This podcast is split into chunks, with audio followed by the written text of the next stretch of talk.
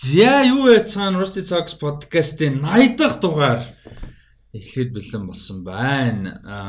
80 дахь дугаар 80 дахь дугаар 80 дахь дугаар. Яг аа яг юуны дагуу явсан бол одоо бүр үнэхээр мэдрэл муутай юм шиг агуу consistency consistencyтэй 7 хоног болгон бүр ингээ яаж исэн ч таслахгүй явсан болвол 80 дахь дугаар яг ерөнхийдөө юу хагас руу орж ирэх байсан байхгүй жил хагас руу дөнгөж 28 дахь дугаар байсан байгаа байхгүй 58 20. Тэгэхээр 50 20. Тэгэхээр энэ бол яг нэг 19 оны намар 108 9 сард гарах хэрэгтэй байсан дугаар байхгүй. Тэгэхээр яг бодоо үзэн дунд нь бас амар халгасан байгаа сте. Яг нийлүүлээд яхах юм бол хагас жил баг хагас жилээс илүү халгасан байгаа дундаа. Тийм нэг 100 баг бүтэн нэг алгассан шүү дээ. Тийм 19 оны 100 тий. 19 биш ээ. 18 оны 100. Аа тийш дээ. Нилийн алгасан бохгүй юу? Тэгээд тэрнээс хойш юу нэлээд нилийн консистент явсан. Тэгээ 19 онд бас алгасан. Тэгэхэд би байгааг. Тийм. За хаалгаа чинь тэр оронд дур датгүй experience ярьж байгаа. Ямар юм мэдэхгүй би зүгээр датгүй мишн өгчлөө. Аа би хаалга онгоолохоор би яг юу ярих хэвтэй. Аа А тий дөнгөсөө нэг мэдээлэл уншчаад нэг аа за за яа ороод ирлээ би бүгд яг уус төрлөө орох гэсэн. Шууд амар рандом мишнтэй орхиж хүрэлсэнөх бидрийг болгоцсон болгоцсон маяг юм ярих гэсэн. Наа нөгөө ажуу нэгжээд үү? Харин тийм ээ. Тэр нөгөө нийгмийн даатгал төлөх шаардлага. Нийгмийн даатгалын шийдвэрлэлийг зөвхөн орлогоо орлого нь буурсан байгууллагууд ардж ажих нэг тийм тийм болсон гэдэг харин. Тэгэхээр тэрийг нь батлах гэж одоо бөөн нөгөө нэг бюрокраси болно шүү дээ. Ер нь bureaucracy болоод байна дөө. За нэг зөв би зүгээр нэг ингэж юм ярьж. За өнөөдрийн дугаар ер нь нэлээд аа далилт багтаа явахыг хичээнэ. Өнөөдөр цагийн хувьд аа тэгээ сэдв угаасаа их одоо санаа зовлтгүй. Тэр үе ярих гэдэг их. А тэгтээ нөгөө нэг random далилт жоохон багтаа явахыг хичээнэ. А гэхдээ you know who knows. Is it deterministic or ядаргаад or is there free will? бидний ирээдүй ядраа би одоо орчуулагч юм байна. Is the future set ядраа. Гэтэ хоёулагийн англиар байнга ярьж ийн гэж нөгөө хүмүүс бас шүмжилдэг гэсэн. Арай багцсан байлээ. Үгүй тэр хүмүүс чинь болж байгаа. Тийм үү яа. Тэр уул нь хүмүүс алдмааргүй байх юм. Тэр хүмүүс чинь сосгоо болж байгаа. Хэцүү юм аа.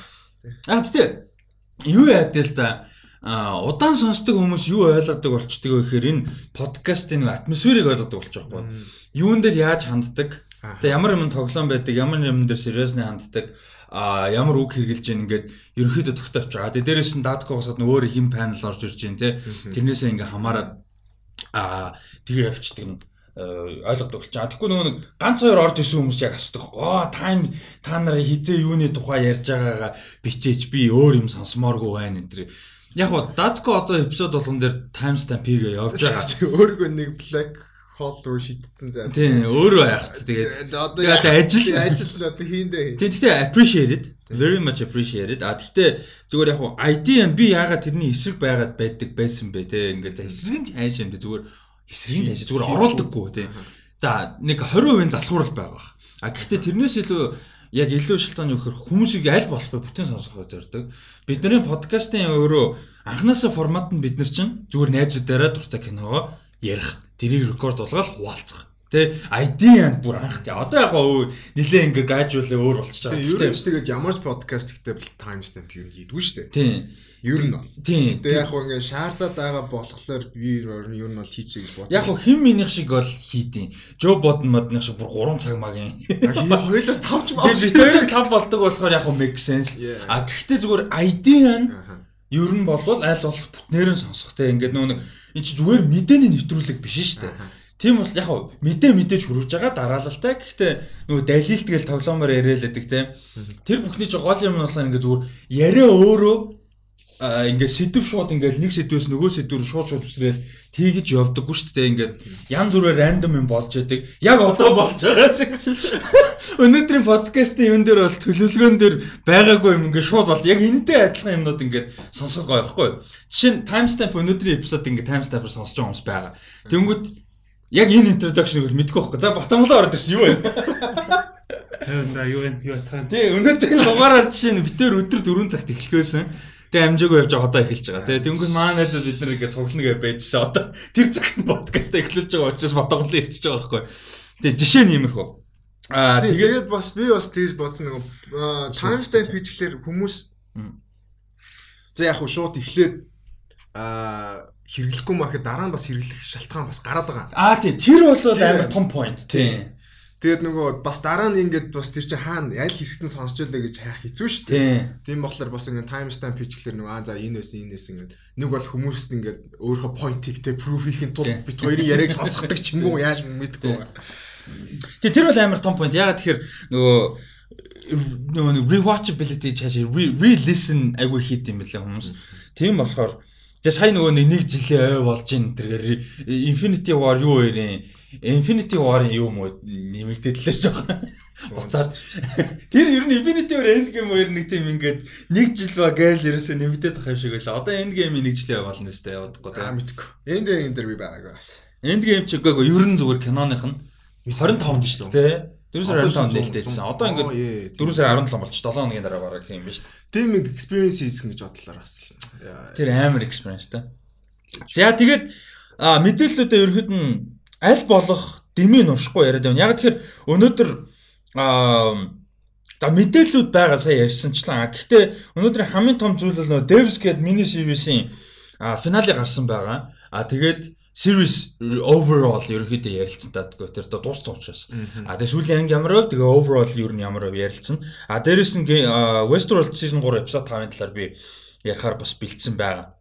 А тэгээ кино ревю бол байхгүй. А тэгээ мэдээлэлүүд ерөөхдөө байгаа. За ингээ явчихна. А эхнийх нь болохоор Capone.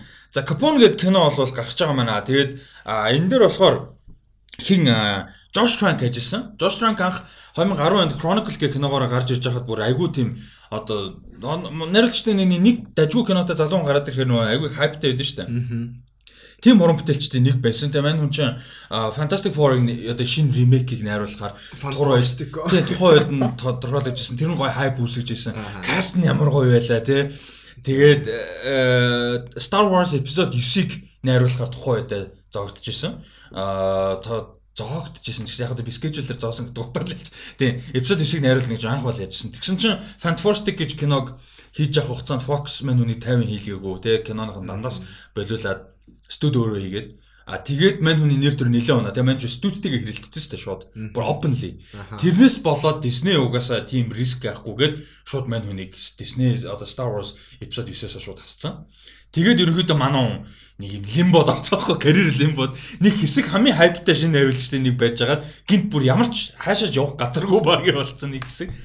Тийм байсан. А тэгээд мань хүний а болоод хийж байгаа Том Хардитай хамтарч хийж байгаа Capone гэж кино а гарч байгаа маань. Тэгээд энэ Capone. Тийм Al Capone тухай. Тэгээд одоо Al Capone-ийг үрд нөгөө Дениро тоглодог үстэй. Би ханд бол тий. А нөгөө юу нэр нь юу лээ? The Untouchables. Нөгөө хинтээ. Өө. Би ханд ураг лээ. Ядгатай андраг бол хэлээ байн хэлээд. Тийм. Тэрэн дээр тоглоо. А тэгээд энэ Capone юу юм бэ лээ? одоо story нь болохоор энэ хин чин Al Capone чин 48 настай тэр нөгөө тэмбүүгээр нь асуусан. А тэгээд syphilis гэдэг байна. Тийм тэр тэр чин тэмбүү штэ. Харин тийм. Тийм syphilis тэмбүү болон босод өвчин. Ер нь бие нилээ хэцүү юм байсан. Шормос Тэгээд тэр нөгөө drunk history гэдэг нөгөө юун дээр гэдэг мэдхүү. Аа YouTube дээр гардаг. Тэр нөгөө comedy central-ийнх байхгүй юу? Тийм Will Ferrell producer хийдэг. Тэгээ тэрэн дээр Al Capone талаар гардیں۔ Тэгээ тэрэн дээр манаагаар ингээд багтаа 12 настайдаа ингээд syphilis тэмбүү те. Тэмбүү тусцсан. Тэнгүүтээ ингээд за одоо юу юм чинь эртнээс нь ингээд нэг посттэй ингээд нэг тийм өтгөн гардаг. Тэгээ тэрийг тоодгүйсэн гэж байгаа. Тэгсээрээ нөгөөт нь нөгөөх юу илүү одоо юу мэрч бэ? Хүндрээд тэгээд тархилуу нь орцсон. Тэгээд тархийг нь иддэг болцсон. Тэгээд тэр чинь нөгөө сүү амьдралынхаа сүүлийн үед ингээд IQ 80 идтэй 85 эртээ. Тэгээд 12 настай хүүхдийн хэмжээнд сэтгэж чаддаг болцсон байсан гэдэг. Төгсгөлтөө. Тийм төгсгөлтөө. Тэгээд нөгөө бүр ингээд тархийг идсэн. Ингээд нөгөө тэр нөгөө тэмбүүчин бүрийн хүндрэлээр нөгөө тхий юу нугасын дагаж яваад нөгөө тархил нь орчдөг. Тэгээ бүр ингээд идчихсэн юм байна л да. Тэгээ neurosyphilis гэдэг нэртэй яг өвчтэй болсон. Тэгээ манайгаар ингээд 12 настайдаа ч үлүүдээ бүр амар жоохондоо туссан гэж байна. Тэгээ тоодгүй амар тэнийгээр нэг гангстер юм чинь. Тэгээд би бас нөгөө өнөөдөр би нөгөө тхий чамд нэг мо босс гэж өвдөлөөсөн. Тэрний талаар тэр нэг ярьж байсан ингээд юу Ал Капон болохоор яасан гэдэг нөгөө Нью-Йоркоос хөөгдөж явсан. Тэгээ нэг тийм нөгөө larger than life тийм persona гэж ярьдэн шүү дээ. Тийм бол байгаагүй. Тэгээ манай гар болохоор зүгээр ингээд нэг тийм гар байсан чинь зүгээр л Нью-Йоркоос хөөгдсөн юм шүү. Тэгээд нөгөө Чикагод очингуудаа нэлээд том гар болцсон. Тэгээд нэг тэгж ярьдаг. Тэрнээс биш яг нөгөө яг Нью-Йоркийн маф энтер нь бол нэг тоодгүй жижигхэн гар гэж бодлоо. Нөгөө нэг ер нь юу яд нь шүү дээ. Одоо энэ Ал Капон, Капоноос хавуулаад нөгөө медиа ингээд нэг байсан хүнийг илүү бай амьдрал дээр байснаас нь илүү том болгочтой шүү дээ медиа ч юм уу хүмүүсийн яриа. Тэгээс яг гэсэндээ Ал Капоне 5 6 жил хүнд гар байсан бохоо. Тэ шоронд ороод тэгээ шоронд би энэ муудаал гарч ирээл өгсөн. Тэ ер нь. А тэгээд энэ кино болохоор а 47 настай хэнийг харуулж байгаа юм байна. Ал Капоныг ерөнхийдөө өгөхөөс нэг жилийн өмнөх шоронгоос гарч ирээ удаагүй байгааг нь л харуулж байгаа юм л да. Тэгээд өөхөх хугацаа хүртэл. Тийм, тэгэнгүүтээ нөгөө угаасаа нэг тийм хийм хараад байгаа ч тийм. Тэгээ угаасаа нөгөө өвчнө хүндэрсэн. Тийм нөгөө нүүр ам нь амар болж мартсан тийм. Тэгэд яг хөө тэгтээ нөгөө тэр нэг детектив байгаа. Тэгээ нөгөө сонсоод нэг CIA ч юм FBI гэж байна. Юус нэг тийм API юм. API гарууд. Тэгтээ нөгөө тэрийг жүжиглэж байгаа гэж ойлгоод яриад байгаа. Тийм энэ наад чинь зүгээр жүжиглэж байгаа. Хитэн сая саяг нууцсан гэлээд. Би трейлер дээр нэг хитэн саяг нууцсан гэж ярьсан юм аа. Тэгээд тэгээд тийм болохоор наасан жүжиглээд мүжиглээд нэг. Тэгэл тэрнтэй холбоотой л нэлээд гарч байгаа юм шиг. Тэгээд сүүлээ нэг тийм амьдрсан амьдралаа эргэж харж марж хямарж мямрах нэг тийм юм плот байж болох юм тий. Ер нь бол оргил үеийн капон бол биш гэсэн ойлголттой. Чи үзсэн үү? Батан трейлер гэсэн. Хайлтл үзсэн. Надаа ерөөсөө нэг тийм би муви харагдсан Тэгээд хин хүртэл Том Хард хүртэл нэг тийм convincing надад байгаагүй. Надад зүгээр зургууд нь харсан чинь амар зүгээр шийдэх санагт арьсан амар. Тийм, трейлер дээр шийдгийг харагдчихлээ. Зүгээр яалчгүй би уу л тээ. Тийм, нэг тийм. Заавал Жорж Транкийг буруутахаас илүү зүгээр бас зохиол нь. Гэхдээ одоо зөв юм чи мэдэхгүй л тээ. Гэхдээ Том Харди мэдгүй ямар ч хэлсэн нэг бүр амар нэг алдсан кино бол болохгүй л Тэ нэг зүгээр нэг ер нь нэг average э, crime drama л болвол их юм да тий. Тэгээ яг одоо гарч байгаа нь бас юм л тий. Трейлер. Video on demand гарахаар болж байгаа. Театрт угаасаа гарахгүй. 5 сарын 22-нд одоо энэ video on demand гэдэг чинь одоо. Аа тэгвэл тэгэл ер нь би movie нэ. Тийм манахаар одоо нөгөө нэг Univision Enter дээр төлбөр төлж авч үздэг. Яг стриминг гэхэр чи одоо Netflix Amazon л оролцоод байгаа. Тэгэж бол орохгүй. Video on demand гэж орох гэдэг. Тэрийг бас нэг жоохон ялгааг нь хүмүүс тайлбарлаа. Тэгэд надад бол нэг энх санагдсан. Тэгэд ер нь та хоёр за далилт хийх гээд байна да. Э, юу Том Харди дээр хэр өгдөг вэ? Та та хоёрын stance Том Харди бол яг төгсөн кинонд бол тасархаа шүү дээ. За одоо надад бол Dark Knight Rises тэгээ би сүүлд Peaky Blinders үз дуусгасан. Тэрэн дээр бол зүгээр бүр үнэхээр алтан өгөхгүй. Тэгээд өөр чи ямар кинод байдаг вэ? Ямар ч хэлсэн Warrior гоё. Mad Max. Тийм, Mad Max. Ер нь бол яг бүр үнэхээр яг A top list-д бол хувьд бол багтана. А тэгтээ нэг тийм амар consistent бас биш юм санагдаад тийм. Яг одоо зөвхөн нэг лаг сайн кинонуудад тоглоод яваад байхгүй байгаа ч юм шиг.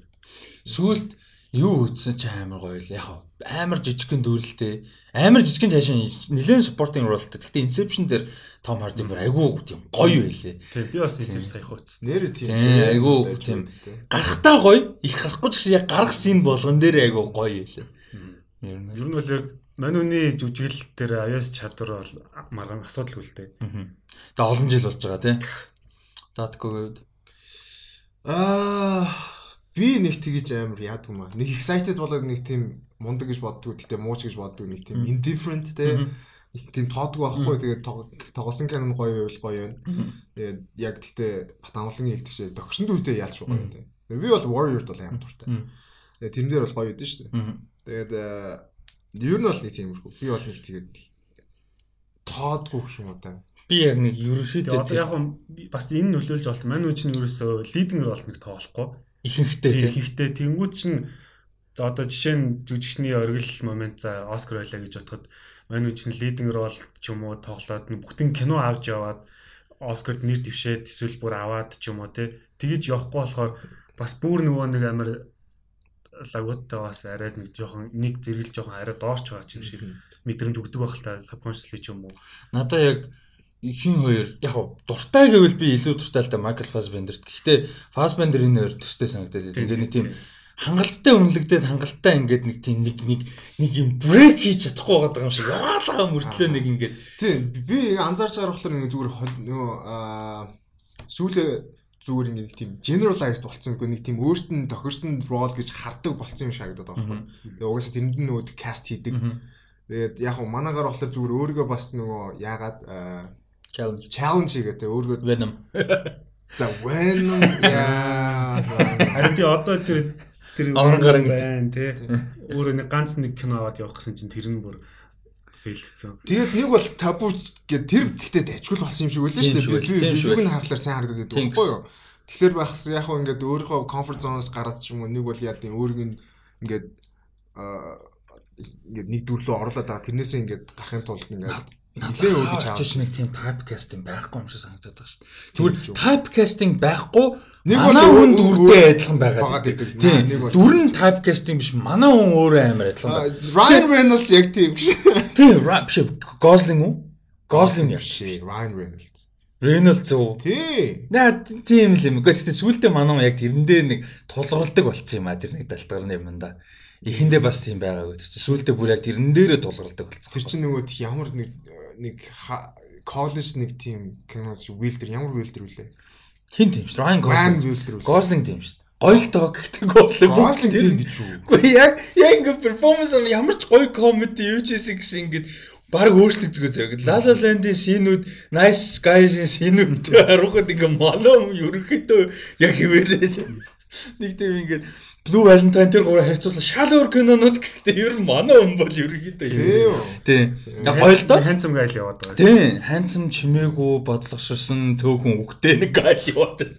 Ер нь бол Мэд юм бас үед ер нь жоохон тийм болцсон юм байна те. Бас одоо нэг Том Харди, Fassbender энэ шиг. тийм, яг- Damon жоохон одоо чимээгүй ч юм уу болоод байгаа тийм. Тэгэл хаяа нэг муу киноос байна. Хаяа Тор Рагнароклоор гарч ирчихлээ. Алга болсон гэх юм бол юу лээ тэр чинь Joseph Gordon-Levitt гэдэг л. Тийм, Левит ер нь нэлээд таг. Таг. Энэ чи ер нь нэлээд гүн дип ирсэн баха. Манай ч найруулагч ер нь карьер хөөх жоохон сонирхолтой шүү дээ. Тэгээд Twitter-тэй бол амар актив гэдэг. Facebook page дээр хүртэл амар weird за. Тэгээ одоо үед ингээд Facebook page-ээр өөрөө идэхтэй байдаг хүн гэж бараг байхгүй шүү дээ. Гэхдээ Facebook page-ийн тийм official promotion маяг юм байдаг шүү дээ. Хэрвээ байгаа бол. Тэгсэн чинь Gordon Levitt амар их пост оруулдаг. Чинь Тий. хүмүүстэй нэг тийм гоё ойр байх дуртай. Тийм. TED Talk мог гэл. Юу донжоноос хойш кино гарсан юм уу баг? За харин хараатаа. Донжоны ч өөрөө найрууллаа. Тий, өөрөө нэрлсэн. Донжон дээр бол гоё. Яг тэрнээс нь гоё. Snowden тоглосон ш нэрэ. Тэрэн дээр л байсан. А тий а тий тий тэр гоё кино шүү. Би тэрийг үзсэн. Scarlett Johansson нэг каст хийж сайхан. Knives Out дээр cameo байсан гэх юм. Одоо Хаа? Uncredited cameo гэж. Тэр нөгөө нэг crime scene минутынх нь юмнууд дээр ардан зүгээр зогсож исэн юм шүү чимээгүй. Ээ юм зөвлөө. Тийм ээ. А voice cameo гэж байна. Уцаар ярьдгүй тийм колуудынх нь нэгэн дээр манай хүний хоол байдаг гинэ. Зөө. За иймэрхүү байна. Аа өөртөө бас сэтгэлдээ хаваалцараад иймэрхүү жүжигчд тийм байна. Майкл Фасбендер л надад айгу одоо харамсаж айшийн зүгээр гэхдээ нэг тийм ингээд нэг гоё breakout байж чадахгүй байгаа санагдаад. Одоо тэр миний яг нөгөө favorite жүжигчдийн нэг байхгүй. Тэр яг л яг чиний хэлснээр санал нийлж юм л да. Яалчгүй нэг гоё кинонд бас байхгүй. Fassbender-ийн амар перформанс гэх юм бол shame байгаа. Тэр бүр амар хүнд кино ингээд нөгөө нэг бэлгийн донтой багийн тухай. Гэтэ тэгээ сонсонгод it's nothing sexy заяа. Бүр амар хүнд балер драма кино. Carey Mulligan-тай. Би Frank-ыг үзчихээ би Fassbender гэдэгт итгэж чадахгүй байсан. Тийм. Тий. Frank-ыг мэднэ үстэй. Frank-ыг мэдэн гэхдээ би үзээгүй. Амар инди кино бүр Тийм. тулцсан инди кино. нөгөө нэг юм тийм. багта баг юм яваад байдаг. Надад Дуулсан болоод. Fassbender-ийн гоё перформанс гэвэл Macbeth байна. Macbeth үзег. Macbeth дээр. Macbeth-ийн талаар чи яг яриараа. Өнөөдөр юм дээр аа тийм Macbeth-ийн байгаа. Тэгээд Steve Jobs-аас гоё. А нэрээ Jobs Jobs тоглосон шүү дээ. Би бас үзээгүй тэр. А хиний миний favorite performance а Tom Hardy-гийн да favorite гэхээр амар худлаа pretentious болчих гээд байна. Гэтэ анх таалагдсан гэх юм да. Тэр юу? Bronson. Тэр бүр Nicholas Winding Refn-ийг нөх. Би тэр үед Том Харди гэж мэдгүй. Үзснийхаа дараа ч Том Хардиг үзснээ мартсан зүр киног нь амар сан сандаг. Яг тэгэхээр би найруулагч нь амар дуртай. Nicholas Winding Refn гэдэг нөгөө Drive, Neon Demon мем тэрийг хийсэн. Мань хүний Bronson-ы тухай кино байдаг байхгүй Charles Bronson гэдэг Америк одоо Их Британий хамгийн алдарт хоригдл гэдэг баги байдаг амьдрал дээр байдаг. Тэр үсээ дийлдэггүй баг шорон монгоос орго хүн амтан зодож аалж байна. Тэр үсээ ерөөсөө хүнд ерөөсөө хүнд хүн зэ. Тэрний тухай кино байдаг байхгүй юу? амар бүр супер инди, супер R rated за бүр ингээд тим кино шорон борон манай хүн зүгээр битүү нүцгэн зодон зохион хийж мэйл бөө болно. Тэр хиний Том Хардигийн дон бол тэнцээ битүү. Тэгээ тэр амар зөвүүн кино. Ингээд диалог багтай амар тийм хүнд амар удаан тэгээд нэг тийм амар анализис юм шиг тийм кино аахгүй. Бронсон гэдэг. 9 онд гарчсан. Ер нь Hardy гэхдээ жоохон диалог багтаа болохоор тэгээд амар тусмаа зүгээр. зүгээр юм шиг байгаа тий. Ярэ нь ойлгогддгүй шүү дээ. Юу Тэр нь жоо. Peaky Blinders дээр л өстой байна. Тийм. Хин дээр ч ихтэй зүгээр л хэлсэн шүү дээ. Inception дээр зүг зүгээр л ярьж Харин зүг зүгээр л. Тэгснээс сүүлдээ нэг юм гэдэг юм руугаа бүр нэг лин хийцэн юм шиг. Өөдгөө тий нэг бол өөрхөн гэхээс илүү зүгээр директор юм. Директор ч юм уу эйжент тэр нэг бас бизнес юм байдаг л байна тийм. За эхнийх нь тиймэрхүү. За дараагийнх нь хэдүүлээ бас нэлээд идэвхтэй гоё passionate ярилцах гэж байна. The Eddie гээд юу гаргаж байгаа. Богино хэмжээний цуврал удахгүй гаргаж байгаа Netflix дээр. Дэмэн Чизэл. А Дэмэн Чизэл эхний хоёр энэ яг маркетинг хийхдээ Дэмэн Чизелийн гэж яриад байгаа. Дэмэн Чизел зөвхөн эхний хоёр ангил найруулж байгаа. А яг энэ шоуны одоо цувралын тэ богино хэмжээний цувралын өмцөн writer creator нь бол Jack Thorne гэж хүн байна. Энэ хүн яг энэ одоо цувралыг хариуцж хийж байгаа. А тэгээд хоёр хоёр ангиараа өөр өөр найруулагчтай. Дэмэн Чизел бол яг ялч хамгийн том нэр нь гэх юм уу да тэгээ popular хүн хамгийн эхний ангийн найруулж байгаа. Тэгээ энэ цувралын яг анхны full trailer нь гарсан байлаа. Тэгээд энэний сэтгэл ямар вэ? Өө би өстой ийм төсөл нөгөө хоёлаа эхлээд нөгөө тизер харсан шүү дээ. Нөгөө тизер дээр зүгээр ингээд нөгөө эдигээ газарлан алхаад орсон. Тэгээд зүгээр надад ингээд тийм мэдрэмж нь болохоор нэг тийм хөнгөн. Тэгээд нэг тийм юу мэрч юм дээ. Magical За magical гэх юм чаашаа зөвхөн нэг жоохон feel good талдаа ч юм уу тийм. Тийм байх болов гэсэн чинь энэ трейлерыг үзсэн чинь нилээн драма бүр. Бүр нилээн драма байх юм шиг байлаа. Тэгээд яг хөө мэдээж тэгээд Эди гээд jazz хөгжмийн газар болохоор мэдээж jazz хөгжим маш том хэмжээний байх бах. Хэсэг нь байна бах. Угаасаа тэр нөгөө трейлерын дуустал тэгэл ер нь битүү jazz юм шиг. Тийм тийм. Хөгжим л яваад байгаа. Тэгээд л яваад байгаа тийм. Трейлерээс нь харж байгаа Эди гээд юу байгаад байгаа тийм night club, jazz club. Тэгээ тэрний ажиллаж байгаа энэ хүнийхэн дүрд болохоор Андре Холн тоглож байгаа. Тэгээд Jazz Club аварж үлдэхийн тулд л ерөөхдөө Парис шүү дээ. Тэгээд энэ хүн гарууд бас одоо нэг Long Shark гэдэг шүү дээ. Энийг бас хаах гал тийм. Long Shark энэ Францд болж байгаа үл тийм. Би Францаар яриад байна гэж ойлгож. Character-ууд нь Францаар ярьж байгаа шүү дээ. А тэр хүнд гарууд нь Оросууд байсан уу тийм. Харин Оросууд байсан санагдаад байна. Ямар ч character-ууд бас Францаар ярьж илээ. Тэгээд Аа тиймэрхүү ерөнхийдөө тэгээд нөгөө нэг клуб аварч үлдэх тий хамтгалж үлдэх ийм талтай. Тэгээд тэр хоорондоо өөрөө бас нэг тийм одоо зорилгыг мартаж байгаа юм шиг байгаа манай. Тэгээ нөгөө нэг нөгөө хэдэн ч гэсэн бас тэр нэг passionate гэдэг юм алдаж малдаал тий. Бид нэр клуб хоосон байх ёсгүй бас хөгжмийнхөө төлөө тоглох уу мөнгөө бодох уу дээрээ гээл тий. Айгу тиймэрхүү дилемма айгу их гарч ах шиг байна лээ. А тэгээд 8 ангитай юм байна. А мини series одоо илүү season season гэж бол байхгүй. А тэгээд 8 5 сарын 8-нд Netflix дээр гарах юм биш үү. Тэгээд тухайд нь бол үзэл байлгүй дээ. Энийг бол. Энд чинь гэхдээ нэлийн бараг жил гарангийн өмнө ярьж штэ нөгөө нэг Demon Chisel Jazz хөгжимтэй холбоотой цуврал дээр ажиллана гээл те. Тийм. Амар хайптай байсан. Миний радарт бол байгаагүй юм байна. Гэхдээ ямар ч хэлсэн Demon Chisel хөгжим хоёр бол угаасаа одоо ингээд нэг салшгүй тийм тийм тийм ч юм шиг. Тэгээд series Аа series musical series ер нь бол баг байдаг бах нилээ. Ер нь одоо ямар ч ямар ч зүйлийн цувралууд донд хөгжимтэй холбоотой юм цуврал нилээ баг байдаг бах. Тэгэхээр бас сонирхолтой л байх боллоо. Тийм тий бодсон ч нэр. Би бас нэг тийм юм нэгч үзэж байгаагүй. Яг гоо get down би үз. Нэг хипхопын early үедээ. Аа тийм нөгөө химинтэй хүмүүстэй Jaden Smith энэ төр тий. Тийм Jaden Smith тэгээ одоо Justice Smith энэ төр тий. Тэд нар ч одоо бас гайгүй том жүжигт болж байгаа. Сүүлийн гэхдээ Netflix дээр бас нөгөө хипхоптой холбоотой юмнууд нэлээх ордог. Hip-hop evolution гэдэг зураг байгаа. Evolution. Сүүл бас LA юу ч лээ. Бас Snoop Dogg энэ төрт нэг юм ус орцсон байсан. Snoop Dogg тий юм хийлээд юм билээ шүү дээ. Бид нар ингээд нэг анзаардгүй тэр тэр coach Snoop гэж зурлаж байгаа шүү дээ. Докюментари. Тэгээ ингээд Америк хөлбөмбөгийн багийг full коучор нь ажилласан ч гэсэн мэдэрлээ. Мартин Стюарт гэдэг нөгөө нэг амар Марта Стюарт уу? Тийм. Амар од од нь ч айгүй тэгээд яодлох та нөгөө celebrity chef. Тэгээ тэрнтэй ингээд найзууд. Тэгээ тэр нэг нэвтрүүлэг байгаа байхгүй. Тэр нь бүр үнэн гоё юм бэл. Би нэг эпизод нь л үз. Манайгаар хоол хийгээ яваа шаа. Тэгээ угаасаа өөрөө тэрэндээ амар тийм нөгөө passionate хоол ихтэй амар дуртай юм шүү манай. Нэг бүх юм passionate. Тэгэд хим бэлээ манай баска баг ярьж илөө Нэлээд дээр үед ярьж ирсэн юм нөө ингэжсэн нөө Пак бигийн өрч амар залуу нас урсан шүү дээ. 24 25 таа те.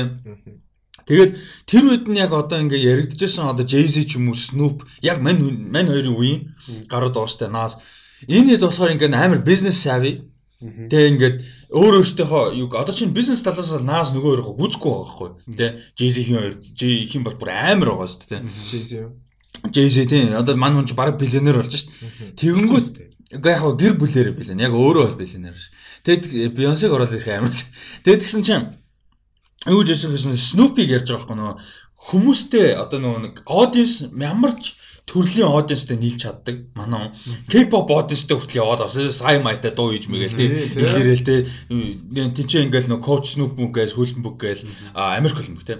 Тэгэнгүүтээ тэнцээ ингээл reggae дуулаад pop дуулаад Martas дүүргээл ими ими цагаан эстэй хүмүүстэй хүртэл Америк close мөс тий. Тэгэнгүүт а юу ярьжсэн бэ гэхээр нөх хин пак бигийн хоёр тэгж чадах байсан уу үгүй юу гэдэг жоохон хэцүүгээд мань хоёрын амир яг certain team хүмүүс яг нэг certain skill set certain яг юм тодорхой хэмжээний юм одоо чиглэлтэй гэх юм уу уур амьсгалтай. Тэгээ яг ийм талаас Snoop шиг ялангуяа Snoop шиг ингэж бүр versatile байж чадах байсан үгүй юу гэдэг жоохон хэцүү. Бигийг тэг тийм байж чадна гэж ярьдаг байсан юм шүү. Биги арай байсан байж магадгүй. Пакийг бодол хамаагүй тийм бизнес хийлгээд Пак чи ерөөсөө ийм хэцүү тесрэх бөмбөг байхгүй ерөөсөө хизээч хаач ингэж ядаргаатай гал асч яадаг бүр нэг ийм амар ийм тесрэлттэй гараасан. Тэгээ ер нь тэгээ би бас бодоод байгаа. Ингээ нөгөө бас залуудаа өнгөрсөн болохоор ингээд нэг тийм legacy гэдэг юм одоо ингээд маш тодоор яригддаг. Хэрвээ одоо хүртэл амьд байсан бол одоо тэгээ амар леженд хүмүүс ярихгүй л байна. Cool Rap, Rakim, KRS-One одоо хүртэл энэ ярьдгүй шүү дээ. Яг мэддэг хүмүүс ярьж байгаа байна. Overall overall тийм мартагдсан. Одоо тэгэхээр нөгөө тхий одоо юу Tupac энэ ч бол бүр globally known юм шүү дээ. Тэг би хоёр. Нэг бол тэр хоёрын хооронд одоо East versus East West West гэдэг ч юм уу те. Тийм одоо амар тод тэр хоёр л яг ингээд залуутай өнгөрсөн болохоор амар тийм тодорхой одоо highlight хийсэн юм шиг болсон л. Тэрнэр нөх хин гейм нөгөө Talib Kweli-гийн шоун дээр амар гоё юмцыг гаргаж ярьж байсан. Одоо гейм чи 44 тавж байгаа шүү дээ.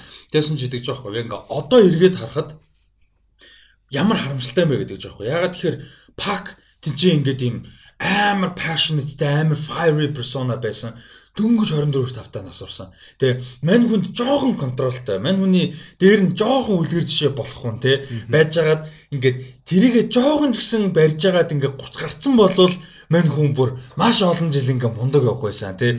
Ингээд ямар харамсалтай юм бэ? Дөнгөж чинь би өөрөө тийм байсан гэж байгаа байхгүй.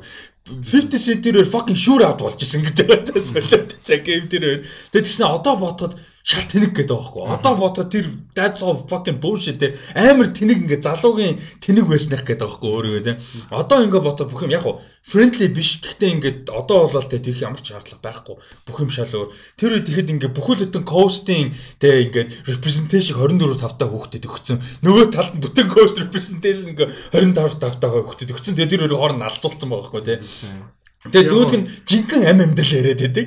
Тэ Тэгээ бас нөгөө NWA-ийн нөгөө нэг ботрол материалаас тэднэрт нэг тийм сайн үлгэр шишээ болж чадаагүй. Тийм тийм exactly. Одоо тэр үе чинь за жишээлбэл Easy бас аюу харамслаад энэ нас орсон. Тэгэнгүүт чинь Dre Ice Cube хоёр чинь бас ингээл туссын замаа хөөгд явчихгоо чинь ингээд одоо за let's say NWA-ийн хамт байгаад ингээд одоо нэг группэрээ те тэр амжилт өргөжлүүлээд явж исэн бол бас одоо Тупак энэ чинь бол тэдний бодол арай залуу шүү дээ. Тэнгүүд чинь бас тэ үлгэр жишээ цаний чиний хэлэхээр үлгэр жишээ болоод явсан бол бас арай өөрч байх байсан. Тэнгүүд чинь тэд нар чинь өмнөх одоо манайхаар бол одоо ахнар нь хоорондоо буудалцаад буудалцаад ахаар чинь тэгэл тэр нь нэг ёсондоо үргэлжлэл явцсан байгаа байхгүй.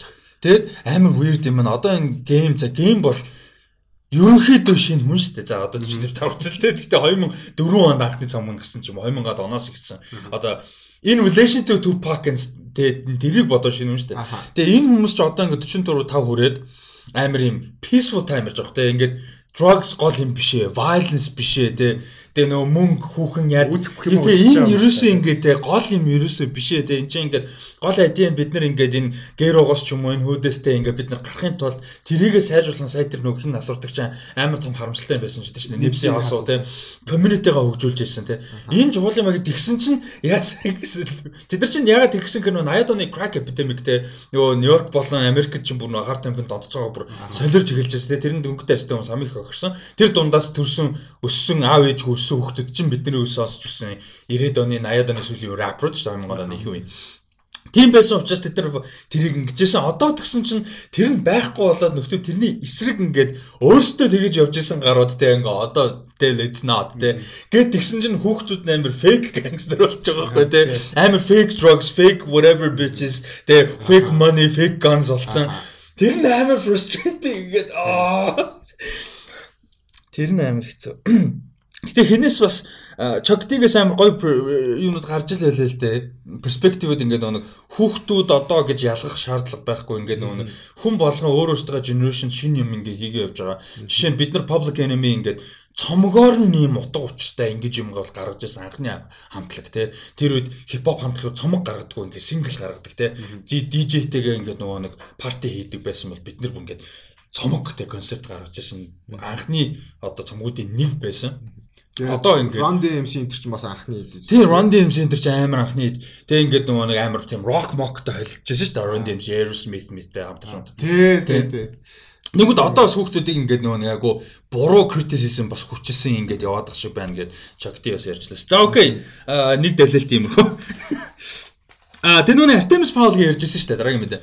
Artemis Fowl гэдэг нэг кино 105 сарын сүүлээр нээлттэй хийх байсан. Тэгээд official release date-г болсон гэж саяхан ярьжсэн. Тэгсэн чинь сая зарлаад шин тийзер гаргасан байлаа. Тэгээд 6 сарын 12-нд Disney Plus руу орхон орсон. Өмнөх дугаар дээр угс Disney Plus руу орно нь ярьсан. Яг орно гэдэг нь бол гэхдээ нөө дээдгүй байсан.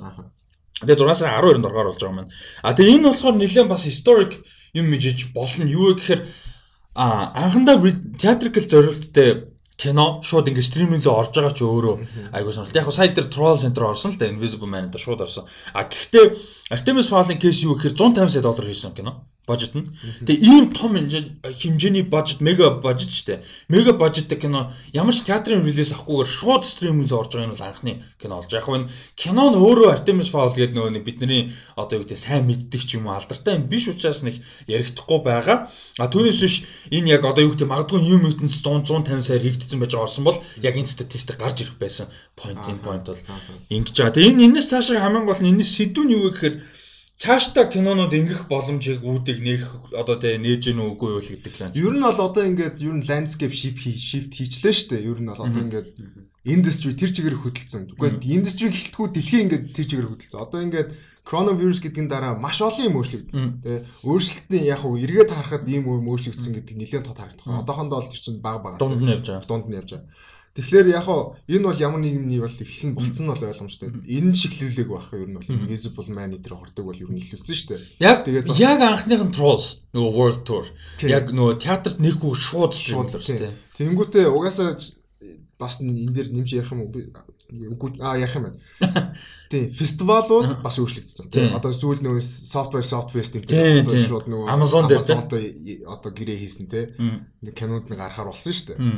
Тэгээд ер нь бол өөрчлөлтүүд ингээд хийгдээд эхэлсэн байна. Тэгээд тэнцэнээс яг хуу мэдээж зарим нэг юм нь бол яг хуу traditional үлдэн баг. Угаасаа хэрэгтэй гэж бодсон юм. Гэхдээ энэчнээс угаасаа энэ шинжилгүүд гарч ирж байгаа болохоор шинэ юм яаж хүмүүст нөлөөлж байгаа гэдэг статистик ч юм уу те ямар нэгэн дата гараад ирнэ шүү дээ. Тэн дээр тулгуурлаад нэлээ юм өөрчлөгдөх баг. Энэ дээр үс юм байна те. Энд чинь нэг ёсны зүгээр нэг юу болчихж байгаа байхгүй юу? Аа дурсал Тийм тийм тийм. Тэгээд энэ дурсалтан дээр сайнууд нь авч үлдээ тэгээд буцаад хэмнэн оруулах нь хэмнэн оруулж штэ. Тийм болохоор Одоо жишээ нь Artemis Fowl Гэтэ би нэг тэгтээ яг юу гэж бодоод байна л да. Disney Plus яалчгүй original content байхгүй. Тэгээд угаасаа бас дахиад энэ дээр ярих Netflix дээр хацаад байгаа байхгүй юу? Тийм, өөр аргагүй болоод өөр аргагүй болоод байгаа байхгүй юу? Тэгэхээр яалчгүй энэ нь бол зүг болж таарад байна. Хичнээн 130 сая хийсэн ч гэсэн. Тэгээд угаасаа өдөрт бараг 30 сая доллар алдаад байгаа юм шүү. Disney чинь. Энийг бас дахиад энэ дээр ярих байна. Тийм, Disney өдөрт 30 сая доллар алдаж байна гэсэн. Ер нь бол Тэгэхээр одоо Disney Plus-а яаж хийж байгаа сайн болгох хэрэгтэй. Хүмүүст хүргэх хэрэгтэй. Тэгээ хүмүүс үзье гэсэн сонирхлын төрүүлэхгүй бол болохгүй байх. Тэгээ би бас нөгөө Artemis Fowl-ыг гэхдээ нэг тоохгүй байгаа л да. Тэгээд гэхдээ би бодоод үзсэн чинь юу юм санагдсан нөгөө яг номноос нэлээд өөр гэсэн нэг шүмжил нэлээ их байлаа. Гэхдээ бид нар жоохон байхад нэг иймэрхүү кинод гаргалаар амар тийм excited болж үздэг байсан шүү дээ. Би бол тэгдэг байсан бохгүй юу? Трейлер нь гарангуут оо ийм байгаа. Одоо Harry Potter байна те. Нөгөө юу гэдэг нэг жоохон хүүхдэд зориулсан. Одоо Back to the Future ч одоо арай бид нар жоохон байхад гарсан гэж хэлэх зүйлээ те. Гэхдээ тиймэрхүү тиймэрхүү кинонууд үзэх гоё дээ шүү дээ. Artemis Fowl тийм байх магадлал өндөр байхгүй юу? Тийм болохоор Disney Plus руу орж байгаа нь бол зүг баг. Яг тэр талаас бол тэгээ family кино Тийм family кино дээрсэн. За тэгээд энэ бол олон юм өөрчлөлтүүдийн ингээд ихний фэйзүүдийн нэг баг. Аа дараагийнх нь нэг яг энэтэй холбоотой мэдээлэл болохоор Кан байгаа тийм 2020 онд 20 оны Каны олон улсын кино фестивал бол ямар ч байсан а оригин яг энэ дээр нөгөө нэг cancelцсан гэж хэлж чадахгүй байгаа. Original form дээр болох ёстойгоор болохгүй гэж тайлбарлаад байгаа өөрөөсөө. А гэхдээ ер нь бол болохгүй гэдэг нь ямар ч сан ингээд нөгөө нэг physical event болохгүй гэдэг нь тодорхой болчихж байгаа. А тэгээд эн чинь айгүй сонирхолтой нэг фестивалийн organization гэж байгаа. Дотроо тусдаа ингээд нөгөө нэг юм байгууллага шиг юмнуудтай. Одоо directors fortnight гэж байдаг шүү дээ. нөгөө audience юу directors fortnight гэж байгаа. А тэгээд нөгөө тийм юу лээ? Critics choice or something нэг юм юу байт юм аа? Дотроо явагддаг нөгөө нэг юм оролдаан шиг юмнууд нь төрлүүд нь screening а тэднэр нь бас тусдаа организашнууд маягийн. Тэгээ тэр хоёр бол одоо энэ жилийн Critics Week Directors Fortnite юм sorry. Тэр хоёр шууд cancelдсан энэ жил. Тэр бол бүр тодорхой. А тэгээд 20 оны Cannes кино фестивалийн Directors Fortnite Critics Week одоо төрлүүдэд бүтээлээ өгсөн уран бүтээлчдийн кинонуудыг бол ямар нэг байдлаар одоо ингээд одоо үнэлнэ тэг үнэлгээ ямар нэг байдлаар спорт хийн. Гэхдээ одоохондоо яахаа мэдгүй. Гэхдээ ямар нэг байдлаар бол спортыг арга олно гэсэн байна. А тэгээ фестивал нь өөрөө болохоор одоогийн байдлаар бол боломжгүй. Тэгээд яаж иж байгаа хойш болчих гал үзээд байгаа нөө хийх гээл үзээд байгаа. Гэхдээ асуудалтай. Ерөнхийдөө basically тийм нэг тийм амар детальтай юм бол яг яг өгсөн яриа нэг тийм ингээд нэг тойруулсан. Гэхдээ бодит байдлыг харах юм бол өөр аргагүй болчиход байна. Ийм юм байлаа. За энэ иймэрхүү фестивалууд гэхдээ яг нэг тэгэж бүр улаан цайм дижитал болчих болох л та. Тийм. Энэ жилдээ л баг. Тийм зүгээр. Дараа жилээс бол буцаад нэг физикал гэхдээ физикал гэдэг юм чинь те бодит байдал дээр шал ондоо шүү дээ. Очиж үзэхтэй. Кан гэдэг чинь нэрэн шуугаас шүү дээ. Prestige дээрс нь тэр байгуулч одоо тэр зохион байгуулах газрын нэр те. Кан гэдэг газар байгуулсан. Дан гац киноноос гадна зөндөө юм байдаг л та. Жил болгон хамгийн шилдэг advertisement advertising гэж реклам интерес ахуулаад зөндөө юм шалгууралтай. Том том ивентүүд болдог болохоор Тэгээ дээрэс нь сүүлийн хэдэн жил Кан дээр шагнал авсан кинонууд одоо award season лөө тий Оскар лөө хүчтэй байдаг болцсон. Яг болж ийсэн. Тий. Ийм байгаа. За Ам дараагийн жоохон харамсалтай мэдээ энийхөө мэдээлэл бас болж харна гэж найдаж байна. Магадгүй зарим нэг классик кинонуудыг үзэх хүсэл төрүүлнэ гэж найдаж байна. Ам Alan Dafoe гэж уран бүтээлч кино зураглаач 77 наснда сая коронавирус тусснаас нас урсан байна. Тэгээд мань хүн болохоор тавууд Оскар нэр дэвшижсэн. Тэгээд Спилбергтэй бол бүр 67 онд анх танилцчихсан гэж байгаа. Бүр эртний найзууд маш сайн найзууд байсан. Тэгээд мань хүний одоо зураглаачаар ажилласан а Спилбергийн одоо эртний кино их эрт үеийн кинонууд гэх юм бол ETD Extraterrestrial алдартай тэр нөгөө нэг юу яаж тийш дугуй унаал нисдэг тий. Тэр зураглыг одоо авсан гэсэн үг шүү дээ. А тэгээд Empire of the Sun Christian Bale-ийн анхны кино. А энэ кинонуудыг бол одоо зураглаачаар ажиллаж байсан ийм уран бүтээлч бол А өмнөх хүсэг үзүүлсэн юм байна. Тэгээд амар сонирхолтой нь 2004 оны One Helsing. Тийм боо тий хамгийн сүүлийн ажилласан кино тэр 2004 оны One Helsing дээр ажилласан хамгийн сүүлийн ажилласан кино нь л тэр. А тэгээд ерөнхийдөө хинтээ болвол Спилбергтэй нэлээд ойрхон ажиллаж байсан. Одоо Спилбергийн бидний нэг яриад байдаггүй гэхдээ одоо Twilight Zone-ы нэг эпизодыг те нэг сегментийг Спилберг найруулжсэн. Тэрнийхэн зургийг авч ирсэн. Amazing Stories гэдэг цуврал гардаг байсан. Тэрний нэг эпизодыг нь Спилбергийн найруулсан эпизодыг бас мань хүн зургийг авч ирсэн. Одоо нөгөө нэг revive хийн гэсэн шүү дээ Amazing Stories гэж Apple TV Plus дээр Спилберг. Тэгэхээр ийм бол уран бүтээлч байсан юм байна. Тэгээд а гоё айгуу одоо тийм сэтгэл дулаацсан гоё юм яасан гэсэн чинь юу юм бэ? Сүулт ер нь 12 онд Мистаст ороод би энэ өвдөд тэгээ Мистаст орсноос хойш сая мөнх хэсэг үзүүлэх хүртлээ яг уу. Ер нь би энэ муул байсан юм байна л да ерөнхийдөө би. Ер нь бол сууг болцсон. Байсан юм байна тэгээд яасан бэ гэсэн чи тэрийг сонсоод одоо Бин Муугааг сонсоод Спилберг захиа ütсэн юм байна. Юм байна хүн лөө. Тэгээд ийм айгу ийм одоо амьдралынхаа турш үргэлжилсэн friendship-ийг үнсэн юм айгу тийм гой захиа битсэн гинэ. Тэгээд мань хүн нас урахын өмнө одоо яг тэр нөгөө нэг асарж исэн байгууллагын одоо сувлагч ч юм уу гэр бүлийнх нь те тэр нөгөө захиагийн байн 2 3 удаа уншиж гисэн гинэ нас ураас өмнө. Тэгээд хамгийн сүүлд нь одоо нас урахаа өмнөхөн хитгэн хоногт сонссон зүйл нь бол тэр Спилбергийн битсэн өөртөө зориулж ицсэн захиа нь байсан гэдэг. Ийм а юм бол болсон байна. Тэгээд магадгүй ETD Extraterrestrial ч юм уу те Empire of the Sun-ыг одоо rewatch хийх эсвэл үзэж байгаагүй бол одоо үзэх яг гоё.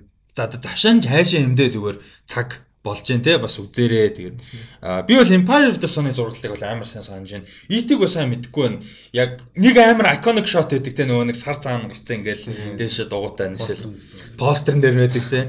Тэрийг итиг гэхдээ яалчгүй фильм Spielberg амар мэддэг те. Амар Spielberg. Тийм те. За энэ бол ингээд ийм мундаг зураглаач бол нас урсан байна. За энэ бол ийм мэдээлэл байгаа. Аа дараагийнх нь болохоор яг одоо эн чинь ингээд дэлгэрэнгүй ярихад хэцүү. А гэхдээ зүгээр мэдээл болгож орхиод тэгээ сонирсон хүмүүс одоо нөгөө нэг постн дээр юуг нь оруулчихсан шүү дээ. Facebook постн дээр нөгөө линкнүүдээ оруулж байгаа бүх. Тэрнээс уншаарай гэж хэлмээр байна. А хоёр ийм нийтлэл байгаа Hollywood Reporter дээр орсон. Нэг нь бүр намар орсон нийтлэл. Бүр нэлээд өмнө А тэгээ нөгөөдг нь болохоор сайхан гарсан юм хоёр нийтлэл байгаа маа. А нэг нь болохоор хоёулаа юутай холбоотой энэтхэгтэй холбоотой. Энэ үл сонирхолтой нөгөө нэг цаг үеийн тарч байгаа байхгүй. Намар болохоор ямар нийтлэл байсан бэ гэхээр за юу яах гэж байна? Disney Plus удахгүй нэгтгэж байна тий. Энэтхэгийн одоо стриминг энэтгэгт стриминг бол хамгийн том ирээдүйн те 2030 он гэхэд хамгийн том индастри болох гээд байна. Хятад бол хаалттай орн учраас бид нар яаж чадахгүй. Одоо бусад орнууд. А тэгээ хамгийн том зах зээл бол энэтхэгт ирээдүй болох гээд. Яг тэгэхээр энэтхэгийн эдийн засаг сүүлийн хэдэн жил нэлээд өсөлттэй явж байгаа. А тэгээ смартфон хэрэглэгчид маш их нэмэгдсэн. А тэгээ дундад классын орлого нэмэгдээд эхлэнгүүт нөгөө disposable income те нөгөө нэг survivability-гаас гадна одоо утасны дуу дата хэрэглэх магадгүй Disney Plus шиг те ийм одоо стриминг Netflix ийм юм хэрэглэх боломж ихтэй болсон гэсэн гэсэн судалгаа бол байна. Тэгээ угаасаа тэгээд population 1 тэрбум давцсан уусчаад. Тийм 1.3 тэрбум. Тэгээ тэгэнгүүт ч одоо тэгээ тэнцний зүгээр тэгэн хагасыг нь лавлаа гэж 500 сая хүн гэж бодоход амар энгийн жишээ YouTube-ийн тэр T series байгаа шүү дээ. Оо тий, тэр бүр арай удахгүй тий. Шууд номер нөхөлт. Тэр нөгөө хинтээ өршөлтөө шүү дээ. PewDiePie-тай. Тэгээд нөгөөт нь зүгээр хол хаяа явцсан байдаг юм. Тийм тэгэхээр тэр том маркет бол байгаа бүгдээрээ мэдж байгаа гэж байгаа. А тэгээд одоогийн байдлаар бол Netflix хамгийн том одоо market space-ийг эзэлж байгаа. А тэгээд Amazon тодорхой хэмжээгээр байдаг. А тэгээд одоо local юмнууд болон Disney Plus. А тэгээд яасан бэ гэсэн чинь амар ерөөсөө бидний анзаараагүй under the radar өнгөрсөн юм. Одоо нөгөө нэг Disney Plus 20th Century Fox компани худалдаж авсан шүү дээ. Аха. Тэгээ бид нар бол ярьжсэн тэрэн дээр одоо бидний мэдээж нөгөө pop culture ярьдаг юм одоо нэг X-Men Fantastic Four гэл те. А тэгээд дотгошоо ярих юм бол нэг ESPN энэ төр байгаа те. Ингээд одоо Alien franchise, Avatar whatever те. Ингээ ярьжсэн одоо Simpsons ч юм уу. Ингээ ярьжсэн бол биднэрт ерөөсөө бидний хувьд зүгээр мдээгүй айгүй чухал тухай үед барьжсэн хамгийн одоо баг яг юм дээр чухал asset-үүдийнх нэг нь а юу байсан юм бэ? Hotstar гэдэг нэртэй app байсан юм байна. За Hotstar гэдэг app буюу одоо slash channel энэ юу вэ гэсэн чинь энэтхэгийн хамгийн том спортын стриминг юм байна. Ерөөсөө. А тэгээ энэ манайх лүг ТV шиг яг цэвэр стриминг бас яг биш нөө ТV чаналуудтай контент байдаг гэхээс илүү чаналуудтай байна. А тэгээ энэтхэг чинь бид нар анзаардаг болохоос крикет гэдэг агуу спорттой тийм ч агуу. Тэ тэгээ ерөөсөө баг арт түмнэрээ баг тэр бом хүн үздэг. Тэр крикетийг тэгээд А тэгэд крикетийн бол хамаг том одоо юунууд нь гэрээнүүд нь хотстор дээр байдаг. Тэгээ энэ тгийн ерөөсө бүх спортыг үзэх боломжтой. Дээрэс нь дэлхийн бүх спортуудыг их одоо тухайн үед авагдаад явдаг ийм том сууг байд юм хотстор гэж. А энэ их 20th Century Fox байсан юм байна.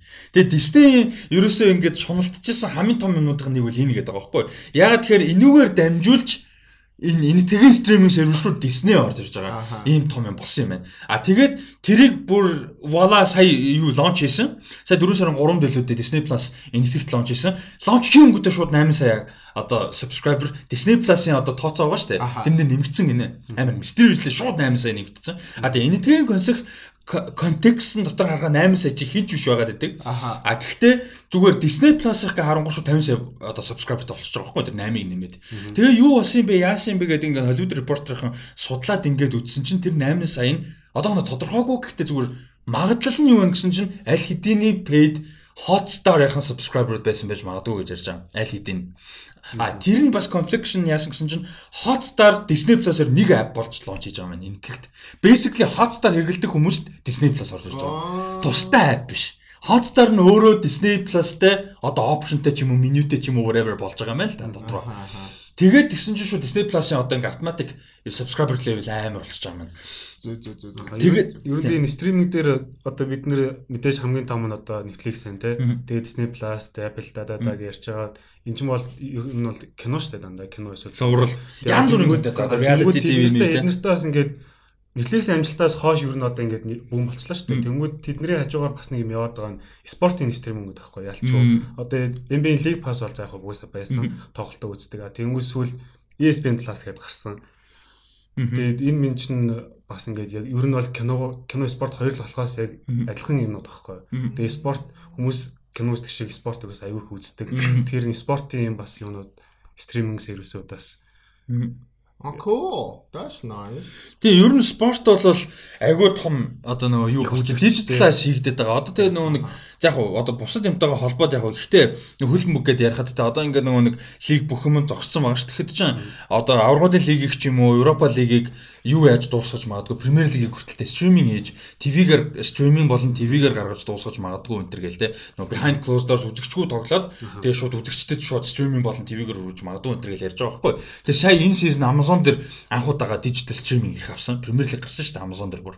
Amazon Prime дээр гарсан сая энэ жил стриминг лайв хийж Тэгээ Америк үзэгчдэд тааруулж үзэг одоо тоглолтынхаа хуваарийг хүртэл тааруулж Amazon дээр гаргаж маргасан баггүй. Тэгэхээр энэ бол амар биг дэл. Тэгээ энэ итгэж чинь бид нар л анзаардгүй сая ярьсан те нөгөө крикет гэж амар спорттай. Те тэрийг өстэй нэр бүгд үзэн дээрэс нь Болливуд гэдэг амар юм те. Нөгөө заавал глобал апил байгаад байх ерөөсө шаардлага байхгүй. Өөртөө зах зээл нь тэнийг том болохоор угаасаа байгаад байдаг те. Тийм яг эдийн нь сүүлийн хэдэн жил хүртэл яагаад энэтиг ярьдгүй байсан бэхээр нөгөө эдийн нь хэцүү. Ард түмэн нь маш ядуу учраас нөгөө нэг төлбөр төлж явах хүн байдаггүй байсан. Тэгэхэд одоо бол а тэгэд баг гэдэг нь одоо л харагдаж байгаа. 27 сая одоо paying live stream одоо ийм стриминг сервис хэрэгэлдэг хүмүүс байдаг гэнэ энэ ихт одоо дөнгөж 27 сая тий одоо дөнгөж ерөөсөө л 27 сая хүн л одоо яг төлбөртэйгээр хэрэгжилж байгаа. А Hotstar бол заавал paid биш юм байна. Ер нь бол. А тэгээ дотроо нөгөө пакэжууд байдаг төлбөртэй пакэжуудтай. Ийм юм байна ер нь бол тийм юм байгаа маань. За энэс гадна энэ хоёр нийтлэл дээр бол айгүй гоё мэдээлэлд орсон байгаа. Одоо жишээ энэ нэтгэгийн зах зээлд ILL стримингүүд хэд хэдэн хувь эдэлж байна бэ тийм 2023 он гэхэд ILL стриминг нь ямар хэмжээнд очно гэсэн одоо урьдчилсан төлөвлөгөө байна. Яг энэ коронавирустэй коронавирусгүйгээс гадна яг тэгэхээр энэ хоёулаа тусдаа юм хоёр нийтлэл байгаа. Нэг нь амар гарсан, нэг нь одоо яг 4 сард гарсан. Тэгэхээр энэ айгүй тийм сонирхолтой анализ байгаа. Тэгээд Netflix-ийн стриминг яагаад нэгт явж байгаа мөртлөө өсөхгүй байна вэ гэдэг чинь хамгийн үнэтэй юм байна. Юмд. А энэ тэгтээ нөгөөд нь бүр ингээ бүр зодд юм байна. Энэ Hotstar марч бүр өстэй гомноор гэдэг бүтэн жилийн 10 доллар молорч гинэ бүр тийм байдаг гинэ. Тэгээ тийм учраас нөө стрим юу subscriber амар их нэмэгдээд байгаа. А тэгээд тэгсэн чинь э, Netflix бол энэ дээр за Disney бол энэ одоо Hotstar гэдэг замаар энэ тэг рүү орчиж байгаа. А тэгсэн чинь Netflix яаж ийн гэсэн чинь Netflix-ийн CEO Reed Hastings тэгээд Chief Content Creator Content Officer CCO-гийн дөнгөцөө бодож CCO гэж хэлсэн ч марцсан. Ted Sarandos. Ted Sarandos тэр хоёрч одоо бүр хэний гэрт очисон гэж шít. Өнгөрсөн жилийн нам нөгөө нэг Shah Rand Khan хин блэ нөгөө нэг бүр Bollywood-ийн код нэдэж шít. Аа тийм тийм тийм. Shah Khan хин блэ? Тийм здэг аяа гэж шүү. Тийм. Мань хүний бүр Мумбайд байдаг юм ордон шиг гэр байдаг нэ. Тин ч өргөдөж CEO CCO хоёр нь очиж хоол идсэн гэж байгаа байхгүй. Тэгээд тэр уулзалтаас 2хан сарын дараа ингээд хамтарч контентууд хийхээр босон гэж зарлагдсан. Тэр эдгийн нөгөө тэгэхэд диктатор шиг хэмжээ. Диктатор ч үстэй прайм министр л дээ. Нарендра Моди юу? Аа мод. зүгээр асуусан. Тийм. Тэгээд тэгсэн чинь яа бас яг ID юу гэсэн чинь ийм юм байна. Бид нар юусан нэг анзаардаг юм аягүй байдаг шүү дээ. Тэгсэн чинь хил юм байна. Аа яг түүх судалтай хүмүүс мэдэх баг. Түүх ч юм уу эсвэл geology, sociology whatever.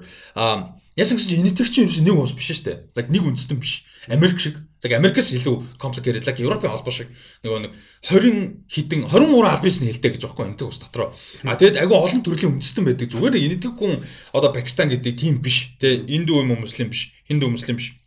Бүр маш олон төрлийн үндэстэнтэй. Тэгээ ер нь бол энэтхэг гэдэг уус бол ийм Европын холбоо шиг тийм ус гэдэг жоо байхгүй яг юм дээр ингээ можууд нь шал өөр өөр үндэстэнтэй өөр хилтэй тэгээ бодоо үзлээ нэг бас 23 хилээ аль бисны хилтэй тэгээ 1.5 3 тэрбум амтай тий. А тэгээд тэгсэн чинь энэнд мэдээж апил хийх чинь амар том асуудал тий ганц Disney юу юу вэ хамаахгүй. А тийм учраас Netflix болон Disney Plus яаж өсөж чинь гэсэн чинь яг энэтхэг хүмүүст нь таарсан юмар. Одоо сая ярьсан тий одоо спортоор ч юм уу а Болливуудд зориулсан кинонуудаар. Тэгээд Netflix-ийн хийж байгаа юм тэр юм байна. Netflix дор ил 3 билүү 4 хил дээрх production явагдаж байгаа гэж байна одоо. Одоо энэ итгэвт байдаг хилүүд төр. Тэгээд ирээдүйд магадгүй 10-аас 15 хил дээрх янз бүрийн контентууд одоо тий цувралууд, live action одоо нөө reality, reality animation хүртэл яригдаж байгаа гэж байна. Бас нэг даваа тал нэгтгэвчүү чинь англиар аюу сайн ярьдаг ихэнх нь англиар ярьдаг. Бас тийм тал байгаа. Аюу даваа тал. Тэгээ нэг дунд дундаас дээд одоо төвшин. Netflix би одоо нөгөө зогсолтгүй л яаж л expense одоо энэ Тэгээ үргэлж дивж болохоор энэ одоо Монголоос хүртэл нөө жүжигчтэй Марко Болингер тоглуулдаг ч юм уу. Энд чинь ингээл бүгд бодлогын баг л та бодвол. Одоо мэдээж жишээ за Монголоос нэг жүжигчин тоглолоо гэж хүмүүс мэдээж үзхийг хүсэн те. Тэнгуүч ингээл нөө subscribe subscription нэмэгдэнэ. Тийм. Тэгээд хятад болохоор өөрсдийн гэсэн стримингүүдтэй хятад ч аа юу юучлээ бид тэр марчиж. А тэгэд нэг Netflix ярьсан юм чи шууд ячи. Сая юу яасан Netflix-ийн нөгөө нэг хувьцааны үн өсөөд Disney-ийн хувьцаа унсан. Disney-ийн аюултай юмнаас 2012 онд нөгөө expansion план эхлүүлсэн шүү дээ. Lucasfilm-ыг худалдаж авсан, Pixar-ыг худалдаж авсан, Marvel Studios-ыг худалдаж авсан. А тэрнээс хойш хамгийн low point нь одоо болж байгаа Disney-ийн хувьд. Яасан бэ гэхээр стокууд нь амар унсан тэгээ нөгөө нэг Disney хамгийн орлого оруулдаг биш орлого олдог юунууд нь бизнесүүд нь хаалттай байгаа. Нөгөө паркууд те Disney World, Disney тэгээ крузууд нөгөө нэг том аялын том хөлгөн онцлоод байдаг. Тэр а тэгээ дээрэс нь кино театрын үзрүүд те бүгд юм хаалттай яг уу. Тэгээ merchandise хамгийн амар. Бас merchandise. Тэнгүүд одоо ганц ингээд ганцхан чашин гэхдээ үндсэн одоо орлого олох боломжтой юм Disney Plus-ын subscription болчихж байгаа байхгүй. Тийм байгаа учраас ер нь бол Disney-ийн сток нэлээд унаад Netflix-ийн сток нэлээд сая өссөн гэсэн юу гарсан юм байна. Аа мэдээлэл гэх цаашаа факт тий. Тэгээд энэ дээр болохоор аа юу н Netflix-ийн сток өсөөд all time high юм байна. Netflix-ийн хувьд бол all time high болоод а Netflix-ийн үнэлгээ нь 180 долларны 3 тэрбум болоод а Disney болохоор 186.6 тэрбум болж унсан байна. Гэтэ энийг бол яг хуу э, цөөхөн хідэн зүгээр ингээд нэг ойлголт ойлголт авч болохоор анализ юмнуудыг харсан чинь болохоор тэрэн дээр энэ бол төр төрөх гэдэг жаа. Угаасаа буцаад Disney-ийн тодорхой бодлого өсөд Netflix тодорхой хэмжээний буухад бол буун гэж байна лээ. А тийм байна. За тэгээд дараагийн мэдээлэл юмнууд руу а Disney-тэй холбоотой бас нэг юм байгаа юм байна. Аа, сая тэгээд цэнгэл орж иж байна. За, WhatsApp. Өнөөдрийн подкаст руу гэж дундуур орж ирэл орж ирэл явчаа. Хэд хэд минут явж байгаа. За, 51. 50 бас их юм байна. Эртээ эртээ ер нь эрттэй л явж байна. Аа, за дараагийн мэдээлэл нь болохоор Боб Чапик гэж хүнийг ерөнхийдөө CEO-гоор томилсон Ted Walt Disney компани. Тэгээд Боб Iger ерөнхийдөө зайгаа буулгаж өгөөд 21 он хүртэл Executive Chairman гэдэг үүрэг ролтой явж хагаад ер нь retirement руу гарах ийм зорилготой байсан бол мэдээж дэлхийд арийн болж байгаа юмнаас болоод шууд буцаад CEO-гоор ажиллахаар болсон юм байна. Тэгээд энэ Боб Чапик-ийн хувьд төрх юм жоохон эвгүй. Гэхдээ нөгөө талаас logically бодох юм бол одоо make sense те. Яг 15 жил лид хийцэн бэ бүх юмаа мэддэг хүн нь ийм хүнд үед мэдээж лид хийх нь хамгийн зөв байх гэсэн бас мэдээлэл байгаад байна. Зөв зөв. Ийм мэдээлэл байна. За дараагийнх нь болохоор за энэ бол эрхэхтэй юм товчхон мэдээлэл үү ерөнхийдөө. За дараагийнх нь болохоор угаасаа өнгөрсөн 7 хоногт яриад гайхаа түлээжсэн зүйл болохоор энэ байна. А суул тий Pixar-ын Pixar-ын суул 6 сарын 29-нд релиз дэйтэй үлдээсэн байсан бас хойшлоод 11 сарын 27 болсон. А харин 11 сарын 25 нэлтээ их байсан. А Disney animation шүү. Pixar биш. Disney Walt Disney Animation-ийн Raya and the Last Dragon гэдэг animation 2021 оны 3 сарын 12-нд лөө. Aquafina дуу оруулаад. Тий, Aquafina дуу оруулна гэсэн тийм ийм болсон байна. За энэ дээр одоо ингээд энэ энэ суул хойшлсноор 7 сарын төгсгөл хүртэл major кино нэлт байхгүй болж байна. Албасаар одоо ингээд нэгжүүлдэг гэсэн. Тэгээд ер нь тийг сан юуны Disney Pixar-ын нэг том анимашн ер нь 11 сард л гардаг. Аа 100 гардаг үлээ. 100 ч гардаг л да. Сая тэгтээ нэг юу гарсан шүү дээ. Onward 3 сард 2 сар. Onward ч амар сонирм. Shakespeare биш байгаа заяа энэс тээ. Тэгээд бас нэг Sony-гийн нэг Dragon-тай animation develop хийдэлээ. Тийм. Энэ жил өлөө дараач л үлээ. Аа аа биш би ямарч. Би ямарч нэг Sony-ийнх байсан. Disney-ийнх чинь бас нэлээд дээрээс явж исэн. За анимашн гиснээс Marvel-ийн нөгөө нэг э, What If гэдэг байсан шүү дээ. Байсан ч жоохтой байгаа. Байсан гэнэ үү. Коронавирус. Тийм. А энэ юг э, What If-ийг хариуцж байгаа хүн байгаа юм байна. Stephen Frank гэдэг Marvel Studios-ийн одоо Head of Animation юм байна л да. Animation-ыг хариуцсан хүн. А энэ хүн тэгээд өгсөн ярилцлаган дээр болохоор А бүх хүмүүс манай анимашн бүрэлдэхүүн баг бүрэлдэхүүн бүгдээрээ гэрээсээ ажиллаж байгаа. Уул нь ингийн үед бол нэг студио болон те ингээд орон гар ажилтдаг байсан бол одоо бүгд гэрээсээ ажиллаж байгаа. А энэ бас ингээд шин чаленжтай бөгөөд бас шин давуу талууд зөндөө байгаа. Тэгээд project бол ерөөсөө ямар ч хойшлуулах юугүйгээр ингээд 100% төлөвлөгөөний дагуу явж байгаа гэсэн юм яриаг бол өгсөн байна. Анимашн болохоор бас арай гайгүй юм да. Тийм бас хаа очиж асуудал багтаах шүү байна. Ийм мэдээлэл байна. А тэгээд юун дээр болохоор Ингэдэм байлээ. Би нөгөө Screen Junkies-ийн үеийг үзэж хахад яг ярьжсэн ID юусагс. За what if бол гэрээсээ ажиллаж байгаа юм байна. Гэхдээ одоо юу гэдэг магадгүй Ryan the Last Dragon ч юм уу тийм мэдгүй л дээ зүг жишээ иймэрхүү том прожектууд нөгөө нэг VFX артистууд байгаа шүү дээ. Яг нөгөө яг нөгөө actual animation хийдэг. Тэр хүмүүсийг гэрээс нь ажилуулдаггүй хатуу дүрмүүд ихэнхдээ байдаг гинэ. Яг тэгэхээр нөгөө leak болно, инээдэрээ тийм мэдээлэл алдна гэсэн юм байдаг. Тийм учраас ихэнхдээ хаалттай орчин дандаа хаалттай сервер, хаалттай юм дээр ажилдаг. Closed loop дээр ажилдаг. А тэгээ тийм учраас том хэмжээний animation юмнууд бол явахгүй байхаа production одоо бусад кино production зогсож байгаатай адилхан том анимашнууд бол зогсох гэсэн яриа бол байгаа юм байна. А зүгээр одоо what if шиг ийм арай жижиг прожектууд те магадгүй цувралууд ч юм уу арай бас нэг гайгүй шүү дээ. Тэгээ явчих боломжтой юм шиг л. Ийм байна. Анимашн өөрөө бас юу гэрээсээ ихэд одоо механик ажлууд ихтэй одоо анимейт хийж байгаа юмуд тэд нар Matif Enter дээр бол гэрээс их боломжтой. Том анимашн бол өөрөө 3D тэгээд 2D storyboard найруулга VFX нь бүх юм зэрэг явж байгаа болохоор алдагдана гэдэг бол нэг үтэй мэдээж тэр том явж байгаа. Дээрэс нь гэрээсээ хийгд бол тэр connection бол алдна. Аа.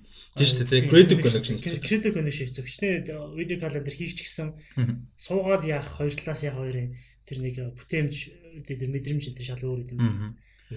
Тэр өстө өөр байд юм байлиг experience-ээс ярьж шүү. Одоо яг яг мэдэрч байгаа л гэдэг тий. Тэр бол мэдэгдэж байгаа хаа. За. Цэнгэл юм юунууд байгаа. Анаас манаас хийх мих сонирхолтой хүмүүс дүрх. Зөндөөл юм байна. За бүгээс л эхлэв. Тэрийг гэхдээ би их ярих бол их юм биш. А за ямар ч нэг цуврал дээр ажиллалаа сүүлийн 6 сар. Яг Vue Original гэдэг одоо мобигоос гаргаж байгаа аппликейшн. Тэднийх одоогийн байдлаар 3 original content өөрсдөө захиалж хийлгсэн.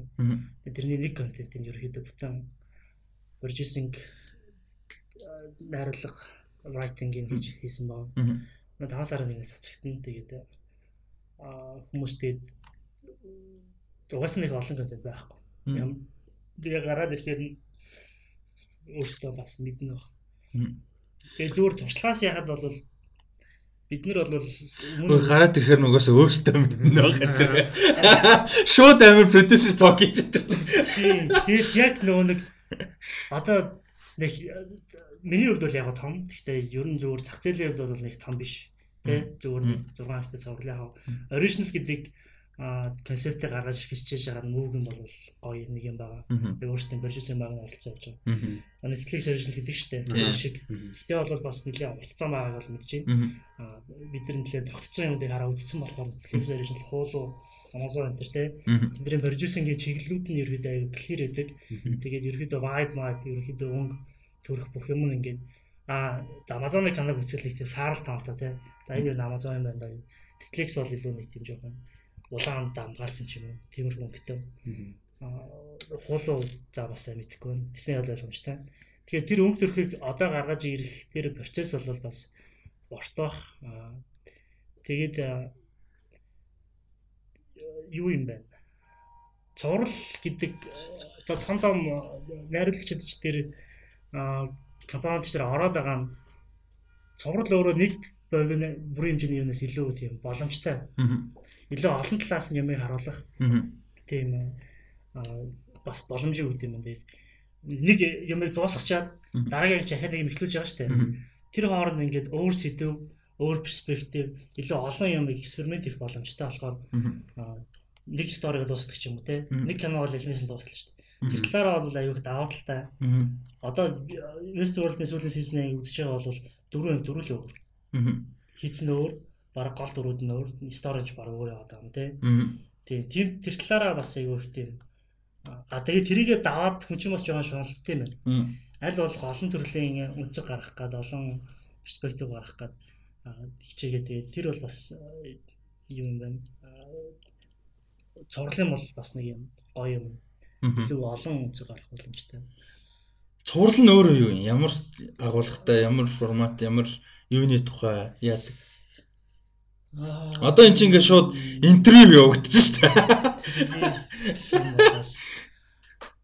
Ингэсэн ер нь бол эхлэн надад санал тавиад ерөнхийдөө writer орж ирээчээ гэд. Writing тэгээд producing-ээр. Тэгээд writing бичигдэж байгаа хавцад найруулга ерөнхийдөө над руу орхоос орохгүй болж эхэлсэн. Тэгээд яг нөгөө бичиж эхлэхээр vision ороод ирт юм л. Тэгээд ирэхээр нөгөө нэг тэр бичсэн юуг давхар найруулга явж иж тэр нэг бүтэн embody хийгдэж байгаа. Аа тэр хоёр салчгаараа нэг юм аа кино мэн бол бас өөр. Энд чинь ерөөдөө бол юм докюментари series маркинг. Аа тэгтээ бас яг докюментари бас биш. Аа жанр нь бол одоо ямар ч юм дээ. Ерөөдөө бол докюментари л гэж явна байх. Тэгээд анх надад ирсэн юм бол ерөөсөө бэлгийн боловсрал гэдэг хоёр үг л байсан. Тэгээ өөр ямар ч санаа, концепт, direction, producing юу байгаагүй. Аа тэгээд за ерөөдөө бол тэр work title-ээр явж хагаад сая 2-7 хоногийн өмнө ерөөдөө эхний 4 эпизод 5 6 эпизод production дуусаад пост production руу орж яхад миний зүгээс бэлгийн мал авсралын контент бол юм бишээ гэдэг дотроос нэг юм гарч нэг тийм би хийж байгаа мэдж байгаа шүү дээ. Тэгэхээр гарч ирээд тэгээд ерөөхдөө бол миний яг дотор ингээд энийг нэр нэр ингээд яажсэн юм аа би яг before 18 гэдэг тийм концепт юм надад бас. Тэгээд before 18 гэдэг концепт та. Аа тэгээд тэр нь болохоор чи 18 наснаас өмнө ерөөдөө юуг ойлгосон байх хэвээр вэ? Аа тэгээд тайлбарлаж байгаа суурь нь одоо хөөрч хөвлийн юм дээр. Тэгээд за энийг ярьж болох юм уу. Тэгээд ерөөдөө бол би нэрээ өөрчлөх юугаа региструудаар өгсөн. Тэгээд ерөөдөө бол бид нэр sex education тэгээ хоёр цэг before 18 гэдэг юм болсон. Тэгээд явандаа бас энэ before 18 before 21 ч юм уу тиймэрхүү байдлаар ингээд цаашаа season явах боломжтой. Тэгээд дөнгөж өнөөдөр трейлерээ цацлаа. Тэгээд эртлэн пострууд нь засагдана. Тэгээд 5 сарын 1-ээс фүүдэр лаунч хийгдэн 6 ангитай цуурлаа. За, трейлерыг хаанаас үзэх боломжтой гэсэн Mobicom-ийн пэйж дээр, Woo-гийн пэйж дээр. Woo-гийн пэйж дээр байгаа, UP Comedy-гийн пэйж дээр байгаа. Тэгээд ерөнхийдөө формат нь Эфи Films гэдэг төвшөөгийн бидэд өмнө ажиллаж исэн надад санал тавьсан. Тэгээд тэднийх комеди дээр холбоотой ажилладаг. Тэгээд UP Comedy-гийн 5 комедийн нэг оролцуулъя гэдэг надад зэрэг өгөгдлөнтэй. Тэгээд тэрэн дээр бол за 5 эпизодоор тэгвэл нэг өөр хосттой байлгая. Хольж яах юм. Тус тусдаа өөр үнцэг гаргая. Тэгээд 5 эпизод нь өөрөөр хосттой. Аа тэгээд финал бол бас өөр юм байна. Нэш. Тэгэж нэг энэ Marvel заруул үтсээр байгаа заавал нэг юм anticipation үүсгэж байгаад финал бол нэг өөр юм байдаг гэдэг тийм яханд бол финалийн формат шал өөр. Аа хийц өөр ярьж байгаа сэдв өөр. Аа тийм ердөө л өөр. За тэгээд яг хийсэн хүмүүс нь Skywalker өстэй биш үү? Аа Skywalker бол за одоо миний үндсэн баг гэж явж байгаа. Манай дөрөв за тав дахь гишүүн сая дөнгөж төрсөн.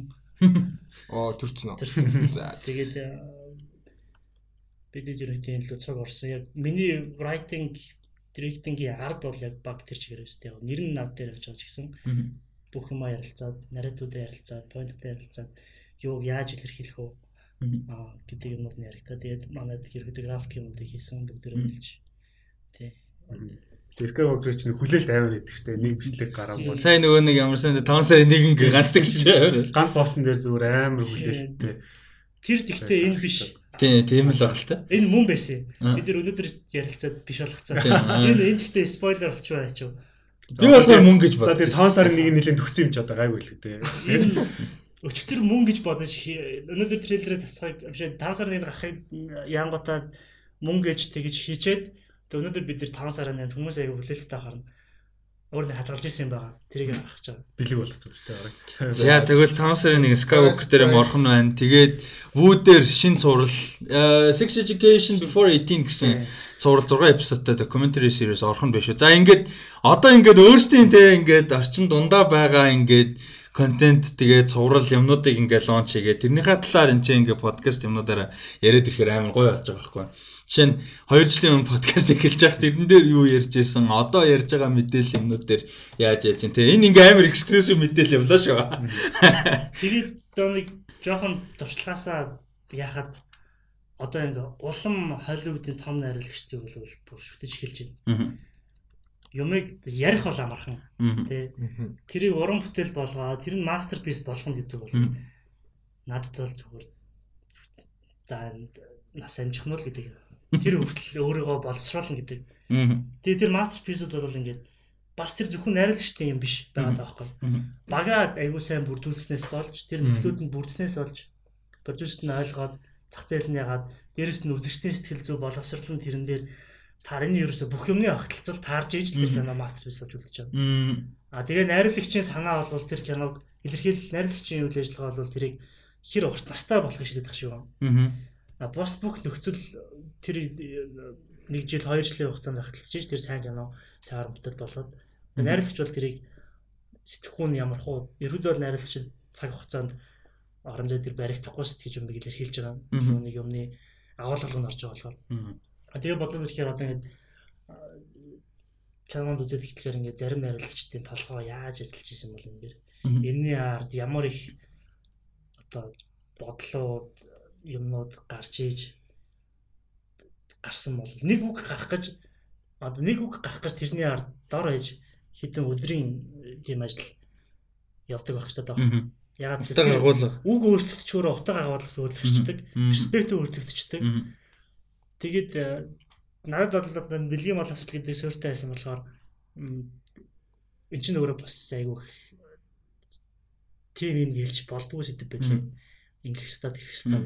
Одоо дээрэс нь би бол бас жоохон залуу үе те. Тэгэхээр эцэг эхчүүд бас өөр үзэгтэй хуучсаг байгаа. А тэгэхэд энийг дараагийн генерашныхын зөөр үчих шаардлагатай болж байгаа юм. Тэгэхээр ерөнхийдөө миний үзд бол би энэ дээр бол ерөнхийдөө хоцрогдсон байна зарим талаас гэдэг мэдээд ойлгож байгаа хөөх. Бүсэн бүсийг ойлгож таарч илээ. Тэгээ өөрийгөө өөрчлөхгүй бол тэрнээс гарч байгаа юм худлаа болоод эхэлт юм лээ. Тэгээд өөрийгөө яг бүтэн нарративын дагуу тэрийг яг өөрийнхөө итгэр төлөмшөл болгож суулгаж ийж тэндээс яг юма мин шаргат юм л. Тэгээ мин хийхгүй бол тэр өөрөө нэг тийм амгүй юм болоод яг докюментари сериэс нэг амар тийм уран бүтээлч амар уран сайхны юм бол баг байгаа тийм. Би гэхдээ ер нь бол баг. За амар эксклюзив юу байлаа шүү. Мэдээлэл өргөлөө шүү. Тэгээд 5 сарын 1-нд Sex Education Before 18 гэдэг цуврал маань гарах нь. Цэнгэлийн одоо writer producer найруулагчаар ажилласан. Энэ бол амар big гоё мэдээ. Тэгээд баяр хүргэе. Ер нь яг манайд бол мэдчихсэн. Гэхдээ яг энэ бол амар proud гоё moment. Тэгээд яаж маань сонсож байгаа олон дугаар ч юм уу олон жил сонссон хүмүүст бол бүр гоё байгаа гэж найдаж байна те. Бид нэр ингээ хийж байгаа юмнуудаа яг сериосны хандж байгаа шүү те. Яг энэ салбар руу ингээ явж байгаа шүү гэдгийг нэлээд яаж байгаа дуусны дараа яг одоо нэг вүүгийнхэн мэдээж өөрийнхөө вүү оригинал гэдэг а юугаа концептээр энийг илэрхийлж байгаа. Юб комедихан бол өөртөө хост хийсэн өөртөөхөө юу гэдгээр явж байгаа. А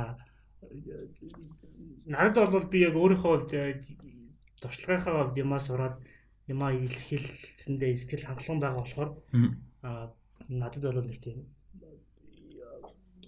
энэ миний хийсэн юм гэхээсээ илүү аа одоо энэ тэр сургуулиар бол амааг ингэж мэдих шаардлага байхгүй өөр өөртөө хомж маркетинг юм аяг явчихна аа раста таки намайг өмнө сонсч дээр зарим нэг мэдэн мэдж байгаа юмс хувьд энэ дээр бас яг үдч дуусныхаа дараа 6 сар үдч дуусгах нь яг намайг нэг жоохон мэдхийн хувьд бас энэ дээр опин нэг надаас хамааралтай опинууд байвал би бол тэгснээс өөр газар явж байгаа юм бол ад нэг юу биш. Яг санаа нь одоо эннийхэн фейс нь бол тэ UB comedy ч юм уу болоод явах учраас. Тий. Тэд нар бол өөрсдийнхөө мэдээж аудиенстай тавлаа өөрөө хариултаа бол өөрсдөө аа. Чинь.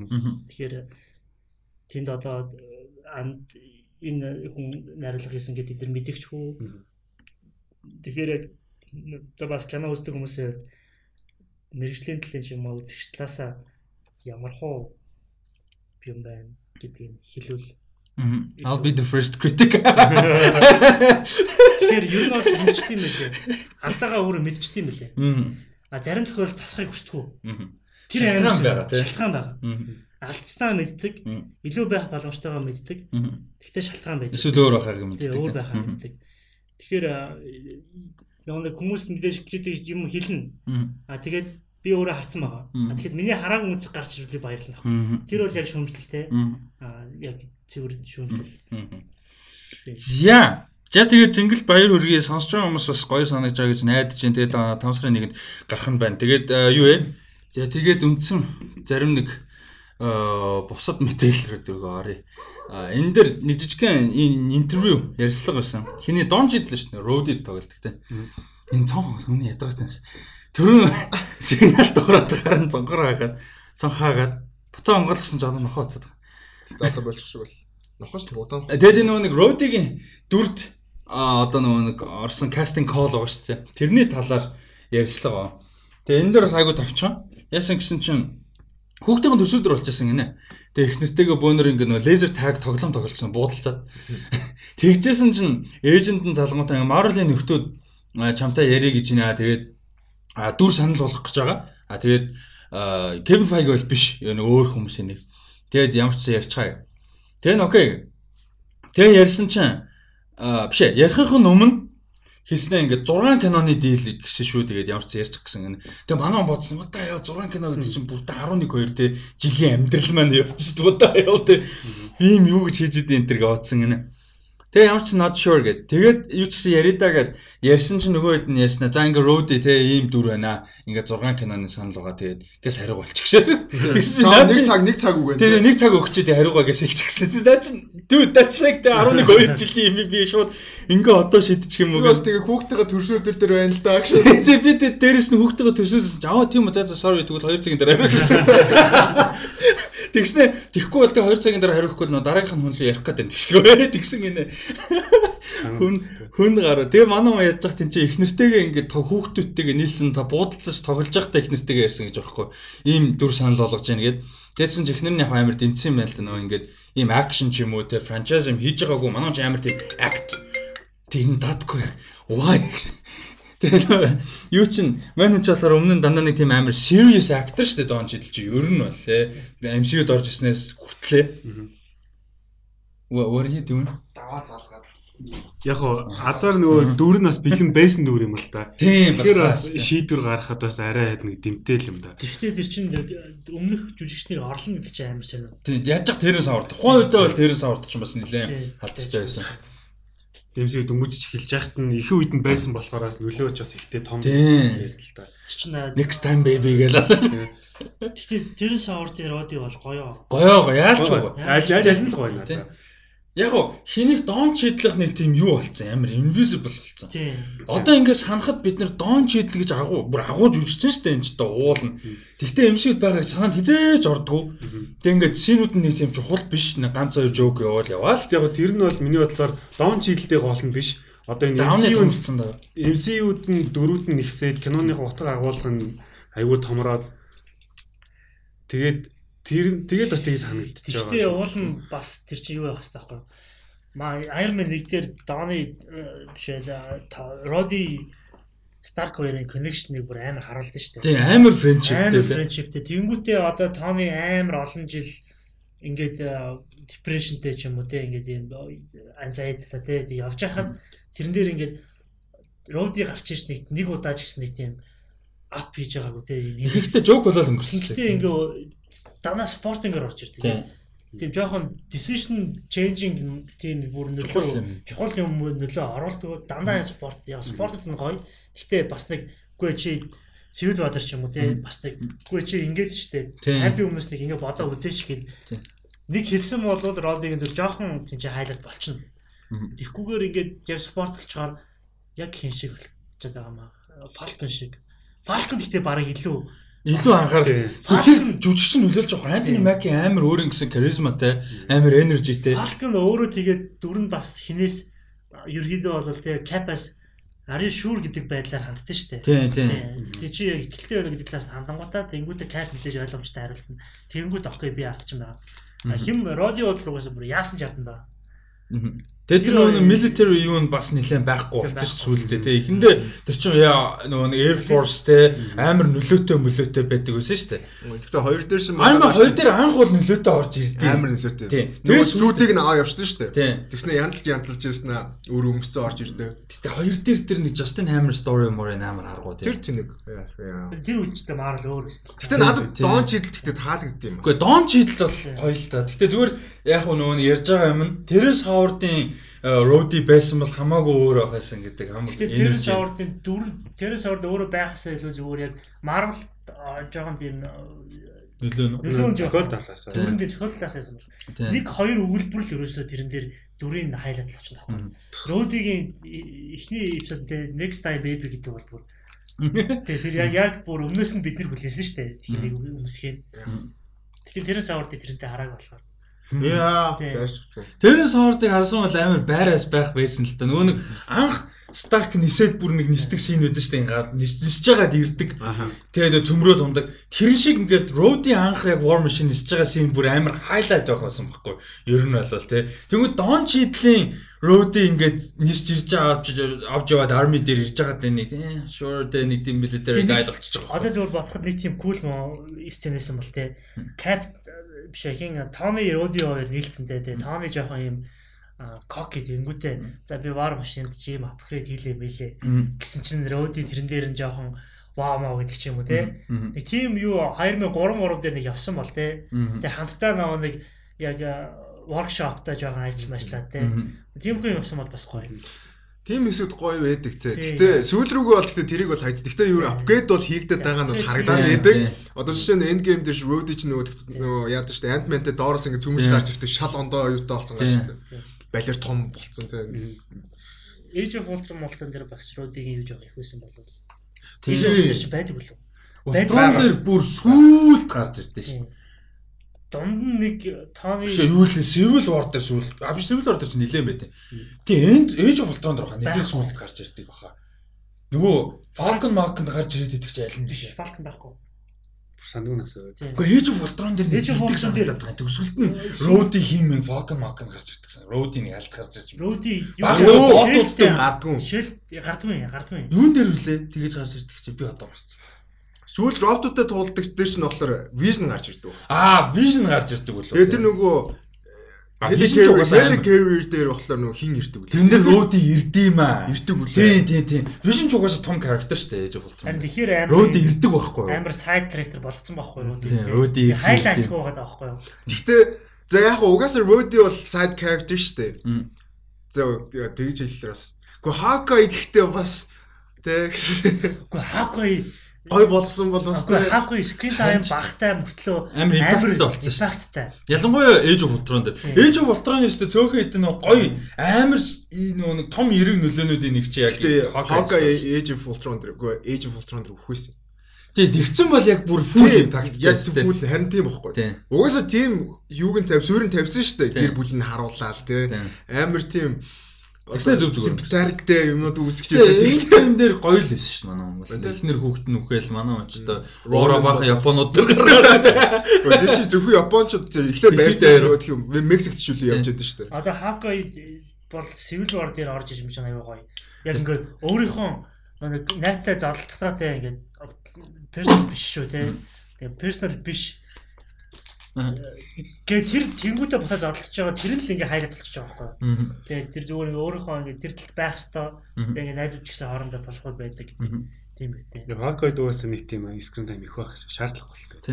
Гэтэ одоо угаасаа нөгөө TV TV series Яг Зээлээс тайм бил. Яг заагүй screen time гэхээсээ илүү миний бодлоор Ронны нэг арай нэг гоё үзүүлсэн бол. Тэгээ Ronan version-ыг нь тий, тий. тий Ron Wish нэг Тэгээ тэр зүйтэй байсан баха. Бодвол скриптэн дээр ч юм уу байсан л бах тий. Амар хас юм шиг шүү дээ. Ер нь бол А бодол final product нь 3 цаг гэхээр чи нөхдүүдийн хідэн драфт бол амар л Гэтэ тэрийг 4 цаг байсан ч би үзэх байсан. Нэр зүгээр хинж үзэн л. Тэгэхээр бизнес талаасаа бүр хамгийн максимум боломж 3 цаг л байсан баг. Тэгээ угаасаа Ер нь үзэх- бодоод үзсэн. үзэх нөгөө юуг нь бодохлоор тийм л. Тэгээ нөгөө нэг screen time баггүй юу? Тий. Кино Тэгээ одоо- театрын дэлгэцэд хэдэн удаа өдөрт үзэх гарах байх Тий. харин тий тэр нь л амжих. Тэрийг л бодсон баг. Гэтэ 3 цаг байгаад 2.7 тэрбум боллоо шүү дээ. Тий. Утахгүй байна.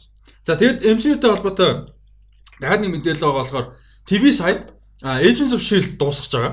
Одоо 5 сарын сүүлээр шин шин тэгээд сүүлийн season гарч байгаа. Season 7. А тэгэд season 7 би 6-аа дуусгаагүй байгаа. Тэгээ 6-гийн сүүлийн 10 орчим эпизодыг сүүлийн жигчтэй. Тийм ер нь 10 орчим эпизод үзээгүй байгаа болохоор юу болж дуусна мэдэхгүй байгаа байхгүй юу. А тэгээ season 7-гийн production тэгээд зураг юмнуудыг харж байгаад 20 дугаар дайны үеэлөө очих юм шиг байлаа. Cast mast бүгдээр ингээ 20 дугаар дайны хувцсан хувцтай. Тэгээ Coulson дахиад comeback хийсэн юм шиг байлаа I guess. Тийм Season season 2-ын дахиад өгсөн байхгүй юу. Өгсөн ч гэжтэй. Melinda May юу штэ agent. Minawin тоглолт. Тэр хоёр чинь бүр Forever Paradise төлсөн байхгүй уулна. Тэгсэн чинь somehow came back I don't know. Би тэрийг мэдээгүй. А тэгээд season 7 дээр яг хуу нэгдүгээр одоо 5 сард 5 сарын 7-нд гарч эхлэж байгаа. Сүүлийн season. А дээрэс нь яг гой мэдээлэх юм бол Agent Carter шүү дээ тий. Сурал гарсан шүү дээ. Тэгээд Agent Carter дээр Daniel Souza гэдэг дүр байдаг байхгүй юу? а одоо шилдийн тэр үеийн шилд чинь нөгөө нэг өөр нэртэй штэ. Тэр шилдийн биш шилд болцсон байсан. Шилдийн одоо эйжент тэгээд амар тийм ялгуурлагддаг. Тэг ингээ нөгөө injured болцсон таягтай. Амар ухаантай guy. Тэг төгсгөлт нь season 2-ын төгсгөлт энэ хоёр romantic холбоотой болдог байхгүй Agent Carter-ын хоёр. Тэгээд тухайн үед rumor нь болохоор нөгөө нэг Carter чинь Winter Soldier дээр гардыг штэ. Хүүхдүүдтэй нөхөр хүүхдүүдэд их нөхөр хүүхдүүд хин гэдэг бид нар мэддэг. Тэгээд тухайн үед тэгэж ярьж хат Сууса нөхөр нь байж магадгүй. Тэгээд нөгөө хүмүүс чинь нэг тийм Agent Carter-т нөгөө Капи өмнөөс амар юм careful одоо юм caring штэ нөхөр нь зөв хүн байвал амар happy болчих гээд бэнүүд нь те. Тэгээ Даниэл Сууса ингээд тухайн үеийн одоо ээж шийл дундаа хамгийн зөв хүмүүсийнх нэг амар сэтгэлтэй амар тэгээ pragmatic дээрэс нь амар realistic зүгээр нэг юм good guy биш. Тэгээ амар гоё character-с аахгүй. Тэгсэн чинь энэ character comeback хийж байгаа маань season 7 дээр. Амар амсгаа бол хуруугаараа заавал. Тэр Agent Carter хүүхдтэй тэгээ нөхөртэй байгаа штэ. Ер нь бол Captain America л гэж ойлгоно шүү дээ одоо бол. А confirmed бол биш шүү дээ. Гэтэ байх бүрэн боломжтой. Харин тий. Cap өөрөө байх бүрэн. Угаасаа тий нэг тийм loop юм шиг paradox болчихж байгаа шүү дээ. Хүүхдээ гэхэр чинь бас тэр чинь өөр юм яриг тавьчихсан. Харин тий. Гэтэ байх боломжтой болчих. Яг тэгэхээр Cap чинь нөгөө үлдснийхаа дараа болохоор юу яаж байгаа ш нь суперхиро амьдралаас бүр холдчихж байгаа. Бараг home life өгч байгаа байхгүй юу? Бараг мань хүн Картер өөрөө тэн чинь илүү супер амьдралтай тий шилд милд гэж явчихсан. Манай бол картел үлдэж байгаа байхгүй юу? Ихэнх нөхцөл. Тэгэх юм бол хүүхдүүдэд тэгээд суперхиро ч юм уу whatever өсөхгүй л гэсэн үг шүү дээ. Ер нь бол. Тэгээд Капиг нөө хөгшрөөд биен муда деменчатай хөвтөж явахдаа залуугийнх нь нөхрийнхөө залуу үеийг харж байгаа юм шиг хараад гайхаад байж бас байж болно шүү дээ. Тийм. Тэгвэл одоо тэр тэр хоёрын амьдралыг бол төсөөлөх юм биш шаардлагагүй. Тийм шаардлагагүй. Тэрүүгээр ингээл гой дуусчих байгаа байхгүй тийм. Тэгвэл тэгээд төсөөлөх юм бол Кап мэдээж яаж бодсон зүгээр суучдаггүй. Тий. Тий. Чи бодолтой зүгээр хайж байгаа гэдгийг мэдээд өгөө. Гэтэ яг амар тийм миний бодлоор зүгээр суух баха. Бүр яг үнэхээр 100% амьдралаа зөв. Яг гэхлээр нөгөө итгэж байгаа нөгөө итгэж байгаа болохоор тий бүх юм ингээ зүгээр явж чадна гэж итгэж байгаа. Тэгээ дээрэс өөрөө тэр чинь нэг сүулт хамгийн гой хилдэг юм тэр ахгүй буцаад Falcon дээр ирдэ штэ. Тэрэн дээр ихтэй хилдэг тэр ахгүй. Тоныгийн хэлээдсэн нөгөө нэг амьдралтэй нөгөө яг personal family life те хилээдсэн тэрийг би оролдож үзсэн. That was good. Тэ ингээд миний бодлоор бол яг фүүлтэй гэж амьдсан баг. Үнэхээр бүх өөрийнхөө пастик тэр чигээр нь хайсан баг. Миний бодлоор. Хамгийн том золиос нь тэр байсан. Тоныгийн аав нүг аав ээжиг нь. Тэгэнгүүт нэ бодох юм бол шарныг төрж үрж яхад нь харж байгаа. Тэр нэлээ awkward шээ. Гэтэ тэр ингээд өөрийнх нь зөвхөн pastтэй alternate timeline-ы dark past шээ. Муухай dark past. Тэр шарн тэр хоёрыг үзэлдэг бол гэтээ бүр үнэхээр гоё байсан. Надад гоё. Тэр тэрэн дээр нөгөө хин хоёр гоё байхгүй. Баки нөгөө винт тэр тэр нь гоё болгоцсон байхгүй. Шаар нь өөрөө гоё өгнө. Гоё л доо. Agent 13, Agent 13. Тийм. Гэтэ тэр character ганц юм жоо хөгжүүлээ өгдөж байгаа юм шиг. Тийм. Хөгжүүлсэн одоо гарах үлээ. Мэдгүй одоохондоо confirm юм байхгүй шахгүй. Оо байгаа байгаа байгаа. Харин Wanda Vision дээр өглөө Falcon а Falcon нэг Winter Soldier дээр байгаа. Тийм. Аль нэг гарах шүү. Тийм тийм нэрээ тэрэн дээр байна. За энэ юм мэдээлэл байгаа юм бэ шүү. Тэгээд Дараагийнх нь мэдээлэл The Mandalorian-ы gallery тодорхойлох цэг тэгээд The Mandalorian гэж баримтат кино гарч эхлэхээр болсон байна Disney Plus дээр. John Favreau өөрөө яа нэг хөтлөн юм. Тийм яг уу докюментари хөтлөн гэхээс илүү зүгээр нэг hostage явуулсан conversation энэ төр гарна гэсэн.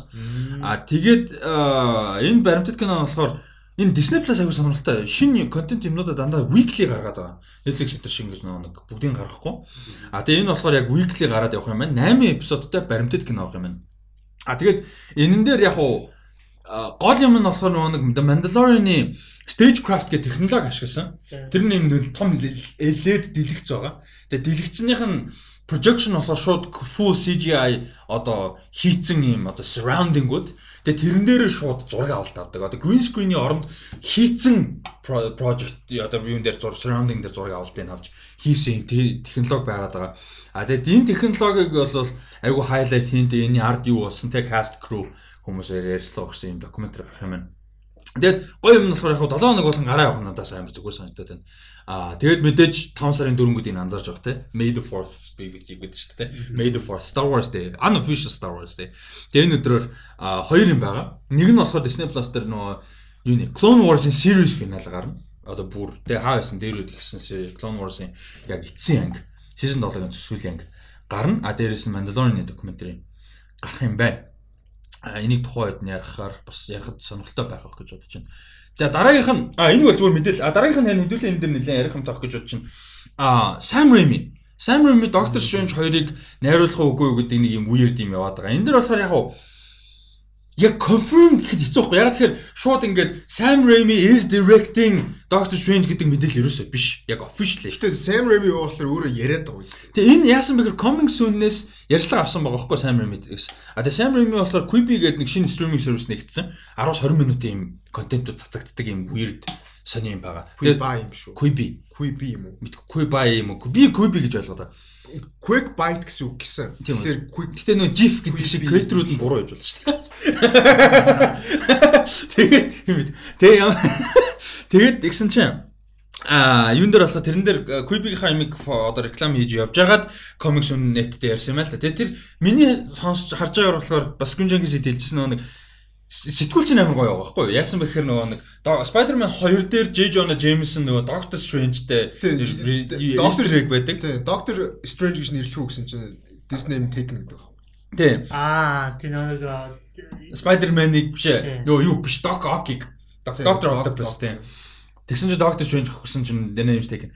Тэгээ тэр joke-ыг бол ингээд те Тэрний талаар юу гэж бодож ийнө энэ төр л гэж асуусан юм байна. Ер нь бол тэгээ одоо ингээд Doctor Strange ирээдүйд кино олчин малчин энэ төрөө гэж бодсон уу гэсэн чинь тэр нь болохоор Sam Raimi өөрөө хариулахдаа тий ингээд тухайн тэрийг ингээд референс болгож хийж байхад ирээдүйд ингээд Doctor Strange-ийн киног найруулж яах гэж би бол бодож ирсэнгүй гэж ам алдсан байг юм шиг байна. Ер нь бол тий яг official ингээд нөгөө нэг I am directing it гэж юусэн ерөөсөө яриаггүй. Ингээ нэг тийм юм болцсон. Гэтэ мэдээний сайтууд дээр бол яг Sam Raimi өөрөө confirm хийж л гэж гарсан л та. Тийм, тэгэж би яг confirmed гэж ойлгосон баг. Яг яг actual одоо интервью дээр нь мань хүн тэгэж нэг тийм ам алдсан байхгүй. Гэтэ ер нь гэтэ мэдээний сайтнуудын clickbait юм байна л. Тийм, clickbait байхгүй. Confirm гэж биччихэд нөгөө бичсэн шүү дээ. Тэгэхээр яг click. Гэтэ яг ер нь бол бараг ойлгомжтой одоо болчлоо. Яг одоо хийсэн үг нь энэ байхгүй. He was so original, but when we had that moment in Spider-Man 2, I had no idea we would be we would ever be making a Doctor Strange movie гэж байгаа байхгүй. Тэгээд ярьцсан. А тэгэхээр бас өөрөө хийж байгаа гэж бол хэлээгүй л. Тийм, яг ингээд ер нь бид нар Doctor Strange кино хийнэ гэдэг ерөөсө төсөөлж байгаагүй ярьсан.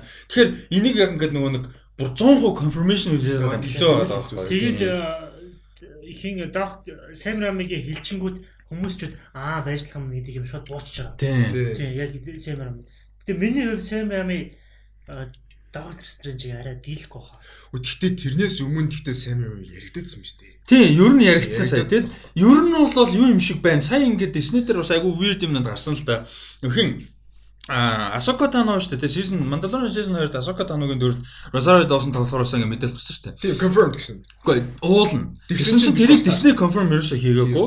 А тэгээд сайтууд confirm одоо хийсэн гэж байна. Сайтууд бол тэгээд тоглоно гэж зарласан. А тэг хинээс ярилцлага авсан юм байна. Асока Таногийн талаар Rosario Dawson. Тэгсэн чинь өөрөө хэлэхдээ болохоор тэр ингээд ер нь ингээд те агуу мөрөөдлийн гоё project те ингээд олон жил фанкастинг ирсэн. Би өөрөө Star Wars амар хайртай. Асока Тано дүр туртай. Би Clone Wars бүр яг тухайн үед ингээд үзчихсэн гэдэг жаахгүй. А гэхдээ энэ дийл ингээ хурдан биш ээ. Энэ мэдээлэл хурдан конференц болвол хин эндээ гоё юм гэсэн юм ярьсан байгаа хгүй. Тэгэхээр амар weird. Тэгээд энэ хэрэг бодит болчвол гоё байна гэж хэлж байгаа нь өөрөө конферм хийж байгаа байхгүй юу холбоотой ямар нэг байлаа. Тэгээд бодит болох юм бол би фэнүүдтэй баярлаа. Тийм тийм тийм. Яг л та нарын ингээ одоо пуштэй тусламжтайгаар бол энд баг биелж байгаа. Биелж байгаа гэсэн. Тэгээ weird юм нь юу вэ гэхээр confirm гэхээр тэнцээ дийл ч юм уу гэрээ хилцэл гарын усыг нэг юм дутуу байна гэсэн болж дарж байгаа. А тэгсэн мөртлөө одоо намар гарна season 6 алтан дууссан шүү дээ. Season 2-ын. Тэгээ амар weird байгаа шүү дээ. Тэгэхээр ингээд нэг үг ерөөсөө ингээд бүтэн эргэлзээд байгаа ч. Тий. Тий. Нэг үг ерөөсөө тэр нэг юм перспектив хотлолаас. Тэгээ хүмүүс тэгээ тэрийг барьж аваад зүгээр ингээд одоо юм бит ч байгаа юм. клик бит ч юм уу. Нэг бол одоо дэндүү одоо асагу таанаа дээр просород явсан бол ёо перфекттэй. Тэр бүр үнэхээр байж Тэгээд нас нь яг таарах юм бэ. Би ч яг сүүлд яг Тэр үзсэн. Яг болох юм байна. Тэр stop perfect гэх. Сэм ями бол ч зэн чиг. Үгүй, болох. бах. Гэхдээ байхгүй гэж даа. Spider-Man 2 бол тэгтээ Goddamn one of the best superhero Тий, тий. movie шүү дээ. Sam Raimi бүр perfect ч байхгүй. Scott Derrickson гарч байгаа нь амар харамсалтай. Ягаад гэвэл Scott Derrickson өөрөө амар гоо найруулагч. Гэхдээ Sam Raimi бүр бүр бүр байж болох хамгийн perfect. Ягаад тэгэхээр нэгдүгürt бүр comic god-уудын нэг дээ манай онц. Зөвхөн Spider-Man-ийг хийснээс гадна өөрөө одоо нэг Kevin Feige чи comic уншиж үссэн те comic талбартай их юм идэг Josh Whedon ч юм уу. Тэр шиг манай өөрөө яг тийм байхгүй. Comic тэгээд нөгөө B movie тийм нөгөө нэг culture өссөн. А тэгээ мань хүний нөгөө нэг залуудаа хийжсэн кино дандаа horror кинонууд, horror comedy ихтэй. Horror тэгээ pure horror илүү horror comedy ихтэй. Тэгээ Spider-Man тэгэнгүүт мань хүн ингээд бүх юмных нь яг юм perfect юу байгаа байхгүй. Нийлбэр байгаа байхгүй. Marvel-ийн comedy байж гэн тий. Тэг чи horror element нь байж гэн Doctor Strange. Тэг sorry. Тэгээд бид нар view угаад байж. Sorry. Тэгэнгүүтээ Тэрний нөгөө нэг сая сүулт яг паузны дундуур болсон юм тэр. Тий, тэгээд sorry. А тэгээд юун дээр болохоор Marvel гэдэг connection ороод ирж байгаа. Аахад тийм информашн авчаар сэм байж болохоор гэж бодож байна. Яагаад тэгэхээр би хин юу чин доктор Стрэндж аягүй scope хамтаа кино. Одоо multiverse of madness-тэй тэнгуүтэй дээр alternate dimension гэдэг юм гараад ирсэн. Одоо юу тийм time travel гэдэг юм гараад ирсэн. Тэнгуүтэй одоо quantum гэдэг юм тэр юмыг бас ингээ базж тэн дундаас ингээ найруулга хийж чадах болов гэдэг дээр би сайн амар жоохон эргэлдэж ирсэн. Яагаад тэгэхээр Spider-Man 1 2 3 ч юм бол айгүй тийм яг нөгөө нэг юм стандарт кино штэ. Мгм. Яг ингээ тийм Яг standard origin. тийм origin кинонууд штэ ингээ тийм гол дүр асуудал дайсан шийдэл конфликт гэх юм уу тийм тийм элементүүд нь өөрөөсөө цөөхөн юм та. Мм. А доктор Стрэндж ч юм бол бүх юмны лог мокийг тааруулсан тийм нөгөө кинотой холбогдсон юм юм ихтэй болохоор би амар амиг а тэгээд яг комик юуны юу фэн тэгэнгүүтээ өөрөө би movie хийдэг мэдэх юм бол нэг хин шиг байж магадгүй. Одоо Питер Джексон шиг. Питер Джексон ч бүр энэ навшидаг байсан шүү дээ. Horror киноны найруулагч байсан. Амар weird мэд юм мэддэг байж байгаа. Гинт Lord бүр лорд лоо. Тэнгүүдээ лорд лаа. Би тэрэн дээр одоо ингээд яаж тийм навшин имиж байгаа тийм том прожект руу ингэж чадж гинэ гэдэг ингүүд тэрнэр нөгөө нэг хоррор кино дээр заваа юм хий- хий- хийдгээрээ өөрийнхөө нөгөө нэг вишнийг ингээ бижүүлэх тийм дасгал амир хийцэн байна гэж хараад байгаа байхгүй. Мгм. Зөв нэг тийм сонь зарамаар тийм гарангуудаа. Тэр чинь өөрийнхөө вишнийг яг тэгээ болгон хүний виш угаасаа нэг тийм сонин штэ. Тэгэхээр Сэм Рами бас тийм би мөвөө зөв хийжсэн болвол Sam Raimi ч гэхдээ ямар амар кинод хийж. Амар амар. тийм амар Evil Dead 1 2 3 тэнгүүдээ юу Army of Darkness Тийм. You Drag Me to Hell хийчихсэн. Би тэр ихтэй мэдэж Сүүл байгаа. Drag Me to Hell хийгээ тэгээ тэрнээс хойш чимэг болцсон. Хамгийн сүүлд Ozzy хийсэн. Хин James Franco. тийм. Тэнгүүдээ нөгөө Grudge гэдэг нөгөө D Grudge гэдэг нөгөө Америк хөрөө шүү дээ. Хөлбөр нь шүү дээ. Тэрийг хийсэн. Тэгээд Тэгээ Darkman гэдэг нөгөө Liam Neeson. Superhero. нисэнтэй тийм тийм тэрийг бас хийжсэн. Энэ чинь бас нөгөө cult кинодын нэг юм байлаа. Тийм. Би үдчихсэн. Би үзэж байгаагүй. Би бүр амар олон жил Darkman-ыг ярьж байгаа. Darkman гэхдээ амар гоё. Амар weird weird superhero кино. тийм. Амар cult кино болцсон юм шиг байна. Тэгээ Сэм амар Marvel-тай очоо олчих юм бол Marvel угаасаа амар том спорттэй. Мм. Writing дээр аягуулсан, producing дээр амарсан, VFX энэ төр нь өөртөө баг юм а мэдчихдэг. Тэгэхээр Сэм Рами дээр бол ерөөдөө яг найруулгын үргэл боо. Харин юу яах вэ? Sam Raimi харин өстой жинхэнэ найруулагчийн контролын хувьд 100% ажиллах бах. Нөгөө Marvel ч амар алдартай шүү дээ. Action action найруулагчаар нь хийлэгдэггүй. Нөгөө VFX team нь хийцдэг. Тэгээд Scott Derrickson-тэй би болохоор ганц таалагдаагүй юм нь болохоор яг а, Doctor Strange-ийн тэр нөгөө Itchy одоо Magic гэдэг юмыг гэхдээ яг зүгээр гаргасан юу гэдэг би эргэлзээд байгаа. Үгүй тэр бол сонин шүү дээ. Martial art ч юм шиг нэг тийм бүр шүү дээ. Одоо жишээ нь яг тэрний дараагаас Яг эхлээд хоо одоо Арай дээр гарах байсан баг л та тэр чинь нөгөө дөнгөж эхлэл байсан болохоор гэтээ тэн чин Ancient One гарч байгаа. Тэнгүүтээ тэр нөгөө тхий юу а Дормамгийн дор нөгөө хиний Mad Max-ийн дүр. Mads Mikkelsen гээл ярьч. Тэгээ Mad Max-ийн дүр мөр чинь тэгээ тэд нар чинь зүгээр зодолтоод ч юм уу тэ нэг тийм magic хэрэгэлдэг хэд хэцүү дээ. Над бол тийг Яг гоо тэгэд яг тэр яг надад бол progression-ийн хувьд яг First Avenger Winter Soldier шиг санагдаад байгаа байхгүй. First Avenger дээр cap бол тэгээ хөөрх юм нэг гүүл гүүн тэгээд нэг буу тэр юу шиг хинч ярьдгүй тэр хашаа онголоо cap хүн бууддсан шүү дээ. Буутай орж ирдэн ш тэр шинэ хүмүүс cap ч хүн буудаад. Тэгээ тэрэндээ cap бол ер нь аргу шүү дээ. Avengers дээр ч гэсэн ер нь шүү дээ. Тийм болохоор яг одоо Doctor Strange-ийн Multiverse of Madness а дээрэс нь Infinity War дээр бол манай он бүр фүүлсэн шүү дээ. Тийм болохоор яг одоо дараа нь явах гэсэн гэж бодоод байгаа байхгүй. Надад бол Doctor Strange дээр нэг санаасан. Infinity War дээр чи яг жинхэнэ амир амир мөн үзүүл. Харин үзүүлчихэж байгаа байхгүй. Харин би зүгээр тэрийг нь амир гоё кипигээ тэрийг нь гоё хөгжүүлээсэй л гэж бодлоо. Peter Jackson бол би бол одоо бодоход найрлагчхаа бүр идрас чи өөр л хэлэх. Бүр би Lord-ийн амар том фэн биш. Гэхдээ гурван тэр трилогиг нэг толгоогоор хийсэн гэхэд бол тэр хүний толгоо IQ бол би үнэхээр мэдэхгүй байна тий. Тэр бүр ингээ өөр левелийнх.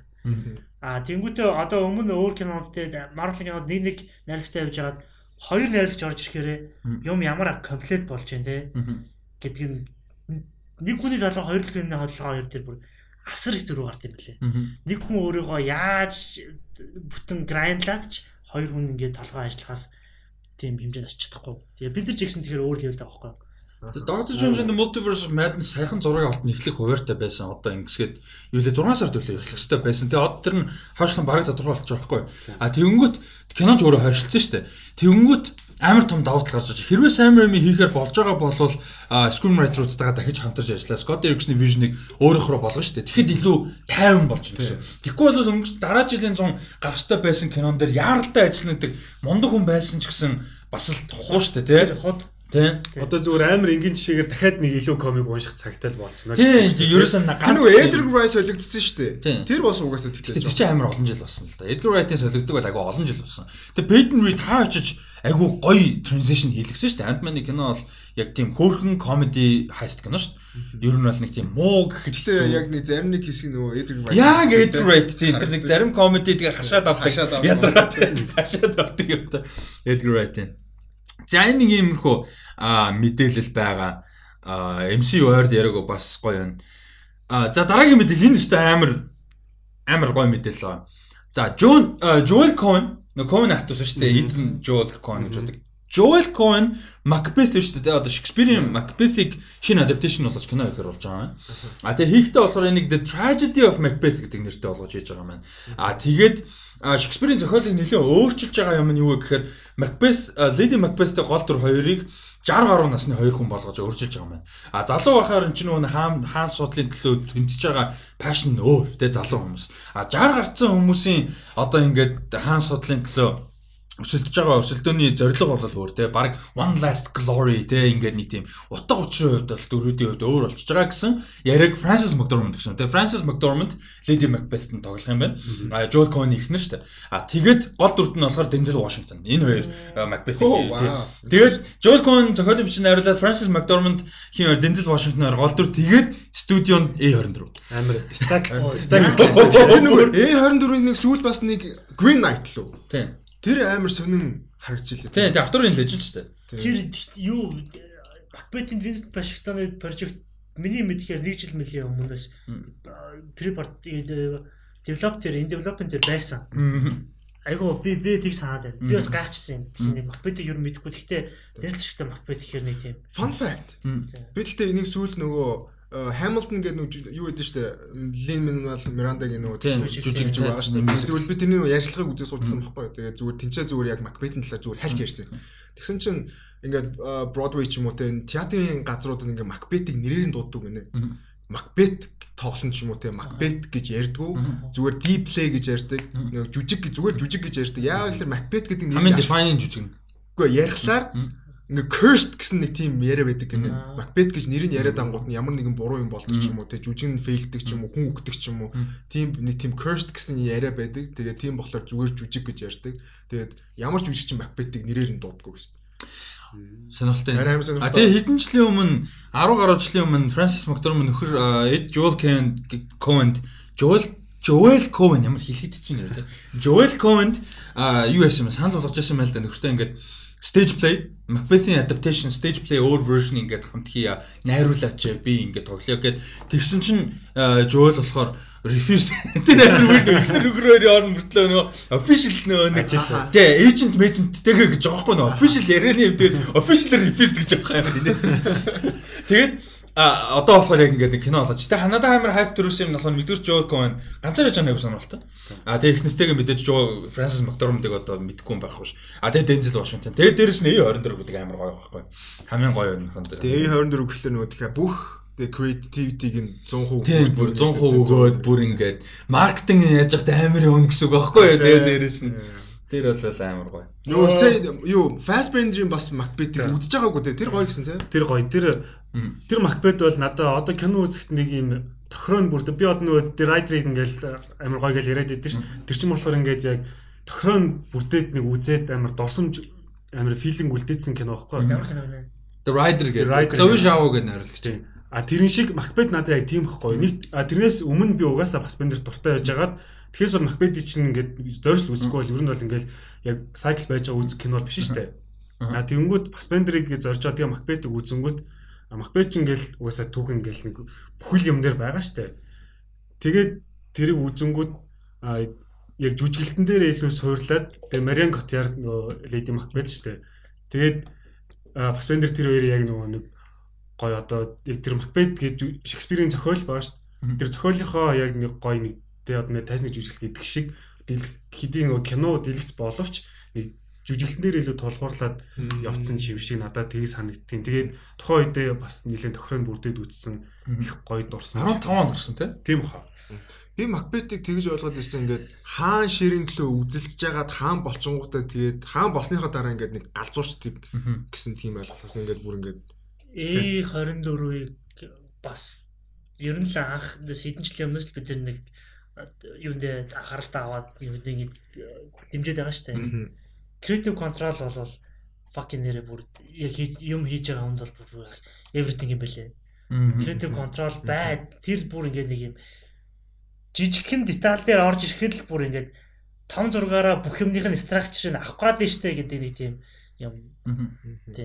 Тэгэхээр A24 бол найруулагчтай гоё ажиллаж байгаа. Тэгээд ямаагаад найруулагчуд киногоо хайж мааж явдаг нь бол тэгэл хүн л эмчнэг уур нүрэн штэ.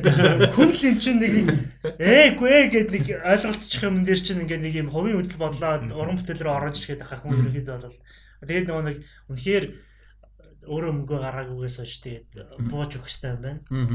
Ёстой юм байна. Бууж өгөх ёстой юм байна штэ бас тийм. Гэхдээ би нөгөө эсвэл Under the Silver Lake гэх кино цаахгүй Andrew Garfield тийм. Тэр чинь бас аяа өрнөр штэ. Тэгээд тэр нь За би найрлагчны нэрийг хараагүй хин найрсан мэдгүй. Гэхдээ тэр яг яг саяны хэдүүлээ ярьсан шиг full control-ыг өгөөд тэрийг нь тэр найрлагч нь за би ингэ мэдгүй. Гэхдээ бүр арай дэндүү тулгаад бүр дэндүү weird as shit болоод би бүр тэр what the fuck гэж бүр тэгэж үдсээр байгаа бүр тэр дуусахыг харахгүй би дуусгаж чадаагүй бүр. Тий, тий, тий. Энэ тэгээ контрол нь арай одоо ихтэй гэх юм цаашаа. Одоо нэг хүний одоо найруулчин кино ингээл аваад явж байгаа шүү дээ Тэр ихтэх гэхээс илүү яг нэг хүний юмд ингээд одоо нэг хүний вишн ингээд баригдаад баригдах гэхээс илүү яах ч хинтээ. Ингээ явчихаар хитрхи явчихаар бас тийм weird болчих тал бас байд юм лээ. Гэхдээ team camera байх гэхдээ нэг бодлон ч үер л тээ. А тийм гоё нь гоё нь бас байна. Би хиний Дэвид Линчийн мастер классыг үзээд. Тэгээ Дэвид Линч нь бүр Кулкац штэ. Кулкац штэ. Тэг чи Дэвид Линч тэгж ийм код их циклээ зурвал Дэвид Линч чинь кулкац. Зураас татсан юм. Жижиг штэ. Тэгээд нөгөө юу руу оруулсан штэ нөгөө аа юу лээ нөгөө алтай шиг групп руу оруул тэгээд жижиг штэ. Тэгээд Линч бол энэ нөгөө одоо defining weird as weird тэгэнгүүтээ Тэнгүүд тэр хүн тэгж байгаа байхгүй юу? Vision угаасаа тийм ямар ч замраагүй орж ирдэг. Тэгээд ингээд тасал тасалтаа орж ирдэг. Нэг дор бүгд орж ирдэг. Нэг дор бүгд орж ирэнгүүт тэр чинь өөрөө логик болчтой юм лээ. А тэгээд чи олон ингээд цалж орсон вишингүүдээ тэмдэглэсээр хагаад эргээд нэг харахад чинь чинь бүтэн болчтой. А тэгээд нөгөө нэг чамаас гарсан юм чинь өөрөө нийлхээрээ нэг юм синхрон синк хийгдээд нэг юм илэрхийлждэг. А тэгээд тэрийн тэгж процессор нөгөө нэг салгаж явахгүй болвол нэг вишнгээр ингээ удаан хяачаар тэр нөгөө юм тийм бас юу болчдаг. Одоо комплект юм болж чаддаг. Зүгээр юм нөгөө нэг срид болчдаг. Тийм нөгөө нэг тэгэхээр чи олон салгаж ингэж орж гардаг. Ямар нэг хизээш орж магадгүй зарим тохиолдолд диалогч орж ирэн зарим тохиолдолд зүгээр дүрсч орж ирэн зарим тохиолдолд транзишн орж ирэн зарим тохиолдолд зүгээр өнцөгч орж ирэн тэ. Тэгэхээр тэр чинь нийлсээр байгаа юм аа. Тэгээ энэ процесс хизээш арилахгүй. Чи ямар сайн олон туршлагатай болсон хизээш нэг дор бүтэн комплект юм орж ирэхгүй. Гэ тэгээд ихчихсэн байхгүй юу? Тэр айгу нэг юм сэтгэл твтээсэн. Яагаад тэгэхээр ингээд юм хийж яхад ингээд нэг юм хоёрын оронд нэг юмнууд орж ирэн за. Нэг өгүүлбэр ч юм нэг ч юм. Тэгээд тэр нь тэрийгээ тэгээ develop хийх гээл aortic хийх гээл нэг навшаална штэ. Тэгээд байх уу яа. Тэгээд тэрийг ингээ үзэнгүүт за Тийм дууссан байна. Эцсийн дүндэл нэг юм гарах юм байна. Тэгээ хамгийн чухал нь юу байх вэ гэхээр өөрийнхөө гарч байгаа вишэнд үнэнч байх хэрэгтэй. Аа хүнээс мэдээж ингээд инфлюенс юм референс авах юм байна. Гэхдээ тэрийг өөрөө боловсруулад өөрийнхөө болгоод өөрийнхөө болгоод гаргах чинь нөгөө нэг overall эцсийн бүтээтгүүндээ чиний нэг юм синк хийгдэд бүх юм чинь нэг юм гардаг гэдэг. Тэгснээс original нэг вишнэрээ нэг дор худал юм. Мэдгүй миний зүгээр үгээр тэгээд Devil-ийн жахаа хэлснээр бол. Тэгээд Devil-ийн ч юм уу те нэг юм юу найруулагч хуваагдаад байгаа юм шиг байна. Тэгээ одоо жишээ нь нэг JJ Abrams гэдэг нэг мундаг те хүн байна шүү дээ. Тэнгүүд нөгөө одоо юу ч үгүй франчайз эхлүүлдэг ч юм уу те нэг тийм нэг бол одоо Disney Disney одоо кино хийж тэр чинь одоо family friendly ч юм уу те PG-13 ч юм уу whatever Тэгээд тэнд нэг тийм тодорхой хэмжээнд нэг хязгаарлагдж байгаа юм байгаа шүү дээ. Тэрэндээ баригдаж хийж чаддаг ч юм уу. Нэг бол зохиол нь байх юм бол өчгöd ингээд хийждэг хүмүүс бас байгаа юм шүү. Тэнгүүтээ Devil-ийн гингүүт яг өөрөө бас үжил бодлоор яг өөрөө харж байгаагаар яг тэгж явдаг бас нэг найрш бас байгаа юм шүү. Тийм, ер нь янз бүр тийм тэгээд distinct хуваагдсан. Тэгж өөрөө тэгж толгой мэдэж ингэж юм хийнгүүтээ тэр нь амжилттай болдгоо наа эсвэл тийм яг бүр шууд weird болцдог юм ч байна. Одоо ийм ноолн дээ. Яг өөрөө юмаа хийдэг мөртлөө тэр нь үнэхээр амжилттай болоод явдаг. А тэгэнгүүт саяны одоо За тэр Андерт Силверлэг кино ойрлагчлаа мэдэхгүй. Тэгээ одоо их юм байна. Хамгийн том жишээ Спилберг байна. Мондог скринайтер ерөөсөө биш. Тэгээ ханзаарх юм бол айгүй олон том мондог кинонуудын өөр хүмүүс дандаа бичсэн байдаг. Нэг бол ядаж co-writerтэй. David Robert Mitchell гинэ. Тэгээ наач нь It Follows-ыг найруулсан нэг. Тийм. Тэгээд нөгөө Under the Silver Lake тэ. Тэгээд Спилберг жишээ тийм байна. А тэнгууд Скорсезе болохоор бас screenwriter-тай аймаг харилц ажилдаг. Чивэр өөрөө ганц screenplay бичсэн цөөхөн байдаг. Гэхдээ маш цөөхөн. Дандаа co-writer-тай. А тэнгууд Дэни Вилен яг тэр хэдийг нэг класс гэж амжилт үзэхдээ Дэни Вилен өв шиг filmmaker байна. Заавал screenplay дээр өөрөө оролцдог а бүгдийг бичдэг биш. Тэгээ сонирхолтой юм яг юун дээр манай screenplay бичээг байгаа. Тэр амар үерд. Гэхдээ яг том project болохоор тэгсэн баг. Гэхдээ ер нь бол тэгдэг. Гэдэг ч юм ингээ янз бүр байгаа байхгүй. Абрамс бол writer хийдгүү шүү дээ. Ер нь. TV шоун дээр бол writer энэ кинон дээр writing гэхээс илүү шууд найруулагчийн vision гаргав. Тэгээд нэг Bad Robot гэдэг бас өөрөөсөө нэг production юу бас нилээ. Тэр нөгөө нэг чухал юм шүү. Хүмүүсийн project-н дээр нөгөө нэг асуудалгүй орж ирдгээр алдартай хүн чинь Ron Howard шүү дээ. Ямар ч project юу өсөх гэсэн call Ron Howard гэдэг. Юу н хамаагүй. Ямар project н хамаагүй call Ron Howard. Ron Howard яг нөгөө film making-гээ мэддэг. Тий. Учир олцсон тий. Кино гэж юу вэ? Камер гэж юу вэ? Ажил гэдэг утгаараа. Тий. Ажил гэдэг утгаараа камер гэж юу вэ? Драм гэж юу вэ? гэдгийг мэддэг. Тэгээ сүүлд хийсэн кино Moby Dick нөгөө тэр чинь ямар нэгтэй кино үлээ нөгөө Hugh Hemsworth энтертэй. Аа In the Heart of the Sea амар тэр кино амар кино. Тэрийг юу вэ? Гэхдээ Ron Howard гэсэн ерөөсөө ингээ нөгөө бүх юм мэддэг. А тэгээ гоё юм нөгөө нэг бидний мэддэг нөгөө амар passionate мундаг filmmaker шиг юм зөрүүдч гэх юм уу да тийм биш. Ингээд юу хийх ёстой байна яг хийдэг. Тэнгүүр чин өөр хүмүүс орж ирэхээр нөгөө нэг ингээд те vision юу байдیں۔ ингээд тийм одоо clash үүсгэх хэрэг байдаг. Хавард өөрийнхөө залуу үе мүйтэй классик юм хийгээд дуусгацсан шүү дээ. Тэг залуудаа амар шүү дээ. Бид нар ингээд яг одоо joke шиг яриад байгаа мөртөө яг яг SM дээр Ron Howard-ын filmography агуу амар юу ярьж байна. Мэдээж нөх хүн хөгшрөн цаг үеийнхаа нөө нэг юу хүмүүс яаж харна гэдэг тэр үнцийг алдна. 60 70 бүр 60 хүрчээд 20 дэх хүмүүст харах перспектив гаргах хэцүү шүү дээ. Тэр транзишн хэцүү байхгүй. Тэгэхээр зүгээр л нэг кино гэдэг юм араа л яагаад. Яг яг ажил яг зөвөр ажил гэдэг утгаар та. би бол Холливуудын найруулагчд бол залуу найруулагчдыг бол шүтэх хэрэгтэй. Одоо Justin Hurwitz тэр бол зүгээр яг төрцөн.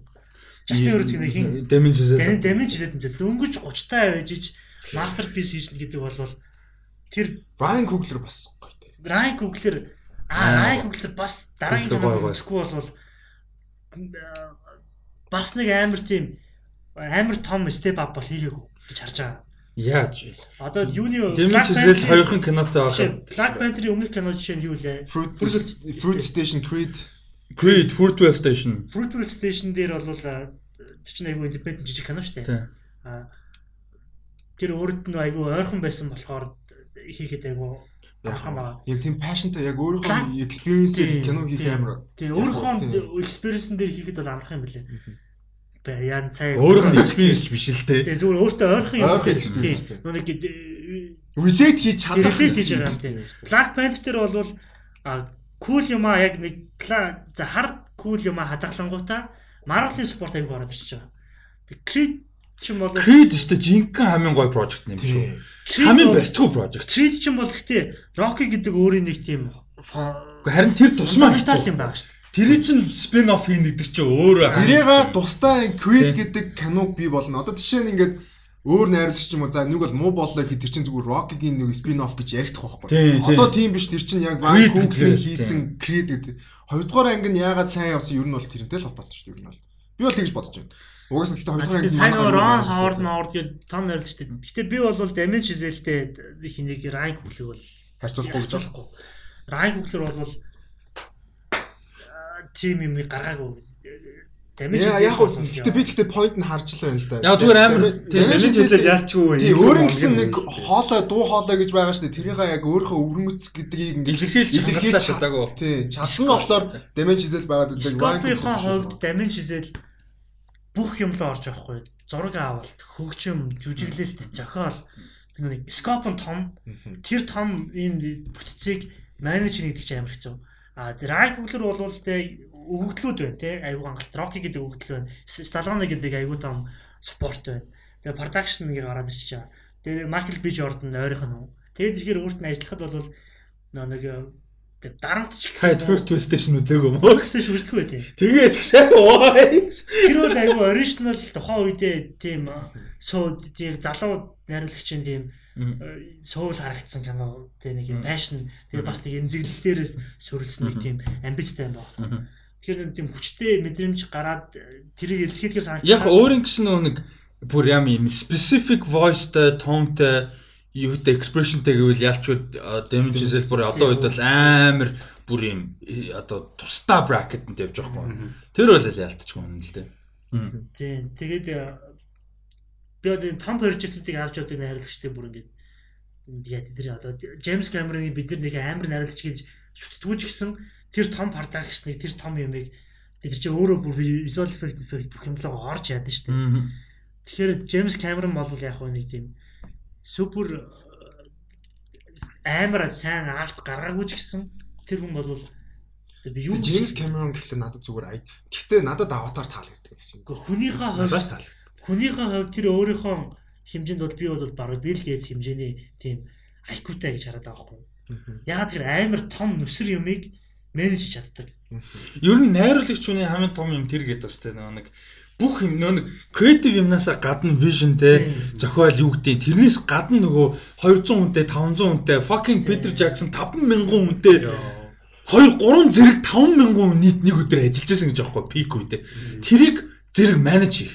Одоо тэр нөгөө Шоны хувьд бол одоо гүйцэтгэх продюсер. Нөгөө Dan David хоёр чинь шүтээлээд гэн тэр байхгүй. Тэр writing season 8 trash whatever. Гэхдээ тэр project-ийг ингээ 10 жил тэг ингэж бүр ингээд хитэн 3 зэрэг улсад ингэж авчихсан. Одоо Walking Dead-ийн юунууд байна screenwriter те. А Vince Gilligan байна те. Breaking Bad. Эний чинь ингэж энэ project-ийг энэ яг шууд утгаар ажилыг дуутгаар нөө creativity-г нь хасаад артаа хасаад тий нөгөө тэр найруулагч энэ хүн ийм хийх хэвээр туслах найруулагч продюсер да да да энийг менеж хийх нь өөрөө хамгийн том Тийм Scott гэдэг юм минийхээр инженеэр тайлбарлах юм бол за Peter Jackson 5000 хүн ажиллаж байна. 5000 хүн өөр өөрийн гэсэн үүрэгтэй байгаа шүү дээ. Тэд нэг нэгээрээ Peter Jackson-ээр ирээд асуухад Peter Jackson хариултаа. Яагаад тэгэхээр тийм хэмжээний вижнтэй байгаа байхгүй. Одоо Рамон амар гэсэн үг ерөөхдөө. Тэгэхэд би бол яг юм тийч хараад байхгүй яг тийм рамныхаа хэмжээгээр тэр чин Питер Джексон вижн сайн болохоор тэр оркийн баг сорвиг хүртэл ийм байх хэрэгтэй гэж гайд хийхэр хэмжээний Цэнгэл дөнгөж сая Монгол англиар double entendre гэсэн сонсноо. Рамны хэмжээгээр арамныхаа хэмжээгээр ярьж байна. Тийм хариулт өгч чаддаг байхгүй. Питер Джексон хин Джеймс Кэмерон яагаад тэгээд байхаар бас тийм. Тэр visual effect-ийнх нь нэг баачкаар өнгийн буруу тавьчих Джеймс Кэмерон баг очиж наад өнгөөж явах saturation багасчих гээд хилж хэмжээний тиймэрхүү юутэй visionтэй мэдлэгтэй гэж би миний зүгээс хараад байгаа. Тэгээд тэднийг бол ийм том скоптой ямыг хараад ийм менеж хийж чадвартай. Одоо том том CEO-нууд шиг гэсэн байхгүй Боб Айгер маяг шиг. Тэр хүний нэг үйлдэл өөрийнх нь тэгээ Disney гэдэг бизнесийн ямар жижиг сегмент дээр яаж нөлөөлж болох вэ гэдгийг тооцоолж шийдвэр гаргаж байгаа. Тэ? Зүгээр жижиг Монголын зах зээл дээр за Монголын зах зээл цаашаа зүгээр хятадын зах зээлийн нэг жижиг юм дээр яаж нөлөөлж болох уу гэдгийг бодож тэр продюсинг ч юм уу те ингээд related ч юм уу маш дээр гаргаж байгаа шүү дээ. Тэгэхээр тийм том өгөгдөл дээр шийдвэр гаргаад яраал тэнгүүтээ Питер Джексон зүгээр тийм менежер сайн хийнгүүтээ CEO сайн хийнгүүтээ давхар арт хийгээд байгаа байхгүй юу. Тэгэхээр энэ хоёрыг зураг гэдэг бол би бол тэр хүмүүс талгааг болов. Netflix-тэй 250 сая долларын гэрээ хийсэн гэж бид эдний хожил 2 жилийн өмнө ярьжсэн Ryan Murphy байгаа шүү дээ одоо яг юуны ТV-гийн супер продюсер дэр нэг болчиход байгаа. Ryan Murphy гэдэг. Clip, Pose, Pose Pose аа Pose уучлаарай. Чи яг аим Френч болох ч Pose. Энэ энэ зүгээр үргэлжлэлтэй гэж бодохгүй юу? Pose. Мексик болж байгаа юм шүү. Глич нь Glitch бүр бүр супер хит штэ яг. Тэгээд American Horror Story. Тийм American Horror Story Crime Story-г бас тэрэн дээр яг яг оролцоотой биш гэхдээ нөгөө брэнд нь өөрөөх нь. Тэгээд энэ нөгөө MTV дээр гаргасан Scream Queens бас. Тийм ер нь бол одоо TV-гийн нөгөө нэг хамгийн том продюсер дээр нэг болцоод байгаа. Ryan Murphy юу яаж байгаа юм? 5 сарын 1-нд шинэ мини series гарч байгаа юм Netflix дээр. Аа тэгээд энэ 250 сая долларын хүрээнд нь хийж байгаа, гэрээний хүрээнд нь хийж байгаа ажлуудын нэг. Тэгээд энэ айгуу сонирхолтой. Энэ дээр яг нийтлэлийг нь линкээр оруулсан, оруулчин постн дээр Facebook постн дээр тэгээд сонирхоод уншаарай. А энэ дээр болохоор яг энэ зурлагын талаар ярьж байгаа юм л да. Тэгээд яасан гэж Холливуд гэдэг нэртэй зураг. А тэгээд энэ болохоор Холливуудын 40-од оны үеийн Холливуудыг харуулах юм байна. Ерөөсөө шууд утгаараа. Яг 40 дөрвөн Холливуудыг. А тэгээ энэ болохоор Once Upon a Time in Hollywoodтэй яг энэ сэтгүүлч нь харьцуулсан байгаа. Хин өөрөө биш, Ryan Murphy өөрөө биш. Сэтгүүлч нь. А тэгээ юу яагаад Once Upon a Time in Hollywood шиг гэсэн бэ гэхээр э, хин өөрөө faction гэж нэрлэлсэн. Ryan Murphy fiction fact хоёрыг ингээ холцсон гэдэг байгаа байхгүй юу. Тэгээ нөгөө нэг амьдралаар байсан хүмүүсийн дүр энд байгаа. Жишээ нь Harry McDaniel тэгээ нөгөө нэг Gone with the Wind-ийн туслах дүрээр Oscar авдаг юм ихтэй анхны өнгөт тарьсан юм ихтэй. Тэр ч юм уу. А тэгээ нөх хин Vivian Lee мэ гардаг гэж байгаа байхгүй юу. Роо үеэрээ бараг universe build-up хийж байгаа юм аа. Тий, тэгээд туслах одоо зохиомл дөрүүдтэй. Аа тэгээд энийг ингээ холлоо. Тэгээд тэр үеийн Холливуудын одоо хар цагаан тэгээ болох болохгүй хар цагаан гэдэг арьс юм биш үү. Тэр хар цагаан болох болохгүй бас арьс юм адилхан. Ингээ бүх юмыг нь explore хийсэн юм драма комеди сурал байх гинэ мини series. Аа тэгээд хүмүүс мэддэг жүжигчд гэх юм бол Laura Harrier байгаа. Spider-Man юун дээр Homecoming дээр нөгөө нэг манай он крашлаад байдаг. Питер крашлаад байдаг өнгө төрстэй охин байдаг шүү дээ. Аа. Модель дээд чинь нөгөө хиний Клей Томпсоны найз охин юм байлаа шүү дээ. Тийм үү? Тийм. Тийм Golden State Warrior Warriors. Тийм. Тэгээд тэр am random information гэдэг. Тэгээд а Laura Harrier а тэгээд нөгөө Radio Not дээр тоглолдог Samara Weaving хоёр байгаа юм байна. Айгуу гоё харагдана энэ зоо энэ Samara Weaving хин хоёрын Laura Harrier хоёрын наач Samara Weaving чинь зүгээр Margot Robbie байлаа шүү дээ. Энэ Марго Роби байтгаа юм байлаа надад бол. Харин тийм байтгаа. Марго Робигоос гоё жүжигч юм байлаа. Тэгтээ зариуцсан юм биш. Зүгээр харин зүгээр адилхан гэдэг утгаараа. Тэр чи одоо Жензинер өстэй. Үгүй шүү дээ. Бид нар бид нар үстэй. Үгүй Лора Харри 96 оных. Тийм бид нэр тэгээд хэн болохоор Samara Weaving хамаагүй ихчээ. Энд чинь 30 ихчээ. Тийм тийм тийм. Энд чинь бүр амар олон жил болж байгаа. Наа чи нөгөө хөгшин 28 он 92 он. Hugo Weaving-ийн relative өстэй. Антл Hugo Weaving антл юм. Тийм аваах нь. 28 та. Тэгээ хүүхэд бол биш ээ. Энэ хоёр бол. Одоо энэ бүр жоохнууд чи тэр Stranger Things-ийн хит мэдчихэн л яг нэг юу авах. Тэгээ 2000-аад 20 хүртэл тий. Тийм шүү дээ. Тэгэхээр чи амар. Тэр чин бас юу болчихж байгаа. Тийм. Тэгээд энэ айгу гоё юм байна. Тэгээ нэг хин Ryan Murphy өөрөө өсөж байхдаа бол ээж нь ингээд имэн кино уралт айгүйх оруулсан юм байна л да. Кино байнга үзүүлдэг байсан. Холливуд хойд юу болсон. Тэгэд Vivian Lee ингээд бүр амар тийм леженд байсан те Harry McDaniel те тухайн үед Холливуудын хамгийн их гадуурхагдсан хүмүүс гэж байгаа байхгүй юу. За нэг нь Harry McDaniel тий анхны Оскар авсан эмэгтэй хүмүүс мөртлөө жишээ нь 40 оны Оскарын шагнал хавд болгосон дээр туслан ширээн суулгаж ирсэн өнгөт дайрстай хүмүүсийн ширээ. Сайхан 1940 он гэхэд л Америк тийм байсан тий. А тэгээд дээрэс нь анхны одоо Холливуудын Аз супер од гэж ярьдаг Anna May Wong гэж эмэгтэй байдаг. Би энэ талаар бас Big Kind Rewind гэх YouTube-ийн амар гоё сувг дээрээс мэдээлэл авч ирсэн. А энэ эмэгтэй болохоор хязгаар алтай. Гэхдээ уул нь Америк хүн. Одоо нөгөө Aquafina гэдэг шиг Америк хүн баггүй. Ерөөсөө Америк төрж өссөн Америк хүн Аз гаралтай. Тэгээ мань хүнийг ингээд нөгөө Холливуд одоо яах та а кастлахта дандаа нөгөө нэг юм exotic sexy whatever эмхтэй Аз те тим ингээд нэг тийм дүр дандаа тоглоулдаг. А дээрэс нь рекламдтаа Chinese actor гэж дандаа яадаг. Нөгөө нэг exotic болгож те. Уул нь мань хүн зүгээр American. Тэгээд ингээд нөгөө нэг тэрнээсээ бүр залхаас үлдээ Европ руу нүүсэн юм байна. Бүр амьдрал нь бүр өөрөө Европ руу нүгээд Европын кино урлаг руу бүр ингээд Холливуудыг хайж исэн юм байна амьдрал дээр. А тэгээд Дээрээс нь Rock Hudson гээд амар тийм супер од гарч ирж исэн залууч жүжигчин байсан. А тэгээ 85 онд насварсан, AIDS-ээр насварсан дохоор. А тэгээд мань хүн болохоор юм одоо гей гэдгээ нуудаг байсан юм байна. Хинч мэдж байгаагүй насварсныхан дараа баг хүмүүс мэдчихсэн. А тэгээ тухайн үед discrimination маш их байсан учраас одоо тэрийг ил болгож чадахгүй те юм хүнд амьдралтай байсан гэж. Тэгээ энэ гурвын дүр бол энэ дэр нилээн гарах юм байна. Энэ гурвын дүр. А тэгээд ийм цуврал бол ямар ч миний зурал 8 ангитай зурал бол гарах юм байна шүү. Холливуд гэдэг нэртэй. Ийм цуврал гарах юм байна. Тэгээд энэ Холливуудын progress progress тухайн үед юу болж исэн гэдэг юм сонирхолтой а мэдээл байх нь байна. За энэ дээр нэмээд дахиад яг энэ Vanity Fair-ийн хоёр part артикл байгаа. Тэгээ нөгөөх part артикл нь болохоор юу байсан бэ гэхээр Ryan Murphy яг юуны талаар ярьсан байна. Vivian League-ийн талаар. Vivian League жүжигч нөгөө нэг юун дээр тоглолоор хүмүүс юм. Gone with the Wind дээр тоглолоор бид хүмүүс Oscar шигээ дутчихсан. Тэгээд bipolar байсан. Тэгээд ер нь бол ингээд хамтарч хэцүү өөрөө хөрх юмтай маш их зовлон. Bipolar disorder гэж ярьдаг нөгөө нэг нөгөө нэг extreme л одоо нэг дэндүү баярлдаг, нэг дэндүү бүр depression болоод амиа хорлмоор байдаг. Янз бүр болдог. болдог. Ер нь бол хоёр extreme л үг ингээд bipolar. Тэгээд Vivian League-ийн тухай Vivian League-ийн амьдралын тухай кино хүсэл их байдгаа гэж ярьсан юм байна Ryan Murphy. Аа тэгээд энэ дээр сонирхолтой юм юу юм бэхээр айгүй олон жил ярьж байгаа гинэ. Яг Vivian League-ийн талаар кино их. Аа тэрийг хинтээ ярьж байгаа гэхээр Nicole Kidman-тэй. Nicole Kidman энэ хоёр болохоор олон жилийн өмнө танилцсан. Тэгээ олон жил болж байгаа найзууд. Аа тэгээ бид хоёр бол яг хамтарч яг энэ Vivian League-ийн талаар кино ихийг бол айгүй олон жил одоо ярилцж байгаа. Тэгтээ бодож байдал одоо нөхцөл бүрдээгүй байгаа. Аа гэхдээ нөхцөл бүрдэх юм бол ярилцахад билээ. Ингээд ер нь бол байнга яригдчихэдэг сэдвүүд нэгэ гэж ярьсан юм байна. А тэгээ сонирхолтой юм одоо ингээд жишээ нь а Vivian Lee юун дээр Gone with the Wind-ийн зураг авалтын үеэр одоо ингээд юу ярьжсэн гэж байгаа. Одоо хэн бас ярьж байгаа. Nicole Kidman. Vivian Lee бүр ингээд тийм амар obsessed fan байсан. Тэгээ ямар хэцүү байсан гэдэг нь бас ингээд юу яахан сонирхолтой. А Explorer-ийн сонирхолтой тийм гэж ярьжсэн. Тэгээд тэгсэн чинь Gone with the Wind-ийн үеийн зураг авалтаар жишээ нь ингээд бэлхүүс нь 18 инч байсан гинэ. Vivian League-ийн. Тэгээд хин Nicole Kidman амар залуу байхдаа тэрийг нэмэлээд хийх гэж үзчихсэн бүр. Одоо ингээд нөгөө корсет гэж байдаг шүү дээ тэр хувьд. Тэгээд корсеттэй нөгөө нэг шин зураг авалт байсан нь юун дээр Mulan Rouge шүү дээ. Evan McGregor-тай musical. Тийм. 2003 орсон. Тэр Mulan Rouge дээр нөгөө юу байдаг? Ийм корсет өмсдөг шин байдаг.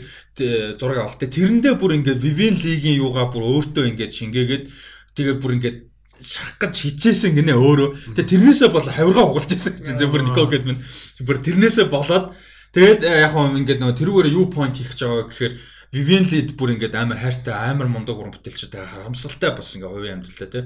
Тэгээ ингээд тэр хүний амьдралыг explore хийсэн бас юм кино хийвэл гоё юм байна гэсэн аа ярилцлага бол бас Никол гэдмэн бас өгсөн юм байна.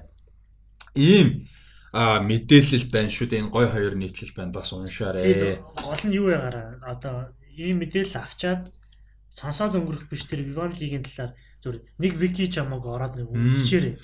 Линк нь оруулж байгаа нийтлэлийг нь сонирхоод үз, викиг нь хараад үзтээ. Одоо ингээд подкаст сонсоод байдаг чи цаашаа өөрөө ингээд тэрийг сонирхот яа олон сэдв ярьж байгаа те. Алийг сонирхолтой юмараа цаашаа өөрөө жоохон ухгүй болвол цасаад өнгөрөх юм бол бас ингээд э, хайрын те. Тэр айгүй цаана том гой гой ресторан давхар байгаа. Тэдний бүгднийг ярьж шүү дээ. Тэгэхээр яг тэгж өөртөө девелоп хийгээд бас өөртөө энэ тийм тэрнээс инфлюенс аваад ч юм те. Тэгж өөрөө болгоор тэр айгүй чухалтай за дараагийнх нь яг адилхан Vanity Fair-ийн double юу байгаа?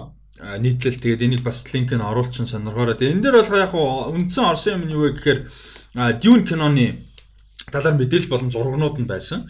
А тэгээ нэг тийм амар шинээр аваад ах мэдээлэл бол байхгүй би хоёр нийтлэг хуулийг нүүлсэн нэг тийм яг онцлохоор мэдээлэл бол байхгүй байсан. Гэхдээ зургныхын номныхын талаар илүү ярьсан баг шүү дээ. Тий, яг нь ном нь нөгөө нэг юуг төлөөсөн бэ гэдэг сонирхолтой. Тий, нөгөө нэг дэлхийг бүр ингээд цүл болтол нь юуг нь resource-ын сорцсон. Тэгээ resource-ын төлөө халалтж байгаа. Тэгээ family тэгээд ингээд ийм сэдвүүд нь бол одоо relevant гэж ярьдэн шүү дээ. Одоо хүртэл байгаа сэдвээ тий. Тэгээд яг Star Wars ч юм уу те амар том номнуудын ингээ том sci-fi кинонуудын эхлэлийг юу н тавьсан. Энийг бол тэнцэнс reference их авдаг ч юм уу те. Тэгээ энийг нөгөө нэг John Carter болчихгүй гэж хүмүүс айгүйх айгаад байгаа. Дүн юуник. А ямар утгаар вэ гэхээр John Carter болохоор ингээд нөгөө Nobel наах гарч байгаад бүр юм одоо бүр science fiction-ыг одоо оронгоор нь эргийн эргэлэх fucking яа. Оронгоор нь эргүүлэн алдчихсан юм том зохиол те ингээ санаанууд нь. А тэгсэн чинь тэрнээс хойш мэдээж нөгөө санаа аваад зөндөө уран бүтээл хийгдсэн. А тэгэнгүүт одоо нөгөө нэг шинэ яг ориг юмн дээр нь кино хийнгүүт өө энэ тэрнээс авцсан ба шүү дээ. Энэ энэс авцсан ба шүү дээ. Яг эсэм дээр нөгөө Game of Thrones-ийн House тэ өрсөлддөг тэ political юм Star Wars-ын нөгөө Planet гэдэг юм нь яг эсэм дээр дүүнээс ирсэн байдаг шүү дээ те. Дүүний талаар юм би бүдэг балаг концепт байна. Гэхдээ миний ойлгож байгаагаар бол Star Wars бол science fiction тий. Science fiction биш. Биш Star Wars-ыг ер нь space opera opera тустай. Фант нөө нэг Force Mars-гээ явчихдаг болохоор fantasy бол явчихдаг Star Wars чинь. Dune Dune Moon юм уу? Info Candle бол илүү а scientific гэхээсээ илүү хүндж байгаа сэдв нь илүү хүн тал социологийн сэдв байдаг. Тийм exactly yes тийм. Социологийн сэдв байдаг. Тэгээд социологийн сэдв дээр а тэгээд ирээдүг болоод ч юм уу тийм юу жоохон sci-fi элемент ороод ирэхээр юу өөрчлөгдөг вэ гэхээр одоо байгаль орчны асуудал юм уу эсвэл ийм жижиг ухааны шин нээлт нь хүмүүсийн социологийн асуудлыг өөрчилсөн байдаг. Одоо жишээлбэл хүмүүс жишээлбэл нас орцох тийм технологи олчих юм бол 100 жилийн дараа хэд бидний одоогийн амьдарч байгаа юм шал өөр болно. Тэгээ тэрний талаар энэ төсөөл орж ирдэг юм. Тэгээ энэ дээр яг тийм гарч байгаа. Юу нь ерөөхдөө бол тийм социологийн асуудлыг хөндж байгаа. Тэгэхээр энэ сэдвэр кино бол аль цаг үед ч хийдэгтэй өөрөө асуудалтай хүндтэй. Ягаад тэгэхээр энэ өөрөө агиух юм одоо весторл орох гэдэг. Ирээдүг юм байгаа датан дээрээ нэг үгтэл нь өөрчлөөд тийшээ нэг прогноз хийж штэ. Тэгэхээр зүүн нь бол Денис Виленер тулдаал сайн болгож магадгүй. Тэгэхээр би бол тэгж болохгүй байна. Юу нь бол гэхдээ миний бодлоор бүр яагаад ч фейлдэхгүй хаа. Ээ яг энэ нөгөө нэг дээр ярьж ирсэн шүү дээ нөгөө cast and crew-ийн ярьж хахад те энэ бүр ингээд фейлдэх ирэхгүй production байгаад байгаа тийм. Тийм ирэхгүй. Гэхдээ яг найруулагчийн зохиол сайн гэдэг нь бол угаасаа мэдж байгаа тийм. Одоо үеийн хүмүүсийн сэтгхүүд яаж relate хийх вэ гэдэг чинь өөрөө найруулагчийн хамгийн гол юу байхгүй. Гэдэг challenge нэг байхгүй. Одоо Peter Jackson гэж ярьж байгаа шүү дээ. Гэхдээ яг Peter Jackson-ы бас яг мундаг хийсэн тэр чинь world building тийм. Тэр ертөнцийг бий болгож байгаа. Тэр ертөнцийг үзэнгүүт бид нэр энэ ертөнц фэнтези ч гэсэн бид нэр тэр ертөнцийн хайртай дуралдаг тийм бодиж юм шиг хүлээж авдаг.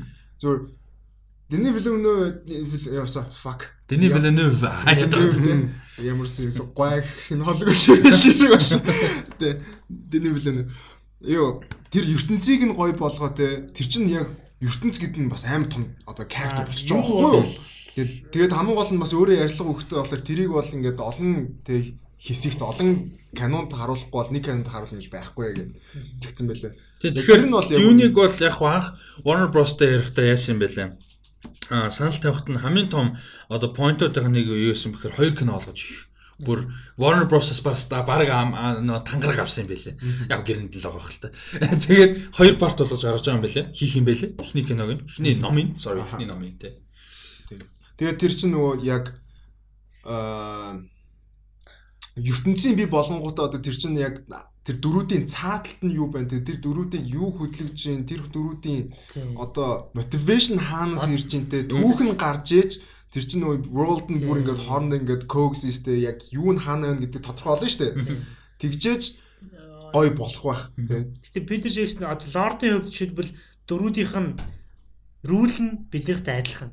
Тий одоо атаархал ч юм уу тий эсвэл юм power ч юм уу? Нэг хэмжлүүд нь адилхан.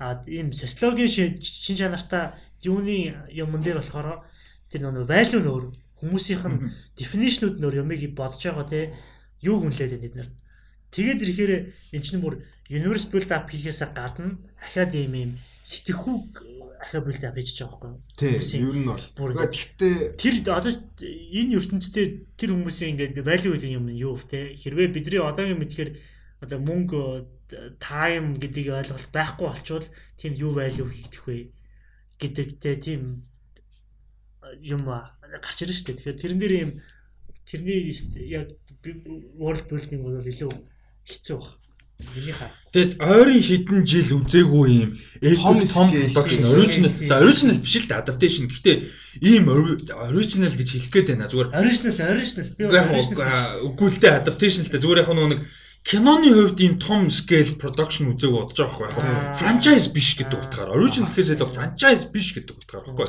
Энэ ч гэхдээ цаашаа franchise болчихно л та. Телевизэн зурвал LED хөгжүүлэлтэнд явж байгаа sequel угаасаа хөгжүүлэлтийн хийгээ эхэлсэн байна. Тэгэхээр franchise болчихно. А гэхдээ зүгээр ихний хувьд. Одоо нөгөө нэг хүмүүс чинь interstellar inception тэгээ болон Nolan-д яагаад амар хайртай байдаг гол юм байгаа нэг юм тийм шүү дээ. Original юмыг ингэж шинээр юу одоо том юу кино хийдэг нь амар гоо. Тэгэд мань хүн угаасаа Blade Runner 2049 тийм байсан. Sequel гэхдээ its own амар тийм кино шүү дээ тийм. Аа тэр нь бол айгу гоё байсан. Тэгээд Dune дээр зургнууд зургнуудын та харсан уу? Тэрэн дээр сэтгэл юу байна? Гоё лээ. Йоо тэгтээ надад хамгийн гой харж тэр Oscar аа Oscar Isaac. Oscar Isaac амар гой харж. Тэр амар зүг байна. Тэгээд, fucking cool. надад бол хамгийн гоё юм юм. Тийм их информашн өгөөгүй. Юу ч өгөөгүй шүү дээ. Юу ч өгөөгүй. Яг шалгалгүй момоо өгсөн гэж. Тэгэнгүүтээ тэр нь яг дөрөвдөл харуулж байгаа байхгүй. тэр айгүй чухал нөө нэг ямар нэгэн информашн өгөхөөр хүмүүсийн Мм. perspective өөрчилж чинь тэгэхээр тэр нь аа, нэг тийм аа, build up дээр төрүүлж build up хийхгүйгээр тийм зураг бүх кастыг ихэнх кастыг харуулсан зураг хүн гэдэг бол айгүй том бас ухаан байгаа байхгүй тийм Тэгээ өмнө нь ярьжсэн одоо хүн мэдээж мэдээж Дэни Виленов найруулж байгаа. Тэгээд зохиолчдоор нь ажиллаж байгаа хүмүүс амар ер нь энэ баг бүрэлдэхүүн бүр юм тасраа хүмүүс ажиллаж байгаа. Одоо энэ хоёр зохиолчийн нэг нь жишээ нь John Spates болохоор Darkest Hour, Prometheus, Doctor Strange энэ төр дээр ажилласан. За энэ болохоор жоохон арай юу гаруудах нэг тийм. Тэнгүүд нөгөөх дээр нь Eric Roth гэж бүр legendary хүн ажиллаж байгаа байхгүй юу? Аа, одоо main screenwriter гэх юм одоо яг Эрик Рот ч нь бүр lead writer. Man хүн Forest Gump-ыг бичсэн, Curious Case of Benjamin Button, Munich, Star is Born, The Insider Enter гэдэг кинонууд бичсэн. Яг бүр юм одоо энэ энэ дундаа бол Ali Enter-ыг бичсэн тийм lead lead writer нөхгүй.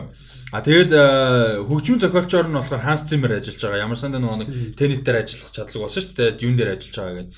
А тэгээд Craig Fraser Fraser зураг авалтыг авч байгаа. Vice, Zero Dark Thirty, Lion төр кинонууд дээр ажилласан. Оскар нэр дэвсэн, Оскар шагнал хүртсэн байх би андаа бол тийм. А биш нэр дэвсэн юм байна. Ийм а юу ажиллаж байгаа зурглаач. Тэгэхээр нэг vibe ороод ирчин тий нэг тийм зурглаач нь бол илүү тийм акшн драм хосолсон Ер нь thrilling драманууд байгаа юм тийм илүү. Тэгээ энэ кино бол э, Star Wars ерөөсөө биш хгүй. Биш. Star Wars гэдэг би нөө брендинг ярьж байгаа юм Дай- биш Нөө нэг юм. Space Wars ерөөсөө биш тийм. Энэ бол зүгээр драма яг Драма. нөгөө нэг юуг тэгэж ярьжсэн шүү дээ. Blade Runner 2049 чинь 250 сая долларын hard house кино гэдэг. Яг тэр шиг байхгүй тийм. Энэ бол Тэгээ эвлүүлэгч чинь Joe Walker гэж бүр бүр legendary баг байгаа. Arrival 20 Years a Slave, Blade Runner 2049, Shame энэ төр ажилласан, Sicario дээр ажилласан. Бүр амар гарав. Тэгээ каст нь угаасаа ярилдаггүй шүү дээ. Тийм болохоор энэ киног бол хайп үнэхээр өндөр байгаа. А тэгээд өмнө нь нөгөө нэг подкаст дээр ирсэн бараг жил гарангийн өмнө нөгөө production designer, costume designer, makeup hair artistууд нь дандаа бүр ийм топ класс гарууд бүгдээр байсан кинон дэр. Ялч элит project. Тий, ёстой элит тийм гоё үг байна. Энэ дэр хүмүүс бас э, Тимоти Чаламаг бас нилээн яг жинхэнэ таньж авах хаа одоо мэддгүй хүмүүс нь шинээр Тэмдэг шалмаа гэхдээ сүүлийн 3 жил бол алж ийн тий бүр. Миний яг бүр бүр яг хамгийн хайртай дуртай жүжигчтэй Одоо юм ялч болсон. Timothy Chalamet дээр бол амар хизээч дуртай байхыг хүсдэггүй байсан жүжигч юм. Яг тэр Тойгыг хүсдэг үү? яагаад тэгэхээр өмнө би ерөөдөө бол нөгөө нэг аа нэг зүйл киноч нөгөө нэг Кинго. биш биш тэрний өмнө Beautiful boy юу? Оскарт яадаг киноч юм. Comic by name. Каны Аа. баяр нэм дээр амар тэр үеийн би явуулчлаарай зөв. Тэр үеийн би ерөнхийдөө бол тэр цөөхөд бол ерөнхийдөө жоохон тийм одоо шүүмжлэн амт байсан байхгүй юу? Яа яа ингээд одоо бол миний перспектив өөрчлөгдсөн. Тэгээ одоо бол ерөөд бол тэмдэглэмүүдийг бол ингээд дахин эхнээс нь discover хийхэд бол яаж фильтргүйгээр орж идэж байгаа. Тэгээ King Mig үзэхээр яг тэр нэг юм Гоёо. хоошны юм ингээд хараад ирсэн. Тимоти Чалли үнэхээр гоё. Гин гоё гоё. Яа тэгтээ 20 эдтэй хүмүүсийн карьер тийм том болгох ч юм бас ирээдүйд нь тэр яаж мэж хийх гэдэг. Эдгээр дундаас хамгийн яг яг SM дээр long career-тэй явж Сиршорон өөрөө баг. Яагаад би яагаад тийм анханасаа угаасаа ингээд бүр хаасан 8 9 оноос яг ингээд жилд 7 оноос тий атомнд тэрнээс эхэлсэн. Тэгээ одоо ингээд амар successfully teenage насаа өнгөрөөж байгаа. Одоо full on adult тэ 24 5 нас хүрсэн. 26 орчуу саяач. Тэгээ өнгөт чинь одоо ингээд цаашаагаа болвол the world is hers болчихж байгаа байхгүй. Тимоти Шалмэ сүүлд амар карьер нь томорсон. Гэтэ гайгүй баг. Насан турсан болохоор би нөгөө нэг teenage үеэр найгаад. Одоо Millie Bobby Brown ч юм уу нөгөө Chloe Grace Moretz тэ ингээд нэг teenager байх үедээ эсвэл өмнө нь үедээ нөгөө нэг гарч ирсэн хүмүүсийн хэцүү тэр хин хүртэл тийм шүү дээ. Justin Bieber хүртэл бид нар дургу. Гэхдээ мань хүн Avesta musician баггүй уул нь бол хүүхэд байх та. Тэгээ ятсаараа Тэгээ карьерийн чиглэл тэгээд teenager насн тэ ингээд амар асуудалтай гэдэг ч юм уу. Тийм болохоор яг teenager насаа л successfully ерөнхийдөө өнгөрөөчвөл эсвэл карьерийнхаа эхний нэг 5 жилийг тэ highlight. Тэр жилээ successfully өнгөрөөгөөд ингээд нэг тийм тодорхой хэмжээний level тогтож чадах юм бол цааш амар явж байгаа байхгүй. Millie Bobby Brown бол надад бол зүгээр яг насныхаа өмнө яваад байгаа юм санагдаад байна. Famous Fame-д нэг тийм хангар байхгүй л байх. Гэхдээ Тэгээд хиний одоо Тимоти Шалмегийн гоё юм нь болохоор миний зүгээр боддгоор Роберт Паттинсон, Кристен Стюарт хоёрын замаар явж байгаа байхгүй. Надад тэр нь амар таалагдж байгаа. Яагаад тэгэхээр рискгүй байхгүй юу? Яагаад тэгэхээр за дүүн фейллээ гэж бодъё заяа. За бүр яагаад фейлдэхгүй л гэхдээ дүүн фейллээ дээрээс нь мань хүн амар суугаалаа гэж бодъё зүгээр жишээ нь зүгээр. Тэглээ гэж бодоод мань хүн хинди кинонуудаараа яваал.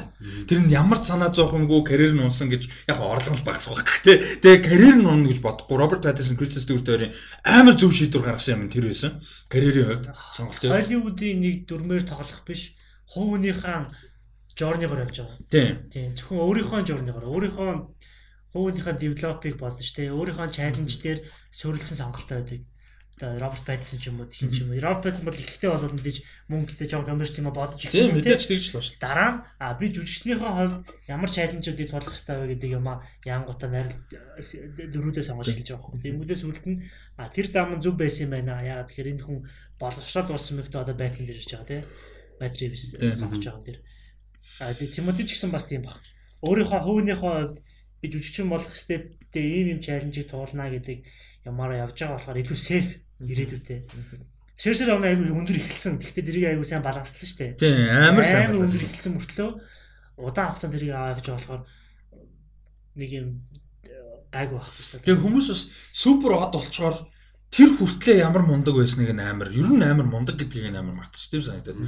Би одоо би хувь хүний таних штеп. Гэхдээ person нь тийм дуртай биш.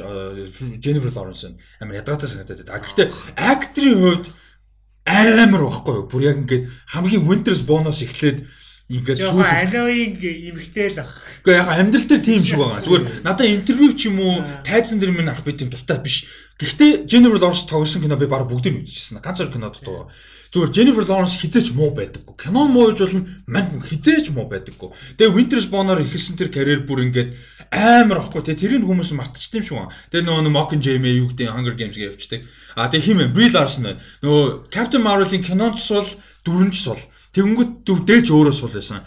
Тэнгүүд тэр нь ингээд тэр карьерийг хүртлэх тэр нөгөө нэг юуг нь мартчихсан юм шиг байна. Тэр short term arrow дээр ямар байсан те. Тэгээ тэр room дээр ямар байсан. Тэр бүхэн ингээд хаягдчихдаг. Тэр бас жоохон харамсалтай. Jennifer Lawrence нэг тийм DiCaprio маркийн чим шиг. Чивчүүл. Сайн. Тэгтээ өөрийгөө ингээд хувийнх нь юу айгүй инфлюенс айгүй том байж идэг. Одоо хөгтлөндөө царайлжсэн ч юм уу би хаан ч юм уу тий. Тийм байж магадгүй. Тэр болвол тийм. Өөр чин тийм жүжигч. За ер нь санаанд орох юм бол хэлээрэй. За мэдээллийн хувьд өнөөдөр сүүлийнх а Business Insider дээр нөгөө week болгон тий. Топ 9 стриминг шоу лист гардаг тэрийг ярилцъя. А 4 сарын 13-ны лист байна. За 9 дугаар өрөөнд нь болохоор би нэгдтэй олж мэднээс яга Business Insider яг 9 гэж сонгосон юм бол Why not 10 or тий 10-аас алхсан юм байл гэдэг. Тэгээ зүгээр л 9 спамер хийсэн юм шиг байна тий. За 9 нь бол Marcus нь баян солигдоод исэн байж магадгүй. 10 ингээ баян өөрчлөгдөж. Нэг бол Google-тэй амрах топ 9 streaming show гэхэд арай гарч ирэх бах тий.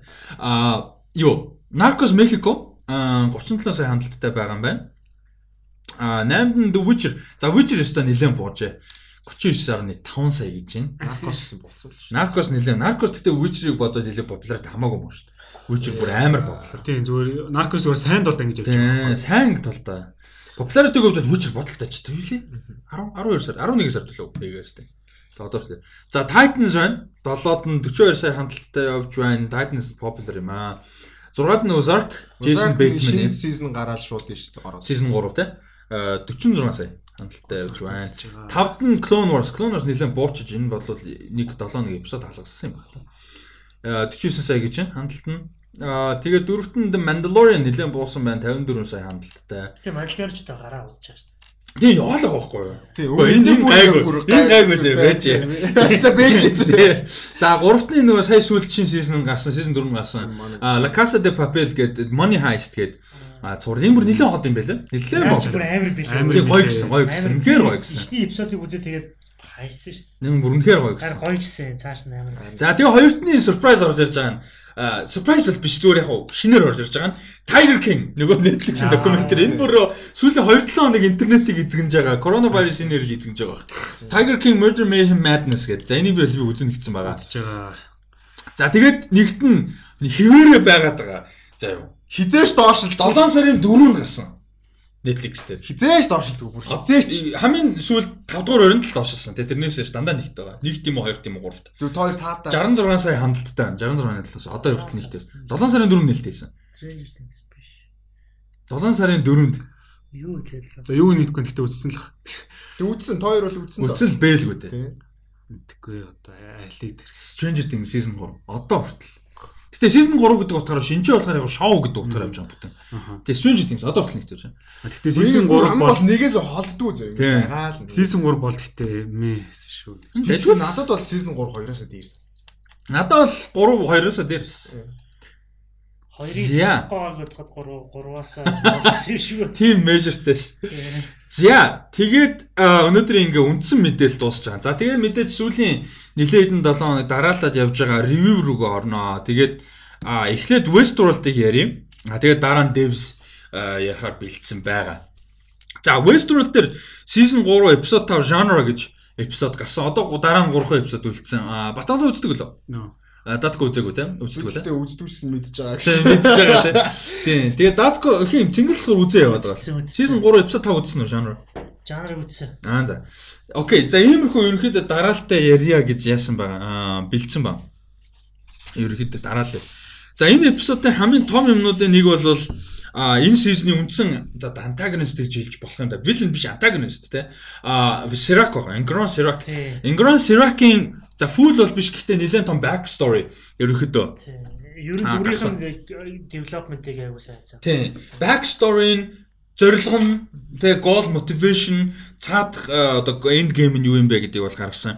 А тэгээ мань хүн болохоор Нью-Йорк Парис хот ямар нэг байдлаар нуклеар инцидент болоонд а, Парис хот гэж бол байха болцсон. А тэгээ тэр нь нуклеар атак юм уу эсвэл зүгээр санаандгүй те инцидент юм уу гэдэг тодорхой атак юм шиг байгаа. А тэгээд Тэрийг experience хийсэн нь бол тодорхой. Тэгээ ахтайгаа байсан. А тэгээ ах нь болохоор Jean Mi гэж Jean Mi Engrand гэж залуу. А тэгээ ах нь болохоор бүр genius нь. Яг ах нь бол яг actual genius нь баггүй. А тэгтээ өөрөө бол obviously бидний үзэж байгаагаар амар genius. Гэтэ ах нь бол бүр god level genius байсан байна. А тэгээ ахтайгаа цуг бол юу хийхэр шийдсэн бэ гэхээр тэр Парисын инцидентээс болоо те бүтэн 2 сая хүн нүдэн дээр нь шууд ингээд 1 секундын дотор те сүрж алга болохыг үзээд дахиж ийм юм хизэж болохгүй байхыг prevent хийя те basically бурхны бүтээн гэсэн. Ер нь бол гэж зорьсон. А тэгээд тэр зорилго дундаа явж хагаад Liam Dempsey senior те бидний одоо үзээд байгаа Liam Dempsey гэж junior-ийн аав нь Inside компани үүсгэн байгуулагч. А Liam Dempsey senior-тай танилцаад Liam Dempsey junior senior бол хөрөнгө оруулалт оруулахаар болсон гэдгийг бол харж байгаа. А тэгээ хөрөнгө оруулалт орохоор болоод тэрнээс хойш бол бүтлгүй айгу удсан. Тэгээ нөгөө нэг project Rehoboam руу очтол айгу их удсан. Тэр Rehoboam ч өмнө Solomon да David гэдэг нөгөө нэг юунд байдаг бурхтын нэрээр те бурхан sorry хаадын нэрээр юуны библиэд гардаг хаадын нэрээр дараалсан байсан. А тэгээд тэрэн дээр болохоор яг хуу А хамгийн түрүүнд гарч байгаа асуудал нь яасан бэ гэсэн чинь бүх юм сайхан дандаа явдгүй ээ гэж байгаа тийм. Тэгэд нөгөө зөрчилдөөн гарч эхэлж байгаа. Лим Демси их юм шаардаж эхэлж байгаа. Нөгөө нэг маш их хөрөнгө оруулалт оруулсан тэр нь амжилтанд хүрэхгүй байна. Тэгэд эми мөнгө зараад байна гэсэн айдиа байсан. А тэгээд тэрэн дээр болохоор зөрүүлэл Лим Демсиг яаж баяр одоо happy болгосон бэ гэхээр stock exchange тийм амар simple юм аахгүй. Ron Him хоёрын хувьд Serac Engrand хоёрын хувьд бол тэр stock exchange ерөөсөө сонирн биш. Мөнгө олох юм. А Лим Демсиг happy байлгахын тулд 500 доллар хулгайлаад Өмнө тэгээд стокийг одоо нэг юу хийгээд юу гэдэг вүлээ? Predict predict хийгээд 100 сая доллар болгочихж байгаа. Тэрийг тэгсэн чинь манай happy болсон. А тэрийг гаргаж байгаа. А тэгээд тэгээд тэрний дараа нь болохоор асуудал нь яасан бэ гэхээр илүү том зорилго нь юу болж ихэлсэн бэ гэхээр prediction хийх. Society-г prediction хийгээд хүн болгонд path гаргаж өгөх. Ер нь тэрийг бол өмнөх эпизодууд дээр хин ярьж ирсэн шүү дээ. Serac те. Тэгэд бүтэн одоо хүн болгонд дэлхийн хүн болгонд паth гаргаж өгөх нь хамгийн том зорилгоудын нэг байсан. Basically God хийж байгаа. Аа тэгэд дэлхийн ерөөсөө байж болох бүх датаг нэг төгсрлуулах. Тийм ч учраас нөгөө нэг The Forge болон Valley Beyond-тэй одоо тэгээд нөгөө нэг Forge-ийн датаг авах гэдэг дээ. Тэр дата өөрт нь байхгүй Seract. Аа тэгээд тэрийг ашны ачаар яах вэ гэхээр а юу яаж байгаа? World хүн болгонд path гаргаж өгн basically human being болгоны контролно гэсэн үг датагаар дамжуулж а нөгөө талдаа асуудал нь яасан гэсэн чинь зөвхөн Liam Dempsey-гээс гадна том асуудал гарч ирсэн нөгөө unpredictable high risk хүмүүс. Тэр нь одоо магадгүй bipolar disorderтэй хүмүүс те магадгүй mental issueтэй хүмүүс ч юм уу те нөгөө нэг prediction-ээс зөрдөг хүмүүс. Ингээд тийм хүмүүс бол хамгийн том асуудал болж ирсэн. Тэдний нэг хамгийн том жишээ нь өөрийнх нь ах нь өөр байсан. Ах нь бас сэтгэл зүйн докторгүй байдалтай. Гэтэ яг энэ эпизод дээр bipolar гэдэг ч юм уу тэгж бол хэлээгүй. Ерөөсө тодорхойлоогүй. Гэхдээ ямар нэг байдлаар асуудалтай. Тодорхойгүй юм шиг байна. Сэтгэл зүйн докторгүй. А тэгээд тэнцэнээс хойшоогоо мань хүний гаргасан шийдвэр үгээ. За нэгдүгürt хэнийг Лиам Демсиг алчиж байгаа. Алж байгаа нь болохоор ингээд аварт оруулсан юм шиг болгоод гаргачихж байгаа. Одоо симплэр тайлбарлахад үдсэн хүмүүс юм байж байгаа. А тэгээд тэрний дараа болохоор а өөрийг нь аасан гэж харуулаад тэрний өмнө нь харуулсан зүйл нь юу байсан бэ гэхээр re-education нэг юм сонир facility байна. Тэр нь ингээд сэтгэл зүйн асуудалтай эрүүл мэндийн асуудалтай хүмүүсийг бүгдээрийг ингээд карантин хийсэн тус тус нь. Тэгээд тэдний gene editing хийж байгаа. Яг одоо бид нар амьдрал дээр сайн хятад доктор 2 жилийн өмнө л gene editing baby хийсэн шүү дээ. Тэрүүлсэн шүү дээ. Тэгээ бүр бөө юм болсон шүү дээ. Тэр хүн хятад шоронд моронд ороод бүр дэлхийд арай нөгөө нэг эрдэмтэд чинь нөгөө мань хүнийг тэ human gene editing хийлээ мэлээ гэд. Тэгээ тэр хүн нөгөө нэг хятад доктор чинь болохоор нөө төрж байгаа бэбигийн DNA дээр эдитинг хийнгүүтээ нөгөө нэг аа юу HIV HIV-тэй connect хийдэг эсийг нь хасаа хийцэн. Тэгээ HIV хийж тусгааргүй болгож болгож зорж яасан гэж байгаа байхгүй. Gene editing хийсэн. Тэгээ тэр чинь big deal болсон шүү дээ. Амар юм болсон. Тэрэн дээр тэгсэн чинь одоо энэ энэ дээр болохоор gene editing бүр ингээд амьд хүн дээр хийдэг боломжтой гэдгийг хэлж байгаа. Serac. Бүр амьд байгаа хүн дээр gene editing хийх боломжтой edit хүний хийх боломжтой. А тэгээд ах дээр ямар ч үс edit хийж байгаа. Гэтэ яаж байгаа нь тодорхойгүй. Яг ямар edit хийсэн, яг яаж өөрчилсөн бүү мэд. А гэхдээ ямар ч ах дээр байгаа. За энэ болохоор эпизодын турш аа ингээд дундуур нь янз бүр side story side story ингээ явж байгаа. А тэгээ энийг болохоор биднэрт презент хийхдээ хин Dolores файлыг авцсан, хулгайлцсан. А Liam Dempsey-гийн өөрийнх нь нэг кийгэр те зөвшөөрлөөр нь Мартин хулгайлаад Аа тэгээд юу яаж өөртөө файлыг илгээлгээд тэгээд үдж байгаа access хийж байгаа маягаар ингэж харуулж байгаа. Э, энэ story. За энэ дээр чамд ямар сэтгэлтэй байна? Үдсэн те ерөнхийдөө ямар бодолтой байна? Хиний Sirac-ийн story нэлээ. Сүүлийн анги бол аа одоо би одоо киног ингэж хараад байгаа л та. Олон элемент ингээд оруулсан. Аа сайд стори явж байна. А тэнгуүтээ үндсэн стори яваад байгаа. Тэр ингээд тэр нэг мишнд яваад байгаа шүү дээ. А тэнгуүтээ Сарактер ахаад ахын стори яваад байгаа. Тэнгуүтээ ахаад өөрийнх нь философи нь яваад байгаа. Энэ олон юмыг ингээд илэрхийлээд а тэгээд тэр жанр гэдэг юм бол Тэгээ одоо хуйлал яг дээр яриад тэгээ жанр болон бусад руу нөрөө. Дээр ярихдаа би тэр юуг буруу ойлгочихдог үлээ. Тэр нэг фасилитер хүмүүс байхдаа имжлэхэд нисэн буруу ойлгочих. Миний ойлгосноор бол би л гэж бодож байсан байхгүй юу? А ирээдүйн predict хийхэд бол дата хэрэгтэй. Тэгэхээр би тэр хүмүүстээр зөвхөн дата майнинг гэж нэгж бодсон байхгүй юу? Би тэгээд ойлгоцсон байна. Тэр хүмүүсийн ингээд олон өвчтөй хүмүүс байна шүү дээ. Тэгмүү тэр хүмүүсээс ямар солиушнууд тэгээд шийдвэр гашхтаас гэж хамаарат дата майнинг гэж нэгж би ойлгосон. Тэгээд тэр нь болохоор нэг одоо нэг God зохиосон бүтээсэн God нь бол хамгийн хэрэгтэй юм нь дата байгаа шүү дээ. Дата байхгүй тэр ажиллахгүй. Тийм. Тэгээд дата байж ич прedict хийж байгаа. Тэгэхээр тэгээд ойлгоцсон. Kind of like devs. Аха. Тийм. Энэ амар fascinating нэг юм зөв нэг хажууга side note. Тэр Devs Westworld season 3 бүр яг зэрэг явж байгаа нь holy shit бүр амар сонирхолтой. тэгээд надад тэр AI гэдэг тэр концепт э, яаж relate хийсэн бэ гэхээр би ерөөхдөө бол ингээд юм ийг явж байгаа сүлд vision гэдэг юм дээр айгуу тийм фокуслаад явсан. Тэгээд vision бол ингээд байгаа датан дээрээ төсөөлж одоо бас нэг predict хийх нэг юм байгаа байхгүй юу? Тийм процесс л. Мгм. Тэнгүүд э, юм дээр бас Westworld дээр тэр явж байгаа нь амар сонио. Дата байхгүй бол хүн юм тоолж чадахгүй, төлөвлөж чадахгүй. Энд чинь зүгээр нэг юм төлөвлөж байгаа л нэг юм байхгүй юу? Маргааш болгоо төлөвлөж байгаа. Тийм. Тэгэд энэ концепт нь өөрөө тийм Sirac-ийн хоёр тэр build up аягүй гоё явсан. Тэгээд одоо хамгийн том mystery байсан Sirac-ийн тодорхой хэмжээний background-ыг үзэгчд бид аа тэгээд story дотор бол Dolores яг үдсэн юмнуудыг л мэдж байгаа бүгдийг мэдээж биш. Гэхдээ саяны story-нуудыг бол бүгдийг Dolores үзсэн байгаа. Ямар ч байсан. А тэгээд тэр story-г э, тэр файлуудыг нь авахтаа болохоор мэдээж Insight компанид байсан файлыг нь хулгайлуулсан. А тэрийг Martin хулгайлж явуулсан. Dolores та тэгээд Martin болохоор мэдээж Liam Dempsey-гийн хүүхдийнх нь тий senior junior-ийн юугаар ID-гаар зөвшөөрлөөр ачиж байгаа. За энэ бол ингээ Sirac-ийн хувьд л энэ тэгээд чамд Sirac аа эхэндээ нөгөө юу яад нь штэ. Энэ эпизод эхлэхдээ нөгөө Бразилд эхэлдэж штэ. Тэр амар кул байсан надаа. чи яалаа. Бразил ерөнхийлөгчтэй уулздаг штэ. Аа. Тэр айгу тэр яг уу яг эпизодын плот нь нэг хамаагүй зүгээр гэхдээ юу харуулж ийн вэ гэхээр Sirac-ийн power дэлхийн том улсуудын нэгний лидертэй зүгээр тэнцээ суугаад ямар ч асуудалгүй threat нь хийгээд яваад гэж байгаа байхгүй. Тэр бол амар power-ыг харуулсан. А тэгээ Sirac тэрэн дээр яасан вэ гэхээр Бразил ерөнхийлөгчтэй уулзаа сууж байгаа. А тэгээд ингээд танаа улсын хойд нутагт ийм insurrectionтэй юм бослого болох гээд байна. Удахгүй. Тэгээ 2 7 хоногийн дараа болох гээд байна. А тэрийг чи ихэн эртнээс нь дарах хэрэгтэй байна гэдэг чинь. Тэгээ нэг тийм эвтэйхэн тушаал өгч байгаа юм шиг. А тэгсэн нөөдөн томорж байгаа штэ. Чи миний ингээ те нутагт ирчээ. Миний бүтэн military те айрам зэрэг хамгаалагчдын урд ганцаараа ирж суучаад ингээ надад тушаал өгч байгаа юм уу гэсэн чинь нөгөөдг нь болохоор би чамааг өөрөө чинь сонгуулсан шиг тэгээ ялуулсан шиг чи яг энийг миний хийсэн шиг хийхгүй бол 3 хоногийн 3 7 хоногийн дараа тэнд зогсож байгаа гэдээ ингээ сонгож байгаа хөх те. Тэнд зогсож байгаа тэр сахалтай нөхөр чиний оронд те ерөнхийлөгч болно шүү. Тэр бүр ингээд тэр Sirac-ийн power-ыг гаргаж байгаа тийм. Westworld бол одоо нэг season 3 орохын өмнө интервью мэдрийн юу харж байхад season 3 яг бүх юм ахаа шинээр эхэлж байгаа юм шиг байсан. Тий, Тийм тий. юм шүү дээ. Тэр яг шинээр эхэлж байгаа юм шиг. Энэ шал өөр концепт өмнөх тэр а, Westworld гэдэг концепт биш. Гэтэ ideological нь байгаа тийм. Гэхдээ айгүй том тэрнтэй тэнцвүүц нэг юм том юм ороод иж байгаа байхгүй тий. Мм. Тэр а, AI тэр нэр нь юу вэ? Rehoboam. Юу лээ? А, Тийм билүү. Тийм. Тэр бүр амар том юм байгаа. AI биш л дээ зүгээр компьютер. Тийм, AI биш. биш. Тэг- Тэгээд э, тэр яг нөгөө социологийн асуудал дээр хэрвээ бид нар ирээдүйг хийж чаддаг бол ямар асуудал үүсэх вэ гэдэг юм гарч ирж штэ.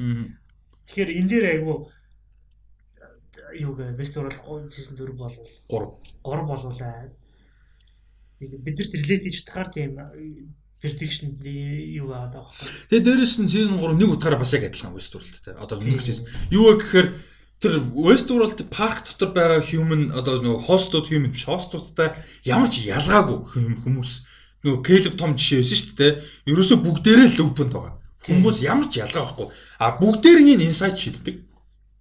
Бүгдийнх нь дата compile хийгээд compile хийсэн датагаараа predict хийж байгаа. Тэгээ хэнийг нөгөө нэг Caleb-ийг 10-аас 12 жилийн дараа нөгөө гүүрэн дээр ирж амиа орлно гэсэн. Тэгээ тэрнийх нь шалтгаанууд нь нэртэл байгаа. Ягаад гэвэл өөрөө military те. Энэ тэр нуусанд далаа дуртай тэр гүүрэн дээр байнга ирдэг те буугаар сайн ядаг depression түүхтэй тэнгүүд 10-аас 12 жилийн дараа ирж амиа орлон тодорхой гэсэн prediction өгч чиг. Дэвс ч гэсэн гэж. За тэр Дэвсийг хойлоо ярина те Дэвсийг хойлоо ярина. А ийм байгаа. Энэ бол амар тийм а сонирхолтой юмнуудын нэг нь Insight гэдэг компани компани болон дата тэгээ Rehoboam компьютерийн супер паверын гоё юмнуудын нэг. А тэгээд энэ эпизодын аа одоо үндсэн story сайн нэг зинглэл дээр side story нэмэрхүү back story Serakin. А үндсэн story юу болж байгаа гэхээр а хин Dolores Caleb хоёр Liam-ыг бол хулгайлцсан шүү дээ тий. Тэгээд Liam-ыг авч яваад а юу яаж байгаа. Э Caleb Лимтай юм яриа зогсчихсон чинь зүхтах гэж оролдохдоо Лим Келебиг нөгөө өмнөх эпизод дээр чинь drug гэж байсан шүү дээ ярьж байсан шүү дээ genre гэдэг drug гэдэг нөгөө oh man this is strong гэдээ ярьсан гэдсэн шүү дээ character. Тэр тийм партин дээр гардаг. Тэр drug-ыг хинтээ хинт тарьсан. Келебд тарьсан Лим зүхтах гэж оролдож байгаа та. Гэтэ зүхтаж чадаагүй obviously. А тэгээд тэр гурав нийлээд тэр гурав жахтай Dolores Liam хоёр нь Ash Giggles хоёрыг дуудаж байгаа. Нөгөө нэг Rico Apper юу яадаг, mission хийдэг хоёр гар. Лена Вейстэй нөөд нь хин блээд нэг жүжигч. Тэр ихтэй гарч дуудаж байгаа гарлаа. Дуудаж байгаа нь гараагүй. Тэгтээ дуудсан гэдэг нь ойлгом. Яг гоо юу вэ? Эпизодын эхний үед I called backup гэж хэлдэг. Тийм тэгэхээр тэр хоёрыг дуудсан гэсэн ойлголт өгч байгаа. А тэгээд тэр гурав нийлээд тэр дөрөв нийлээд лимийг аваад явж хагаад лимийн мөнгөнд хулгайлцсан. А тэгээс датаг хулгайлал лим хэрэгтэй байсан. А тэгээ лимийг дамжуулаад мартнаар дата хулгайлчихсан. А тэгээ хамгийн big deal нь юу байсан бэ гэсэн чинь энэ эпизод дээр за нэгдүгээр лик хийж байгаа. Тэр лик хийж байгаа нь яасан бэ гэхээр лимийн зөвшөөрлийг авч агаад албаар а тэгээд Мартин нөгөө нэг Insight-ийн headquarter дотор байгаа байхгүй. А тэгээ Insight-ийн headquarter дотор Бернардтай цуг явж байгаа. Тэрийг тусна гэхдээ яри. Бернард Мартиныг тус тус нь ярихгүй бол амар толгойр юм. А тэгээд Мартнер дамжуулаад инсайтын бүх информашн бас хүн болгон дээр дататай байгаа шүү дээ. Түүхэнд нь юу басан хүмүүс юу гэж боддог, яадаг гэдэг. Тэгээ ирээдүйд юу болох вэ? Тэгээ predictionуд нь байгаа шүү. Нөгөө нэг Caleb дээр гарч ирсэн нөгөө нэг гэрлүүлэхгүй те not recommended те reproduction not recommended энэ гэсэн 10-12 жилийн дараа насвар нь энэ гэсэн. Тэгээ тийш ингээд society-гаас тэгээ шийдэд өгч байхгүй society живш insight-аас тэгэнгүүт ажлын байр олдохгүй, ажил хийхгүй. Өөрөөр хэлбэл яг playing god те. Rehoboam is the god байхгүй юу? Ер нь бол тэгэнгүүт Rehoboam шийдчихэд байгаа байхгүй хүмүүсийг. Хүмүүст болохгүй байгаа даа биш. Caleb ажил карьерийн дээшлэх боломжгүйдээ биш. Анхнаас нь олохгүй байх тэр боломжийг. Ягаад тэгэхээр тэр хэд ингээд determine хийцэн. Ерөнхийдөө ирээдүйд те яахыг нь аа юунаас нь хамаарат байгаа байдал түүхээс нь хамаарат. А тэгсэн чинь Тэрийг яасан бэ гэхээр бүр лик хийхээр шийдэж байгаа байхгүй бол бүр фул лик хийхээр шийдэж байгаа. А тэгээ эхлээд тэрний зүгээр ингээд нөгөө нөлөөг харуулж байгаа байхгүй. Яасан бэ тэрийг яг харахыг хүсэж гинүү үгүй юу гэдэг. Тэр choice-ыг энэ одоо philosophical debate-үүдийн нэг нь тэр team data байлаа гэж бодож байгаа бид нар дээр бүх юм ингээд бүр өөрөө ч барыг мэдгэргүй бүх юм яцсан. Тэг чи ингээд нэг хүн дараа нь лиг хийсний дараа хүн уцаар ингээд хасан чи коллегууд нь өөрсдөө талаар нь талаар юу гэж ярьдаг нөх fucking asshole asshole те энэ тэр ажлынхан найзууд нүртэл маань үнийг тэгж ярьдаг гэж гарч ирж байгаа юм жишээ. Тэр шиг ингээд бид нарын бид нар дээр бүх датаг зурлуулсан байлаа гэж бодъё. А дээрэс нь тэрэн дээр суурлаад personality дээр нь суурлаад ирээдүг prediction хийсэн байлаа гэж бодъё. Эдэн хизээ өгөхгүй ямар depression яадаг идэг юм те. Тэгсэн байлаа тэр датагаа бид нар мэдхийг хүсэхгүй гэдэг дебет гарч ирж байгаа тэрэн дээр. Жишээ нь чи тэхүү чамд ингээ бүх compile data билэг чи өөрийнхөө талаар тэр датаг мэдхийг хүсэв. Хүсэн. Curiosity байна те. Тийм яг тэр адилхан. Чамд бол байна үстэй. Миний хувьд бол миний дотор байгаа датаг мэдих эднээс л дата байх боломжгүй.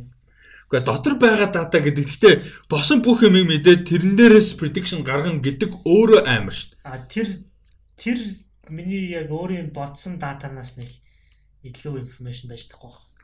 Бодсон дата гэдэг нь. Тэгээ би өөрийгөө нэг ерөөхдөө бол датаа мэдж байгаа шүү дээ.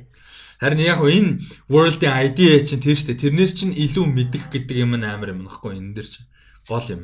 Тэр яг одоогийн нарад бол намайг надаас илүү мэдэх боломж байхгүй. Интернет ч тэр тэгээд өөр хүн ч тэр. Тэгэхээр бол тэр бол надад импакт болохгүй. Гэхдээ зүгээр киноны концептээр бодоход бол тэр амар. Ягаад тэгэхээр тэр үед чинь ингээд одоос мэдээж жоохон фьючер байгаа шүү дээ. Тийм 50 онд 50 50 доо. Тийм тэнгүүтээ бүх юм нь өөрөө дараа дээр суурилдаг болсон. Тэрний зүгтах боломжгүй болсон. Одоо бид нар бол бас даатанаас зүгтах боломжтой үед байгаа шүү дээ. Тодорхой хэмжээнд. Тэгэхээр тэр үед бол тэр бол өөрийнхөө селф юугаа бол алдчихна.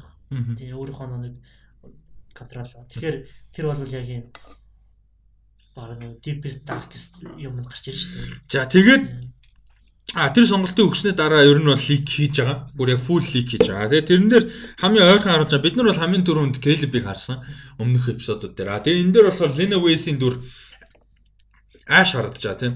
Тэгээ Ash дээр хин хэлж байгаа. Lim Мань хүн чи яг юуны төлөө хийгээд байгаа юм бэ энийг те. Ингээ нөө мэдээлэл нь хардсан шүү дээ. Аашийн мэдээллийг өөрийг нь Тэгэнгүүтээ яг эсэм дээр чи ингээд дүүгийнхаа сайн сайхны төлөө ингээд гэмт хэрэг хийгээд те мөнгө олоод ингээд ин гэдэдэг. Яг эцэст нь болол те тэр чин чиний үснээр болохгүй те шал худлаа чи болол зүгээр юуны төлөө хийгээгүй энэ болол гэдгийг хэлээд тэгээ тэрийг аашд өөрт нь харуулж байгаа.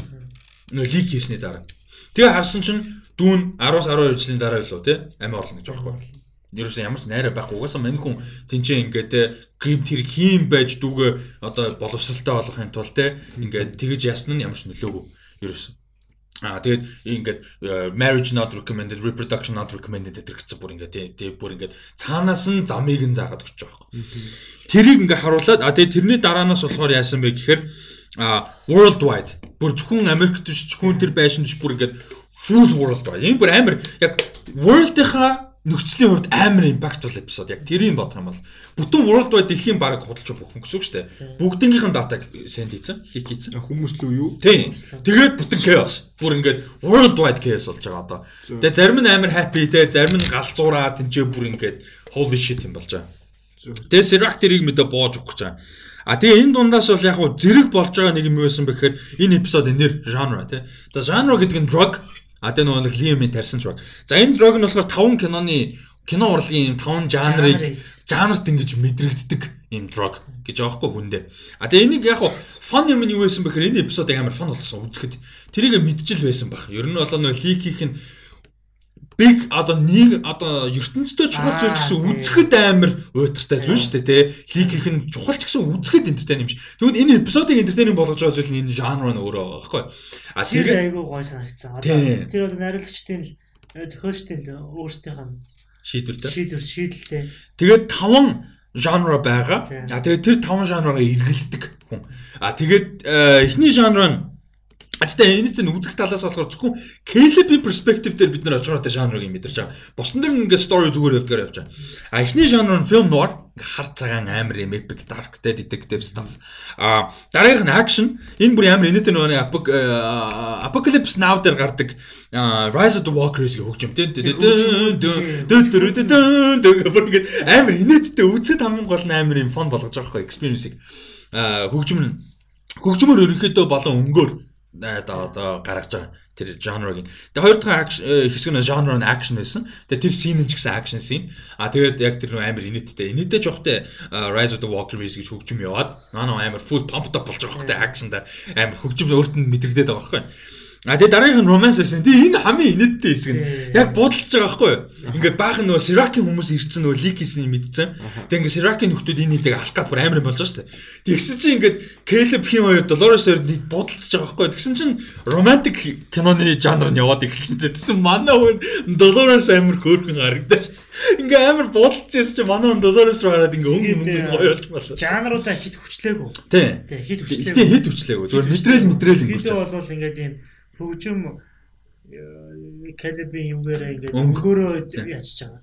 Тэгвэл идэл мэдээд юм орхон тэр чинь хүчлээ шүү дээ. Хүчлээгүй нэг зүгээр. Тэгэхдээ тэр долларыг хардаг шиг бүр амар юм. Хоёр удаа долларыг харсан шүү дээ. Тэгээд нэг юм. Яг тэр love scene-ийн love scene love story-ийнх нь romantic version-ийнх нь бүр амар инээдтэй шүү дээ. Яаж яах хин угаасаа амар гоё юмхтэй те.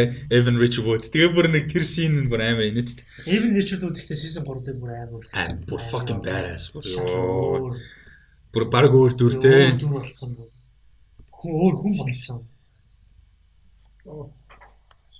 Тэгээд ич гоё шөвдөр авчих. Тэгээд аа тэгээд юу болохоор дараагийнхан жанр нь драма гэж ерөөдөө битсэн байлээ. А гэхдээ ID нь ягаад драма гэж хэлж байгаа Iggy Pop гэдэг дуучны night club ингээд дуу явж байгаа. А тэр ягаад драма гэсэн бэхээр scene нэгдүгээр драматик, хоёрдугаар тэр дуу ерөөдөө тэр Iggy Pop дуучны Iggy Pop-ийн night club-ийн дуу Trainspotting дээр явдаг. Аа, Trainspotting дээр ерөөхдөө тэр амар драматик шин дээр явдаг учраас энэ киноны амар драматик шин дээр явж байгаа.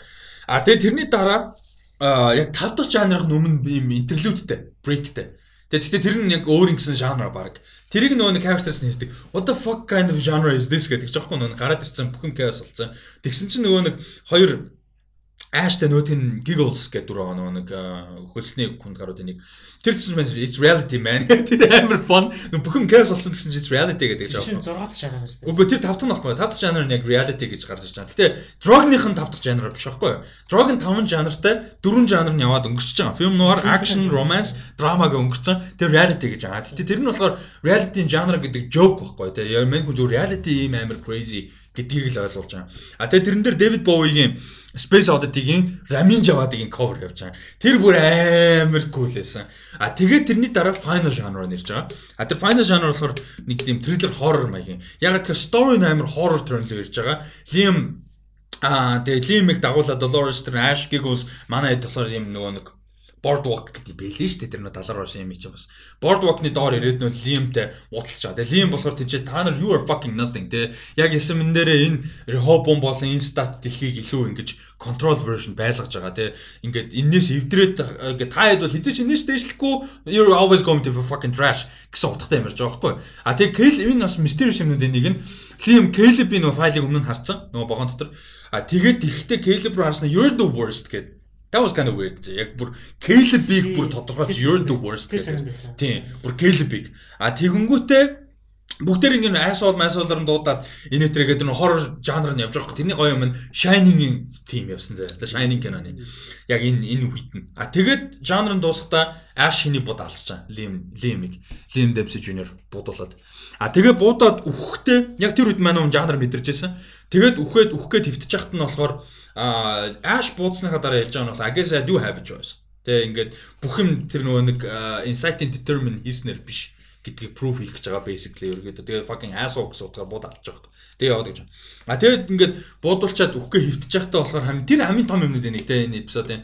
Тэрэн дээр болохоор Caleb ингээд you're okay тэ I'm not gonna hurt you hurt you гэдэг ингээд очиод ингээд амханда консол хийх гэж байгаа байхгүй Liam Dempsey.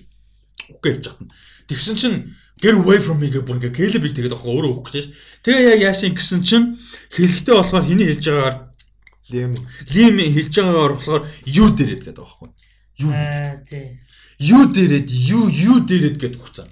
Тэгээд тэгсэн чинь Caleb who the fuck does he think I am гэдэг Dolores-аас асуугаад байгаа байхгүй. Тэгээд Dolores хариулаагүй. Тэгэхээр Dolores Caleb-ээс юм нуугаад байгаа нь ойлгомжтой болж байгаа. Ер нь бол. Тэгэхээр бидний дөрөв эпизод үзсэн Caleb-ийн юу бол биш биш болчих жоох. Биш. Тийм, ер нь магадлал өндөр. Мэдхгүй ер нь бол. А тэгээд тэр дунд бол флашбак гэсэн. Флашбак юм уу? Something заяа. Дүрс. Тэрэндээ яасан гэсэн Caleb ингээ мэдрэл мэдрэл яна би амар сэтгэл сэтгцэн өвчтөн хүмүүсийн имлэг мэлэг байдаг шүү дээ. Тим мим юм байх шиг үлээ. Нэг тийм син гарсан. А тэгээд тэр нөө KitKat-ийн найз нь гэдэг шүү дээ Francis гэдэг. Тэгээ нөө насурцсан. Тэгээ тэрнээс болоод травматай гэж тэгсэн чинь цог явж байгаа нөхөн алдсан юм шиг үлээ. Эсвэл Francis-ыг өөрөө алсан. Бүр магадгүй. Гэтэ юу ч хэлж магадгүй. Багдгүй тий ямар ч байсан гэхдээ бидний мэдж байгаа Caleb зүгээр ингээд. Ер нь Caleb-ийн дүр гэхдээ амар тийм develop хийгээд ер нь том болоод байгаа юм шиг. Амар чухал болоо явцсан ер нь болоо. Тэгээд past нь амар mysterious болсон. Тий. Би гэхдээ Westworld-ийн сүүлийн ангийг яг өөрийнхөө зүгээр хүснээр ойлгочихжээ. Яг нэг үгтэй яг их ноолны нарративыг алгассан юм байна. Нэр яг би тэгж бодсон аахгүй юу? А юг сүүлийн жанр нь реалити гэж ойлгоод аха. тэнгуүтээ тэр над make sense хийсэн байхгүй аа за одоо жанр тэнж явж байгаад реалити дээр ирэнгүүт тэгээ сүүлийнхээ тэр чинь нэг айгу орж ирдэг байхгүй юу ингээд. Тэр хар хинчлээ тэрэнгүүтээ сүүлийнхээ реалити мэн гэдэг байхгүй юу? Тэнгуүтээ за явж явж ирэхдээ реалити мэн гэдэг надад амар тэгж орж ирсэн байхгүй юу? Тэгээд төгсөл нь болохоор horror бол дуусаад. Би horror зүгээр тийм киноныхан л гэж бодож ирсэн. Реалити дээр дуусна гэж бодож ирсэн. Байхгүй юу Тэр Caleb-ийн дүр гэдэг сонирхолтой юм тий. Тийм. Тэгээд Westworld сүүлийн сизон бол ингээд айгүй хүмүүсийн сэтгхүүг ингээд тэлчээд бацаа хомчоод байгаа. Юм. Айгүй тийм open э, төсөд хийчихэнгүүтээ дараагийн ангиуд дээр буцаагаад хомчоод байгаа байхгүй юу? Тий хит ингэж юм complicated болохгүйгээр харин тий тий өнөөдөр харин бас Rusty бас яг тэгж ярьдсан тий Энэ энэ ер нь энэ сизон гэхдээ амар тийм шулуун яваад наа гэдэг. Тийм тийм тийм тийм. Амар хит компликейт болго зааруулахгүйгээр буцаад хомоод ингээд хатайхан болгож байгаа. Гэтэл аа мэдгүй ер нь сүүлийн 3 эпизод л эвгүй. Одоо бол яг энэ үн дөрөвдүгээр эпизодоос бол 4 5 билүү. Эндээс яг энэ өндөр дээрээс сайн дуусна гэдэг бол хэцүү би бол төсөлж чадахгүй юм төсөл ямар сайн байх боломжтой вэ? Яагаад тэр нэг Game of Thrones season 6 ингээ амар болдог шиг тийм жинд очсон. Тэгэхээр энийг бол одоо за Nolan Lisa Joy те тэр хоёрын writing цааш нь яаж нэг юм хатан ухаан хаа ухаан гаргасан байна уу? Тэгээд цаашаага тий season байгаа гэж байгаа. Ер нь бол 5 season story arcтай гэж яриад байгаа. Тэр юуг гаргасан уу гэдэг бол айгүй гоё. Аа. Яг story story кино фильм мейкинг гэхээс над миний хувьд жишээлбэл тэр хоёр одоо биднийг юу бодохыг ингээд юм дизайнлаад нь штэ. А та нар ийм үгдлээр одоохондоо ингээ байж дараагийн 7 хоног хүртэл. Тэгээ Caleb-ийг ингээ бодо байж гингүүтээ дараа 7 хоногт бид нар перспективыг ингэж нөгөө хийж том дата цуглуулдаг том нөт Rehoboam. Rehoboam. Rehoboam тэгээд иймэрхүү юм одоо жишээ нь Lim өөрийнхөө үхийг мэдчихсэн ч юм уу тийм. Гэтэ ягаад ч гэтэ Dollars гэдэг ч юм уу те нэг бол тийм Westworld-оос гарч ирсэн хүмүүс ер нь бүх юмыг оронгоор юм эргүүлчихэд байгаа шүү Тийм дээ. тийм. Яг тэр disruption нөхгүй нэ Сиракийн яриадсэн шүү дээ. Ахыгаа disruption байгаад байна. Тэгээ prediction нийлэхгүй байна гэд одоо нөгөө нэг mental institute institute гэж тэр re-education юм руу цожилсан шүү дээ. Тэгээ gene editing хийгээд байгаа. Тэр story дээр үргэлжлээгүй. Тэгэнгүүт Dolores яг төсөөл нөгөө тооцоолоогүй disruption байхгүй. Өмнөх эпизод хоёр эпизод юм яг ярьдаг хөө Dolores-ийг disruption байгаад байна. Бүх юм ингээ планыг нэвдэх гээд байна гэдэг. Тэгээ сайтыг бүр эвдэх цаашаа бүр ингээ нөгөө бүх инсайтын мэдээллийг нь лик хийсэн. Сайтын ертөнцийн хувьд бол амар deal болсон. Тэгээ ертөнц бол ер нь бол одоо бол жоохон World бол бүр up. амар fucked Гэтэ ер нь бол restart хийж байгаа юм байна шүү дээ. Мэдгүй. Үгүй старт биш. Rebound тэгээд одоо энэс цаашаа тэгээд яг юм хийж чадах юм уу? Гэхдээ хобон ч байдгаар байж л бас зүгээр information-ыг лик хийсэн байхгүй. Хобон байдгаар байгаа. Тэгэл хүмүүсийн chaos дээр чинь хобон дэд calculation хийж л байгаа шүү дээ. Аа. Гэтэ яа. нөгөө calculation хийхэд чинь одоо тэр ямар супер компьютер байлаа гэж нэг секунд хална. А тэрний ID нь харин Sirac-ийн гол тэр ихгүй. Юу яагаад Sirac-ийн ерөөсө хөөгөөд байгаа энэ season-ы те гол юм нь The Forge ихгүй юу? The Forge дотор байгаа датаг л авах гээд байгаа шүү дээ. Хамгийн гол юм. Ягаад тэгэхээр мань хүний 20 хэдэн жил цуглуулсан дата те ер нь basically humanly possible бүх датаг цуглуулсан гэж ойлгоод байгаа. Тэр дата байх юм бол Гэтэ ганц дата л дутуухгүй. Ерөөсө ганцхан л дата дутуу. Humanly possible бүх датаг цуглуулсан. Rehoboam өөрөө. А гэхдээ ганц дата дутуунд Forge дээр байгаа дата. Тэр Forge болохоор season 2 дээр нөгөө Dolores очдаг даа юу штэ. Human code. Human human гэдэг амтныг кодлцсон байхгүй. Тэрийг Роберт Форд figure out хийсэн байхгүй. Тэгэхээр яг эцэст нь бодоод үзэн Роберт Форд бүр бүр godly genius байсан байхгүй. Sirac цаашаага тэгээ Sirac-ийн ах цаашаа genius байсан байхгүй. Дэвс юм байна шүү дээ. бүр Тэргэттэй те. Тэгээ Дэвстэй адилхан маань амар ихэ параллел юм. Параллелж яваад байна тийм. Санаанууд. Тэгэнгүүт Ford амар god байсан ма. Тэр Forge дотор байгаа дата нь human data, human code хийсэн. Тэрийг л олж авах хэрэгтэй байхгүй. Human code-ыг одоо датандаа оруулчих юм бол doesn't matter. Ямар ч хамаагүй болчих. Бусад бүх юм хамаагүй. Хүмүүсийн choice гэж угаасаа байхгүй болчих. Ягаад тэр human code болгочих байгаа учраас ер нь бол тэр нөгөө нэг unpredictable disruption гэж байхгүй болчих байгаа байхгүй. тэгээд ер нь хүн өөрөө айгүй predictable юм байлээ. Харин ер нь бол явж явж тийм болж таарчаад байгаа. Юу э, Дэвс хайдраад энэ одоо бидний нөгөө зүгээр ангийн амьдралдаа амарч хэрэггүй л мэдээлэл л дээ. Тэ. Гэхдээ нөгөө одоо инвестор үзээд ч юм уу тэгээ шашин талаасаа ч юм уу те хүн өөрөө айгүй predictable гэдэг юм байна лээ. Яг энэ нэг бостлогож бостлгаад хамгийн цаана очиод. Вэ тэгээ тэр чинь угаасаа амар балиар нөгөө аа mentalist гэдэг нэг хүмүүс байдаг шүү дээ. Magician, mentalist те тэгээ нэг тийм magician гэхэд хэцүү гэхдээ mentalist нэг хүмүүсийг manipulate хийж нөгөө тэрийг predict хийдэг.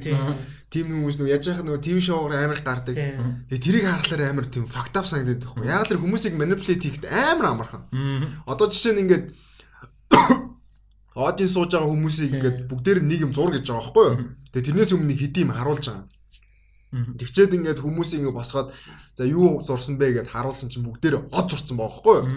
Тэгээ яагаад тэгсэн гэсэн чинь манаагаар урталт нь үзүүлсэн ингээд зүгээр хэлбэрүүд нь дээ. Зүгээр STAR гэдэг зүгээр үгийг Үзүүлсэн. үзүүлсэн. Тэгээ хүмүүс зүгээр тэрийг ингээд тэгээ sub- subconsciously зүгээр тэрийг нь од гэд бодоод тэгээ зурсан байна. Тэгээд map of the brain уу. Тэгээ тэнгүүд exactly. fucked up байхгүй юу? Тэгвэл тэр кодыг Sirac авах гэдэг байгаа байхгүй. Тэр кодыг бүр бүр ингээд компьютерийн код шиг ингээд 0 1-тэй код болгоод болгоцсон Аха. Ford Тэр байхгүй. тэгээ амар том дата. Тийм. Амар том дата. Ингээ бүх possible юмуудыг ингээ хүн яаж үз ямар шинээр гарах уу, яах уу, ийх үстэд хөдөлгөхийн тэр Тийм. нар кодлонгуудаа авчгаад Мгм. а тэнгууд тэр чинь бол зөв хүнийх. Мм. Доллароос энэ чинь бол хүн биш болчихж байгаа. Dolores Bernardo хоёр хамгийн одоо юу ихэд хэцүү юм болчих хоёр Predict. А тэр датаг авчид humanity predict шин. Гэтэ Dolores Bernardo хоёрыг авчиж чадахгүй. Мэв яаж байгаа. А Meg чинь тэгээ бас Мэйв бас story байгаад байгаа. Тэг Мэйв одоохондоо яахан тодорхойгүй. Мэйв хоёр гараагүй. William хоёр саний эпизод бүр. Мэм сүч нөгөөдгөө үхээ үгцээ юу сте. Мэйв үхээ дууссан. Гэтэ мэдээж бүр үхээгүй нь ойлгомжтой. Тэгээ Westworld overall болохоор ингээд энэ яг нэг социологийн асуудлыг шийдэж байгаа. Мгм. Нэг өгөгдөл өөрчлөгдөнгүүт цаашаа яах боломжтой. Нэг нэг те ингээд юм AI-тай энэ робот юу юу гэдэг вүлээ доллар Хост. хост үүсэнгүүт хүний existence тэ хүний шунал хүний сэтгэл зүй яаж үргэлж чинь гэдэг юм ихний хашис нэр явж байгаа. А тэгмүүтээ тэр нь ахаад хүн гэдэг юм байгаа. Ахаад хост гэдэг юм байгаа. Тэгмүүтээ ахаад тэр хоёрын датан дээр predict хийх боломжтой нэг юм биеийн гараад ирж байгаа. Тэгэхээр энэ гурван ийм хоорондын динамик нь яах вэ? Энэ энэ үед асуудал нь юу гарч шүү гэдэг өөр юм гарч ирж байгаа байхгүй юу? Тэгэхээр энэ ч өөрөө бол нэг төстэй нэг тийм шинэ үүсэж байгаа. Тийм. Тэгээ энэ дээр амар логиктой бөгөөд ингээд ийм олон талаас нь харсан тэгээ тэгээд possibility-г ингээд ийм хооронд нь зүгээр э, хүн фикшнт ч болно. Тэгэхгүйгээр ботсон байгаа хгүй тэр хоёр те. А ингүүл нааш логик нэг ч юм. Эн чинь өөрөө юм шүү дээ. Энэ хоёрын хооронд асуудал гарах нь гэдэг. Мгм. Тэгээ би writer-уудыг бол энэ дээр бол ингээд шүтж байгаа. John Nolan хин хоёр, Lisa Joy хоёр одоо бүр ultimate writer couple Тийм. god юм хаашаа бүр. А тэгээ фильм мейкинг талаасаа жоохон удиртай юм уу мó тэр бол асуудал биш. Тэр зүгээр үзэгчийн preference. Тэр бол яг энэ Westworld гэдэг шоуны асуудал Тэгээ ер юм. нь бол Лиса Жой Нолан хоёр бол кино гэдэг сэдвээс хальцсан хүмүүс. Илүү ингээд философи, социолог, шинжлэх ухаан гэдэг юм лугаа баг юм зохиолч хүмүүс болчихж Гэтэ байгаа. нөгөө нэг энэ лөө ингээд ороод ирэнгүүт нэг хүмүүсийн гомдол их гарч ирж байгаа нөгөө Game of Thrones гэдэг гомдол. Нөгөө Westworld ингээд 3 season мөртлөө ингээд амар deep ингээд нөгөө explore хийгээд онгод Game of Thrones тийм байсан шүү дээ. Тэнгүүт тэр нь болоо туусцсан. Тэнгүүт хүмүүс ингээд fucking HBO why didn't you гэх HBO явтай нөө дан дээр тэр нь амар fuel хийгээд санагцсан. А тэгээд төгсгөлд энэ эпизодын төгсгөл дээр болохоор а юу яаж Sirac а Dolores хоёр нь 1v1 те face face to face уулзж байгаа. яадаг үлээ. Уулздаг шүү дээ. Нөгөө хин чин Dolores ч бүх датаг нь уншиж байгаа. Тэгээд бүх датаг уншсныг Sirac мэдсэн. Тэгээд тэр хоёр face to face уулздаг шүү дээ. Холограмаар те. Тийм. Тэр амар cool байсан. Тэрнэр тэгсэн тийм төгсгöd Ширак ерөөхдөө ялтаад усч байгаа. Тэрэн дээр тэгсэн чинь Sirac хэлтэй болохоор те чи миний датаг олоод мэдчлээ гэдэг миний бүх юмыг мэдсэн гэж бодож гин төр гэ те.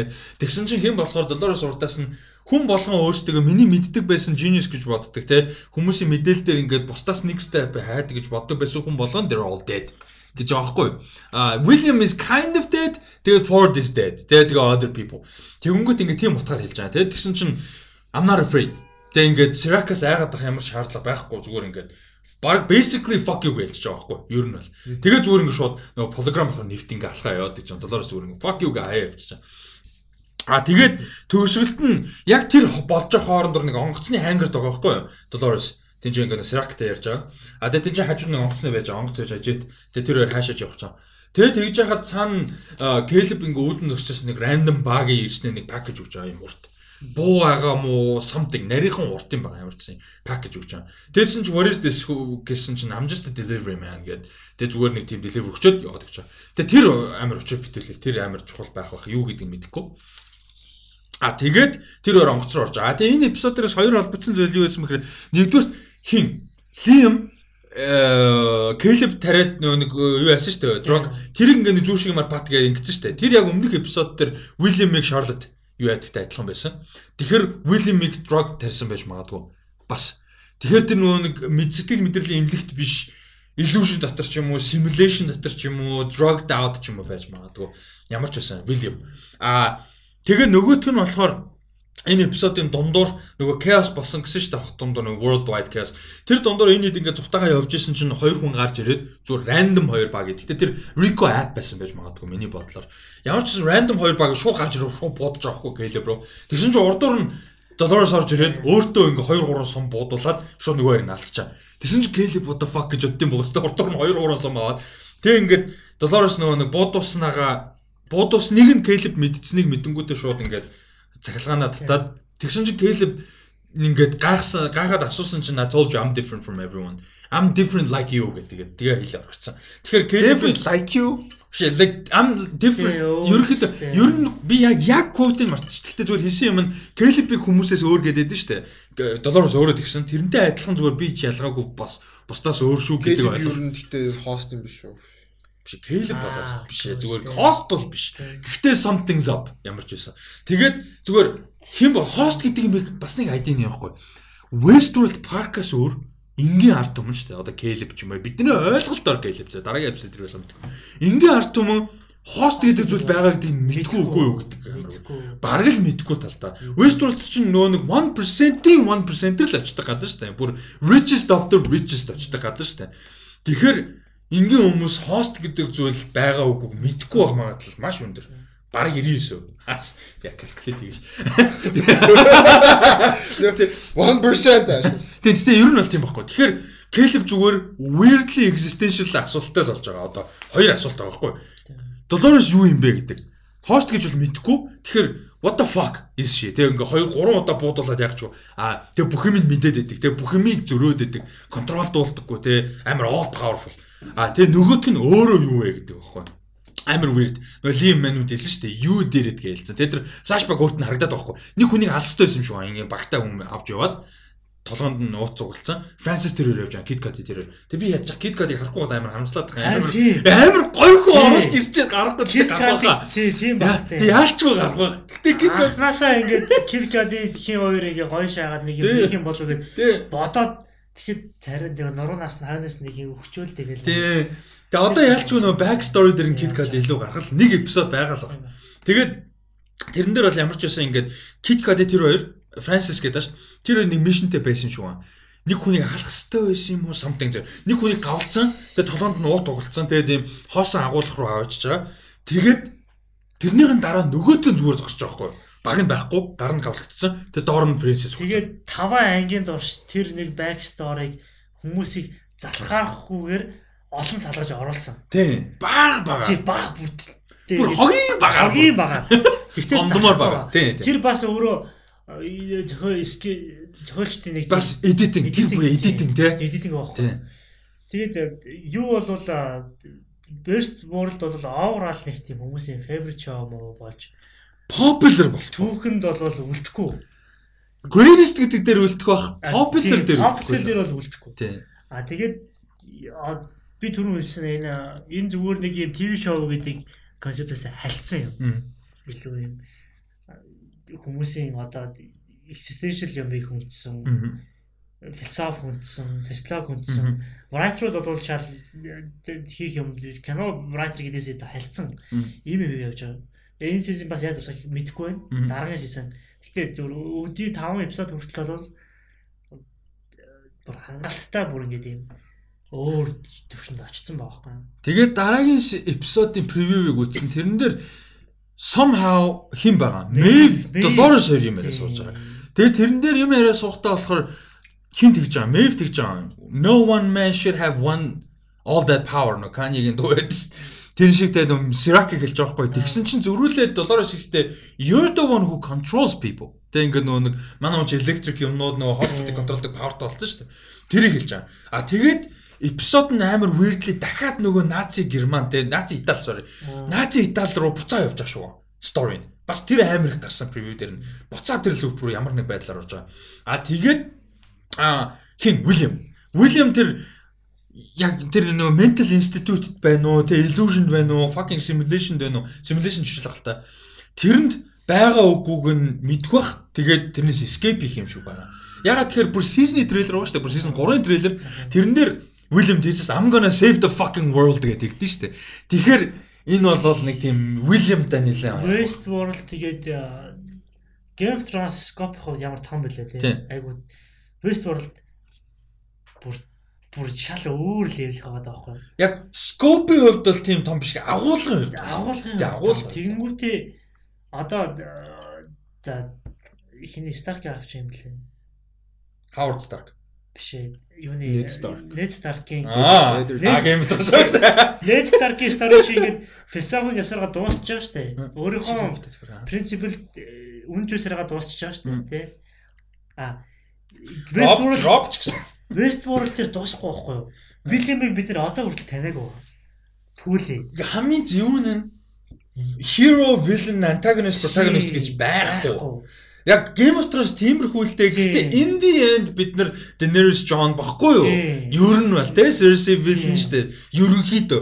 Гэхдээ энэ дээр бүр бүр үнэхээр байхгүй. Бүр ингээд А гэхдээ за яг хүчлэх юм бол би ярьжсэн нөө Maeve Jon Snow-тай би ярьжулж байсан шүү дээ. Хүчлэх юм бол за Maeve хамгийн good character гэж магадгүй. А Bernard бас байгаа. Гэхдээ overall бол баг бүр яг бис өөрийгөө жоохон контрдиктивчлээ. Гэхдээ ер нь бол. Гэхдээ энийг бол би бол writer-уудыг энийг та 5 season ч юм уу те явуулж чадах болов гэдэг амар хэлзээтэй. Би бол анханасаа өөртөө map out хийсэн учраас л тав гэж байсан. Хийсэн бол бас өөр. Гэхдээ Гэхдээ хамгийн гол нь би зүгээр амар хөөбөд үзэгчийн хувьд бол би энийг бол predict хийж өнгөрч чадахгүй. Тийм тийм тийм тэр дээр би санал нэг бай. А тэгтээ өөртөө тэгж хэлсэн байхгүй. Season 1 дууссан дараа эн чинь бүр what the fuck байсан шүү дээ. Тэгээ тэгж жагаад энэ бол ингээд 4-өөс 5 season-ы юм arc-тай story байгаа гэж ярьж байсан байхгүй. Тэгээ successful байгаад нөө HBO дэмжих юм бол 5 season хийнэ гэж ярьжсэн. Тэгээ одоо бол successful гэдэг нь ойлгомжтой болчихлоо шүү дээ. Тэгэхээр writer-уудын тарих бол өөр л та. Энэ хүмүүс бол түүхэнд ингээд Окей, за нэг амар асуулт асууя заяа. Christopher Nolan илүү writer уу, Jonathan Nolan илүү writer уу? За наа асуулт чи хариултыг амар CEO хариулт producer хариулт өгөхгүй. Наа асуулт чи хариултыг Kevin Feige. Tenet-ийг үзээд аа юуг season 3-ыг дуусгаад 3-ыг дуусгаад тэгжиж л хэлнэ ах. Одоогийн байдлаар бол гэтээ Jonathan Nolan ч Lisa Joy гэдэг хүн байгаад байгаа. Тэгээ мэдээж Lisa Joy би discredit хийгээгүй шүү. Тэгээ дээрэс нь тогломоос Jonathan Nolan ч өөрөө бас Christopher Nolan-ы cover art хийжсэн. Тэгэхээр бас харьцуулах хэцүү. Тэгэхээр ер нь оврал ноолон болол ер нь эвгүй байна. Ахтуу ноолон. Тий, ахтуу ноолон бол ер нь эвгүй байна. Тэг гоё юм нь надад амар зүгээр зүгээр л фан хүний хувьд гоё юм юу санагдаж байна гэхээр кино урлагийн фанууд ингээ энэ хоёрын нөгөө нэг одоо хүмүүс харахтаа нэг гэж юус хардаггүй. Ахтууч гэж барин мэддэг хүн байхгүй. Ингээд одоо Joel Heaton Cohen бүгдээрээ мэднэ те одоо Tony Scott, Ridley Scott бүгдээрээ мэддэг. Энэ хоёрыг чи ингээд мэддэг хүн л яг мэдчих. Тэрс Christopher Nolan-ы дүүн ингээд амар god level-тэй writer байгаа гэж хүмүүс мэдхгүй. Westworld-ыг хийж байгаа амар мундаг writer за яг Christopher Nolan-ыг мэдчихэж байгаа. Гэхдээ associate хийхгүй байхгүй юу? Ганц гоё юм дээр. Jonathan Nolan, Christopher Nolan хоёрыг хүмүүс associate トゥ гэдгээр л associate юм. Тэгвэл хийж байгаа юмар нь ерөөсөө associate хийх боломжгүй. Lisa Joy, Jonathan Nolan хоёр чинь ихнэр хөрөлөө биш үү? Тийм мөн мөн ихнэр хөр тийм. Тэгээ би зүгээр нөгөө нэг бас санаа зовлон буруу ойлгох. Би Lisa Joy-ыг ерөөсөө discredit хийж юм биш. Lisa Joy өөр амар мундаг байхгүй юу? Тэг чи хамт тэгж ингэж амар том project хийж байгаа гэдэг чинь. Тэр үл амар. За дээвш рүү орох уу? Би би сая чамд тэр хоёрыг ихнэр хөр гэж бол зөв таамаглаж ирсэн гэхдээ аа яагаад тийжсэн бэхээр зүгээр нэг юм партнерын бондон дээр тэр хоёрын ийм conscious ийм скрипт гарах боломжгүй байна. Ахаад физиолог те ахаад vision бүх юм нийлээд одоо нэг ах トゥ хоёр ч юм бол нэг цусан төрлийн нэг юм сөүл юм байгаа шүү дээ. Тэрнтэй адилхан Lisa Joy, Jonathan Nolan хоёр бүр бүр ингэж нэг хүн шиг болж ийж энэ гарсан баг. Нэг тархиар биш. Хоёр тархи нэг юм шиг болж ажилласнаа. А түрүүний чиний асуултсан хариулт асуултанд тэр нэг өгөгдөлтөөр хариулахад Скопиохон хувьд бол одоогийн байдлаар Jonathan Nolan, Lisa Joy хоёр бол Nolan-аас Christopher Nolan-аас илүү гарцсан. Яг энэчнээс бодож ирсэн юм яах вэ? Dream юу л да. Westworld-ийн зүгээр нэг эпизод жишээ нь Christopher Nolan-ыг найруулвал ямар үгдэг. Тэ? Тэр нэг л эпизод. Fine. Зүгээр just one episode. Тэгээ final mile финалийн энэ төр байх шаардлагагүй тий. Зүгээр season 4-ийн whatever season episode 4 something тий. Аа тэрэн дээр гэхдээ юу яана хаа. Christopher Nolan жоохон өөрийнхөө reputation-ээ бодоод Я тиймэр орохгүй л дээ. Writing writing хийж иш орно морно гэж жоохон авширч магадгүй. Гэ хамгийн бол би зүгээр Lisa Joy Jonathan Nolan хоёрын project-аар орж ирэх учраас тийхгүйгээр орвол яад юм бол гэж санах. Тийхгүйгээр орох юм бол Кристофер Нолан ятгатай заавал тэр эпизод нь IMAX. Харин тийм тийм цаадлачны тийм юм байгаа байхгүй. Тий, тий. Гэтэ магадгүй тийм учраас хамтарчлал нь хоор өгдөг магадгүй. Бас нөгөө creative process нь хоёр өөр хүн байж болно шүү дээ. Кристофер Нолан бол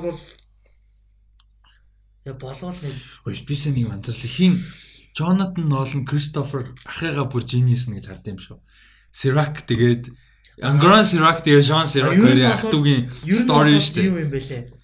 Ямар ч уран бүтээл а writer-ийн юм уу директорийн тодорхой хэмжээний self portrait байд юм бэлээ. Байх ёстой л болж байлээ. Бүр тэрнээс зугтах боломж байхгүй. Ягаад Хүн хийж л байгаа юм чинь. хүн хийж л байгаа юм чинь Зураач өөргөө хийхдээ зурдсан шүү дээ. Ер нь бол яг self portrait байдаг гэж олон хүмүүс ярьд юм байлээ. Аа. Тэр нь гэхдээ яг ингээд Тэгэхээр Spielberg бүр god байгаа. Spielberg гоо. Гэхдээ тэгэхээр тэгэж бодгоо Spielberg god байгаа. Спилбергийн God нь юу вэ гэхээр олон жанр, олон категори дотор Тэгээ 50 жилийн хугацаа. Тэр- юугаа гэдэг чинь өөрөө амар ахгүй юу? Форма гэдэг чинь амар. Нэг мастерпис хийгээд өгөх бол амархан. Тэр бол амархан. Тэр бол амархан. Тэрийг олон жил барина гэдэг чинь бол шаал өвгөр асуудал. За Westworld тэгээд ер нь so far ямар байна чам. Чиний чамаас Westworld нэг сонсож байгаа болохоо тэгээд Devs руу оръё. Чи миний хувьд Westworld э, кино гэдэг левелээс шал хальцсан юм. Тийм илүү философи, социолог, ирээдүй гэдэг юм дээр яригдж байгаа асуудал. Тэгээ Westworld-ийн хэмжээний ирээдүйг бид нэр харах уу. А тэгээ Westworld-ээр бодсон юм нь хоёр ноолон болвол амьдралаас ч яваад тасарсан юм ярьд хийдэг. Мгм. А дээрэс нь концепт гэдэг юм дээр суурилж сторигоо гээд Хөгжүүлдэг. хөгжүүлдэг тийм. Концептэн дээр суурилж.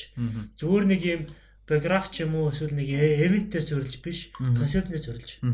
Би бас нэрээс сурсан л нэг концепт гаргаж ирэх хэрэгтэй юм гэдэг юм. Тэгэхгүй болохоор стори бол тэгэл хүний сторид л тавтагдана. Нэг Жаргал зовлон нөгөө нэг юу гэдгээр. Тэгэхээр концепт гэдэг гаргаж ирээд тэрийг яаж байгаа бол хоёр ноолон болж жоохон өөр юм сэтгэж байгаа. Төвшин сэтгэж байгаа. Тэгэхээр Westworld бол түүхэндээ бол кино гэдэг утгаараа үлдэхгүй баг. Фильм их талаасаа. ТV цуврал Game of Thrones мөрөсөд авах бол нөө чиний хэлээр popular болж байгаа. Popularity-гаа л үлдэхгүй бах. Түүнээс яг critical level ярих юм бол дандаа дурддаг. Би Тэгээ энэ яг нэг юм timeless юм болно. Тий, тий. Timeless юм болно. Тий, тий. Watchmen-тэй адилхан баггүй юу? Watchmen ямар ч Oscar аваагүй нэг твшээгүй. Мм. Тэнгүүтээ timeless. Ягаад тэгэхээр тэр нэг хүн гэдэг юмны core юмнууд ингээд Ялангуяа graphic novel киноноосоо илүү тий. Тэгээд Westworld бол бид нар ч юм бас олон л кино үзлээ. Гэхдээ дараагийн ангийн predict хийх чадлаггүй байна гэдэг чинь өөрөө Амар гоё мэдрэмж. тийм тийм гоё. Амар гоё мэдрэмж. Ямар ч тийм теори гаргаж ирэх боломжгүй байгаа чинь бидний ингээд блоклж байгаа нь өөрөө амар. Одоо үед бол ийм Одоо юу хитэн хонд гарч исэн юм бэ? Аа Нэрийг мартчихлаа. Black Mirror шиг гэдэг дээр үед гарч исэн. Twilight Zone. Twilight Zone. Twilight Zone одоо Twilight 60 Zone чинь шүү. Тэгэхээр 60 60 донд ингээд одоо чинь биднийхээс 50 жил тийм. 70 биш 50 60 жил тий 50 60 жил. 50 60 жилийн өмнө ингээд би болсон те тэр өөрийнхөө ингээд одоо Status Quo гівдэж гарч ирсэн амар том уран бүтээл биш үү? Аа. 60 жилийн дараа яг Westworld-ыг төсөөлөх юм бол яг төсөөлөгдөж байна уу?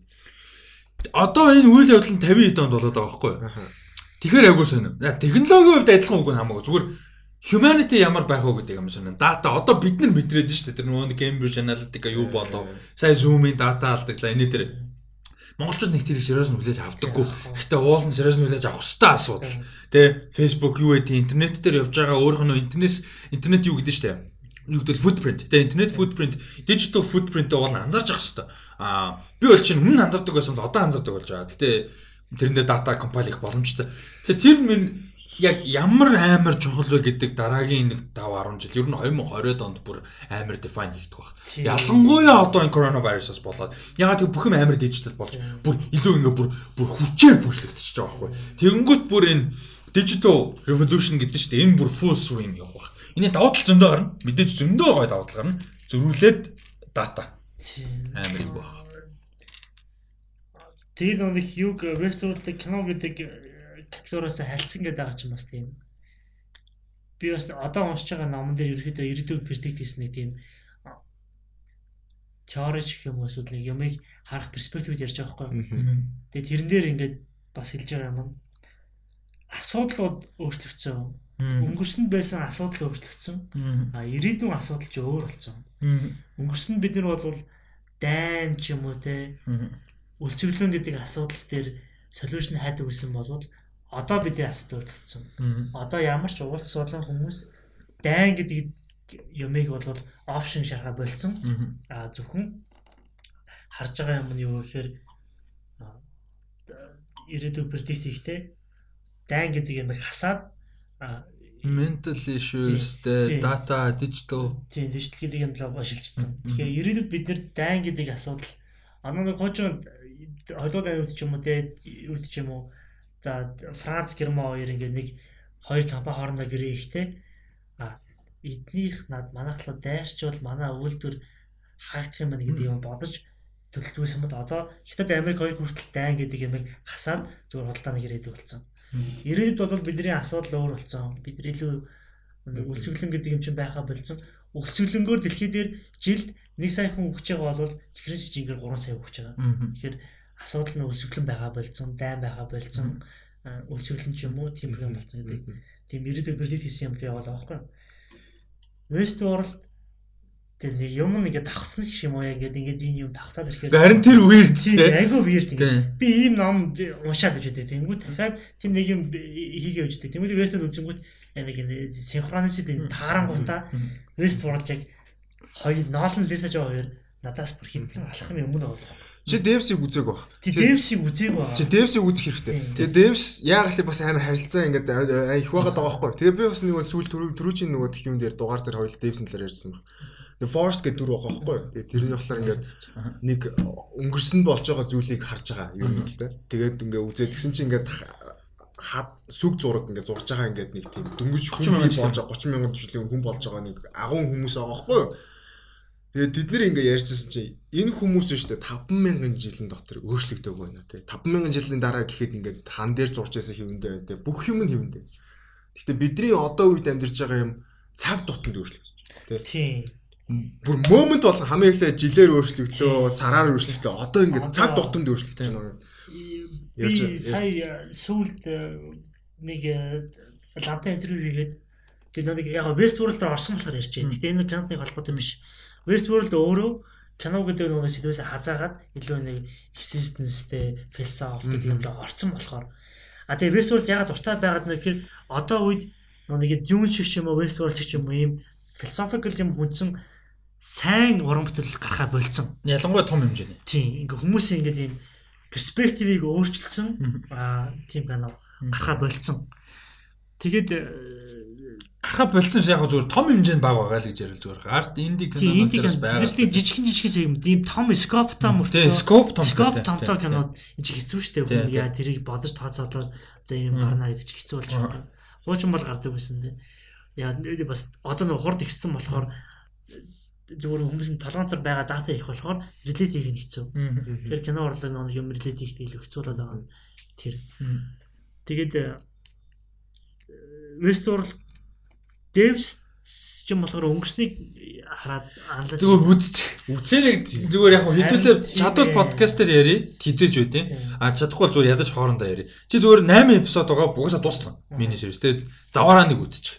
Ямар гол нь одоо ярихад амир дэндүү төм аж бүр нэр үнэхээр төм. А тэгэхээр яг нэг концептыг ерөөхдөө бол Окс тэг West World-тай ингээд яригдахаар гэдэг штэ тий. Тий сэдвийн хувьд яг презентацийн нь биш. Тэгэхээр энэ дээр нөгөө кино урлагтай холбоод нэг юм гаргаж ирэх байгаа нь кино урлаг сүүлийн үед энэ philosophical юм уу existence-ийг question хийсэн эсвэл юм социологийн юмыг хөндлөхө болоод байгаа нэг тийм хандлага.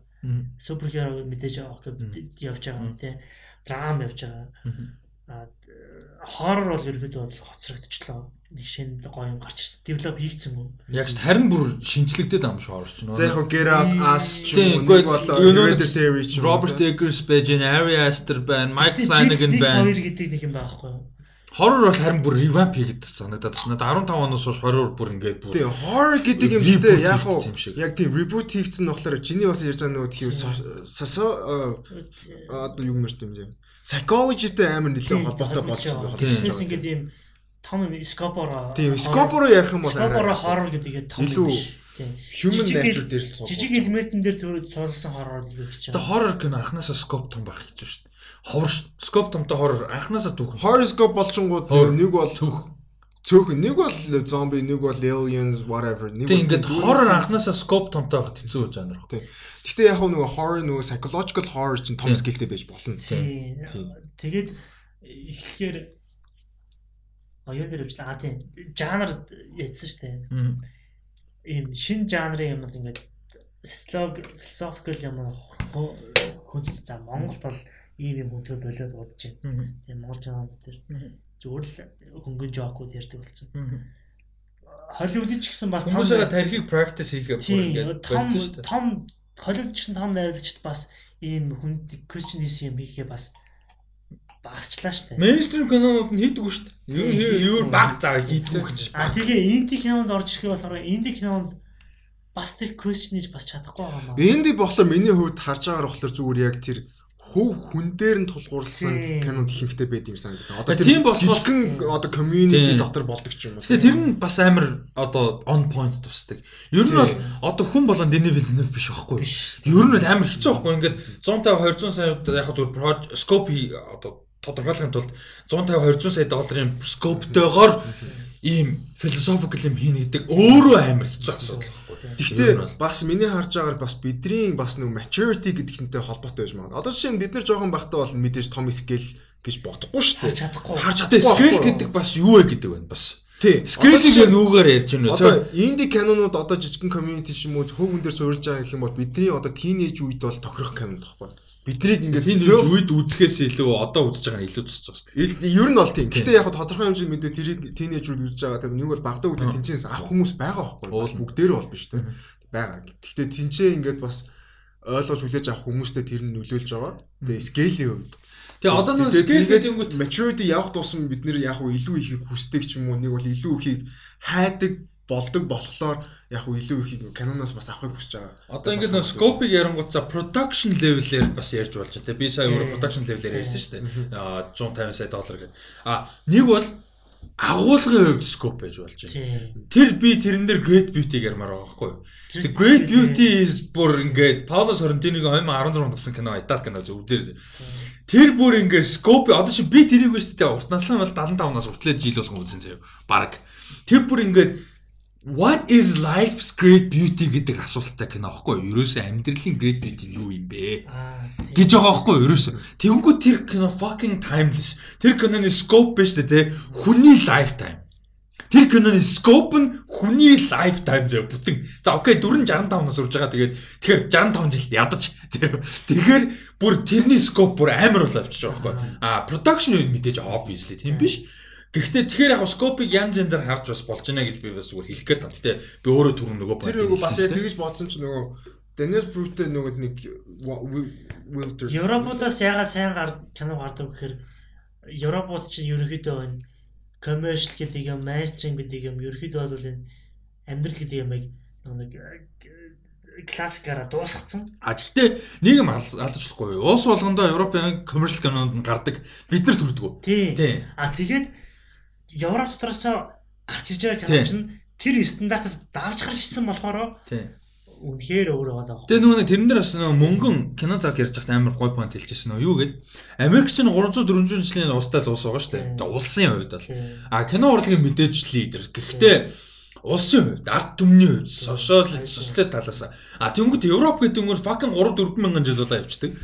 Тэнгууд чинь за яг за 2 мянган жил бол бүр solid. Бүр fucking solid 2 мянган жил. Бүх юм явсаар хагаад Ром руу дуустдаг. Ром грекээр дуустдаг шиг дуустдаг тийм. гэдэг нэг үг байдэн шүү дээ.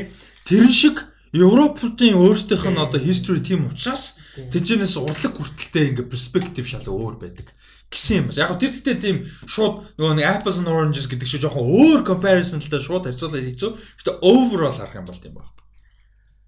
За окей. Хангалттай сонирхолтой байсан гэж найдаж чинь. За тэгээ өнөөдрийн дугаарын сүүлийн хэсэг хэсэг рүү оръё. Devs. За Devs э, episode 8 гарсан байгаа mini series тэ Alex Garland fucking fucking genius asshole. Спойлер. Full spoiler. Бүр хамгийн сүүлийн ангид бүр бүтэн series яа. Бүр финал юм уу? Тэгвэл би Тийм тэгсэн дээр. I'm out. За тэгээд нэрэн гэсэн Батамгалан single баярт баярлалаа. Өнөөдрийн дугаард оролцсон. Энэ гой surprise байлаа тийм амар surprise in it wasn't planned at all тийм. А тэгээд single project-д амжилт тусан. Um юу э Devs за Devs-ийн хувьд бол Alex Garland-ийн passion project гэж хийж бол болно. А 8 эпизодын мини series байлаа. Тэгээд манай зам мэдж байгаа хта эпизод болсон битээ review хийгээд явсан. За тэгээ өчтөр өчтөр урчтар хийцээчлээ те. А өчтөр те. А season finale, series finale гарсан байгаа. За тэгээд шууд эпизод руу оръё. За энэ дээр үйл болж байгаа үйл явдал нь бол basically хин Devs дээр очиод дууссан. Devs дээр очиж байгаа. Очоод очиж Ороод дууссан шүү дээ. За тэгээ орж байгаа Forest хүлээж байгаа. Obviously he knows everything. Тэр өдрийн бүх болтыг нөө нэг цаашаа харж чадахгүй point хүртэлх бүгдийг мэдж байгаа. За тэгээд ороод уулзаад basically ирээдүг харуулж байгаа тий. Юу тэр өдөр юу болж байгааг. Тий. Аха. Яг уу би ингээд яг дүгнж хэлэх гээгүй. Гэхдээ зүгээр надад ямар мэдрэмж төрсөн бэ гэхлээр 50 минутын анги ер нь бол мини series бүх анги нь ер нь 50 50 гэдэм юм. 50 орчим. 50 орчим тий. Надад төгсгөлийн анги зүгээр надад яг 15 минут санагдсан. Тий. Амар шин. Өө үзэж дууссан дараа ингээд бас ингээд ухраага бодоод үзэнгүүт нэг тийм их 50 минут гэж хэлэхэд хэцүү. Мгм. Надад нэг тийм 15 ч юм уу 20 минутын дотор дууссан чинь. Is that a good thing or a bad thing? good thing? Сайн талаараа. Аа. Муу бол биш. Сайн талаар. Аха. Яагаад гэхээр зүгээр надад ингээд бодож байхад ингээд зүгээр тэр 50 минут дотор байгаа юмыг ингээд энгийнээр багцлж болохоор болохоор харуулсан баахгүй юу? Тэгээд тэрийг би comprehend comprehend хийж чадчих яа би sorry би бүр жоохон толгоол гэнэ. Тийм пив орчиж байгаа. Sorry.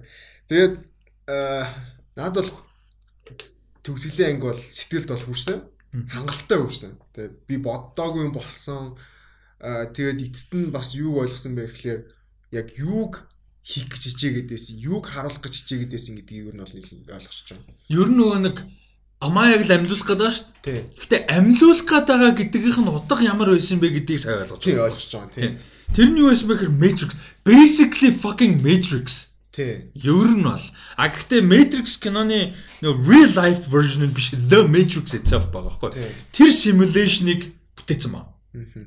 Бүтээчих байгаа. Ерөнхийдөө нөгөө нэг Lindner ашигласан every complex every theory тэрүүгээр хийсний ачаар multiverse theory prove хийгээд multiverse-аас дата авч тэ ингэж хийсний ачаар яаж юм гэхээр simulation нь reality болох боломжтой байхгүй. Simulation simulation дотор reality байхгүй.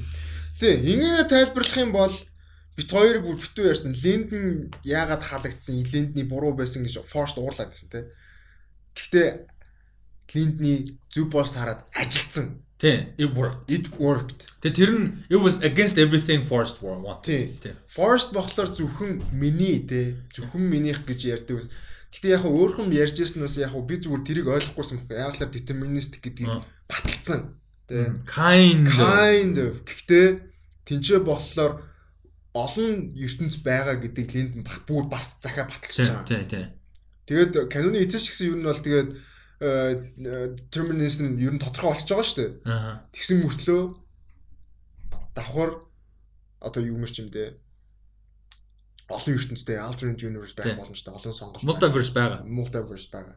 Тэгэхээр нэг тийм сонио хоёр ойлголт хоёулаа coexist гэж юм шиг. Хинийг Линдэн дугаасаа өмнөх эпизод дээр тэгж хэлдэж шүү дээ. Чи хэрвээ яг эцэст нь turns out it wasn't гэхдээ хэлсэн зүйл нь үнэн баггүй юу?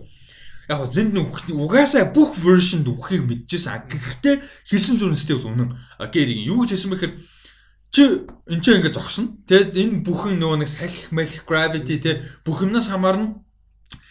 Multiverse хэрвээ чиний multiverse гэдэг тэр үнэн юм болвол чиний conscious version надтай энэ ч одоо үлдэнэ. Conscious version нь үлдэнэ, conscious биш version үхэн basically тий. гэж тэр үнэн баггүй. Ер нь multiverse тэр үчи тэр шүү дээ. Ингээд version байна, version байхгүй тэрийг prove хийх амар хэцүү. А prove хийж байгаа ганц юм нь э, devs баггүй. Тий. Ганцхан proof нь devs өөрөө. Түүнээс биш бид нар ягаад тэгэхээр энэ version-аар бид нар өөрсдийнхөө энэ version-ыг л experience хийж байгаа. Өөр version дээр би одоо босч байгаа босгож байгаа бүдэрч унаа өгсөн байгаа. Тэрийг хэлж мэдэхгүй. Тийм амар заяагүй тий. Гэтэ зүгээр хэлж мэдгүй тий бүдрэ онцгой. Тэнгүүд тэрийг proof хийж байгаа юм devs байгаа даа байхгүй. А тэгээд энэ эпизод дээр окей. А Forest хүлээж байгаа. Ороо сууж байгаа тэр хоёрын conversation өрнж байгаа. Тэгээд what the fuck am I doing? Who the fuck am I? Тэгээд бүр баг team хэмжээнд лили очиж байгаа. А тэгээд Devs хин Forest угаасаа бүх юм мэдээд байгаа. Яд амар ядаргаатай тий. А тэгээд тэнцэнэс амар conversations гарсан зөв юм юу юм бэхэр basically Devs гэж одоо энэ супер quantum computer байгаад шүү дээ. It's god basically Тий. Rehoboam баггүй юу? Тий, Rehoboam. А гэхдээ зорилго нь жоохон өөр. А гэхдээ in theory the same баггүй юу? ерөнхийдөө. Яагаад яг тийм. чи нэг сандвич ш. За бай гэрээ үе. Бай. Гинэ. Тэгээд Rehoboam энэ хоёрын зорилго нь өөр. А гэхдээ хоёулын байгаа юм хөр хойлоо world-ийн бүх датаг зурлуулсан. Бүх юмыг predict хийж чадaltaа. Тий. Тий. Тий. Тий, fucking exactly. Тэгэхээр бүр яг энэ хоёр шоу зэрэг яваад байгаа нь амар байгаа байхгүй юу? Тий. Тэгээд аа юу болсон бэ гэхээр нөгөө reveal те. том Том ч гэжтэй cool reveal. Юу гэсэн бэхээр devs гэдэг үг өөрөө. Тий. А юу гэхээр Devs гэдэг үгийн V үсэг нь болохоор Латинаар. бичсэн 5 гэсэн үг тий. тав биш юу гэсэн байхгүй латин Аа үгүй аа тав тий гэсэн. 5 тий U гэсэн үг тий. Тэгээд явсаар байгаа тэр нь D яс болж байгаа. Тэр нь те. Тэр нь God гэсэн үг тий. Тийм латинаар бурхан гэсэн. Тий.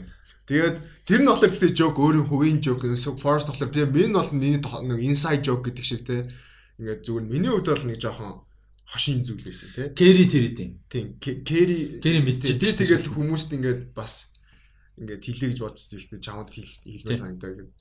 Яг л Джейми Лило хоёр ярьдэн штэ тий. Одоо ингээд том тек компаниудын ингээд Лидерүүд? эзэд өөрсдөө ингээд бурхан гэж бурхан. Messiah ер нь бол яг Бурхан Бурхны нөгөө нэг юунууд байхгүй мессенжерүүд байхгүй. мессенжер за тий одоо нэг тийм томилж Jesus л байхгүй юу? ер нь Jesus тий Тий. Jesus гэж юм уу, өөрсдөө юм тэгж боддог Тэгээ бодоо биш юм байна. Тэгж боддог гэд Лили өөрт нь хэлж байгаа тий Өглөө тэгж ярьжсэн. тий тэгж ярьжсэн гэдгийг хэлж байгаа. Тэгсэн чинь ингээд Forest болохоор тэрийг ингээд сонсчоод You know what you know something about messiahs гэсэн Тий. What гэсэн чинь they get resurrected. resurrected тий. Тэгээ дахиж сэргдэг, дахиж босч ирдэг. Like Jesus motherfucker тий. Мгм. За тэгээд энэ чинь ирээдүг үзүүлж байгаа. Тий Лили болохоор өөрөө харъя гэж байгаа. Тийм. Угаасаа show me exactly what you know. That what you saw. За тэрнэр тэгсэн чинь Кэри зогсож байгаа үүдэнд нь тэр ирээдүйд нь шүү дээ. Үзүүлж байгаа ирээдүйд нь. Basically тэрний 30 минутын дараа something. Аа нөгөө нэг тэг нэг лили үхэн гээд тэгээд нөгөө нэг тэрнээс цааш ирээдүй харж чадахгүй байгаа гээд яг тэр last moment нь тавьж байгаа. За тэрэн дээр бас Кэри өрөөний гадаа зогсож байгаа. Тэр нөгөө нэг Devs-ээр үздэг өрөөний. За тэгсэн чинь тэнцэнээс Forest гарч ирсэн чинь ардаас нь Лили буу тулгцсан.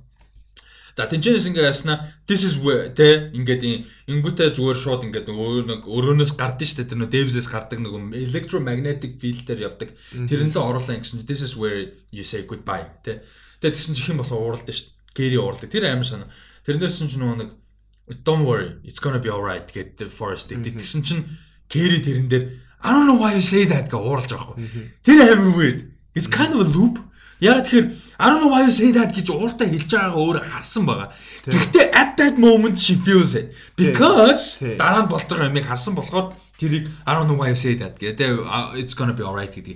Тэгээ тэрний өмнө нэг амар гоё бас нэг момент гарсан. Тэр жүжигчний хувьд гоё writing талаас нь маш гоё юм юу байсан бэ гэхээр Кэригийн жүжигчний emotion.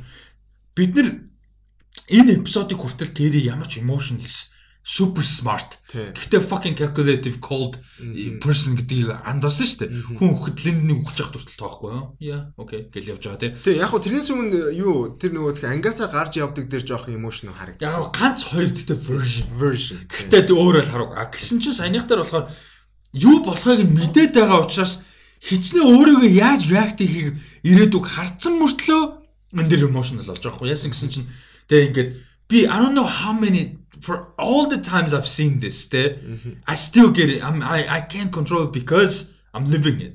Тэг ингээд мэдрэх шал. Тэрнээс өмнө угаасаа Forest нөгөө орж ирэх нөгөө лилиг орж буута буутаас тэ юу орж ирэхэд нь хилдэж штэ тэ. Тэгээ би чиний энийг хэлж байгааг би зөндөө сонссон. Би өөрөө яаж хариулж байгааг зөндөө сонссон мэдж байгаа.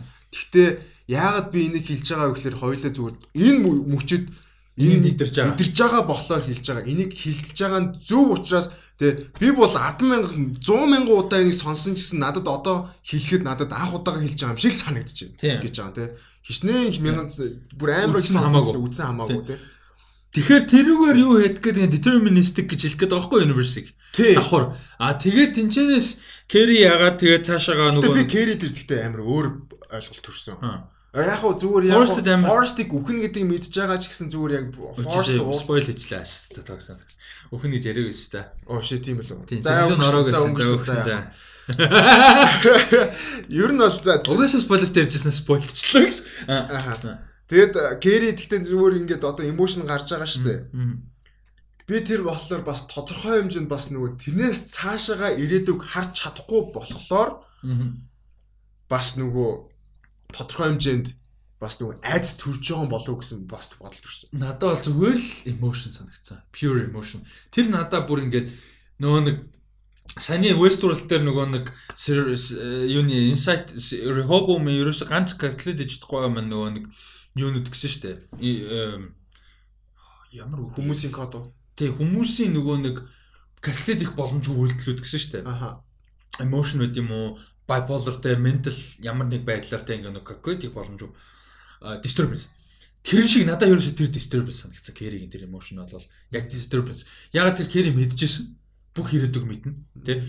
Гэхдээ хідээ deterministic гэдгийг мэдж байгаа ч гэсэн forest тэнцээ ингээ бид нар тэ мянган удаа ирээдүг үзсэн ч гэсэн бид нар яг одоо энийг хэлмээр санагдаж байгаа учраас хэлж байгаа гэж хэлсэн ч гэсэн зүгээр in that moment Кэри ирээдүг мэдж байгааг нь хамаагүй forest-ийн өмнөөс харамсаж байгаа.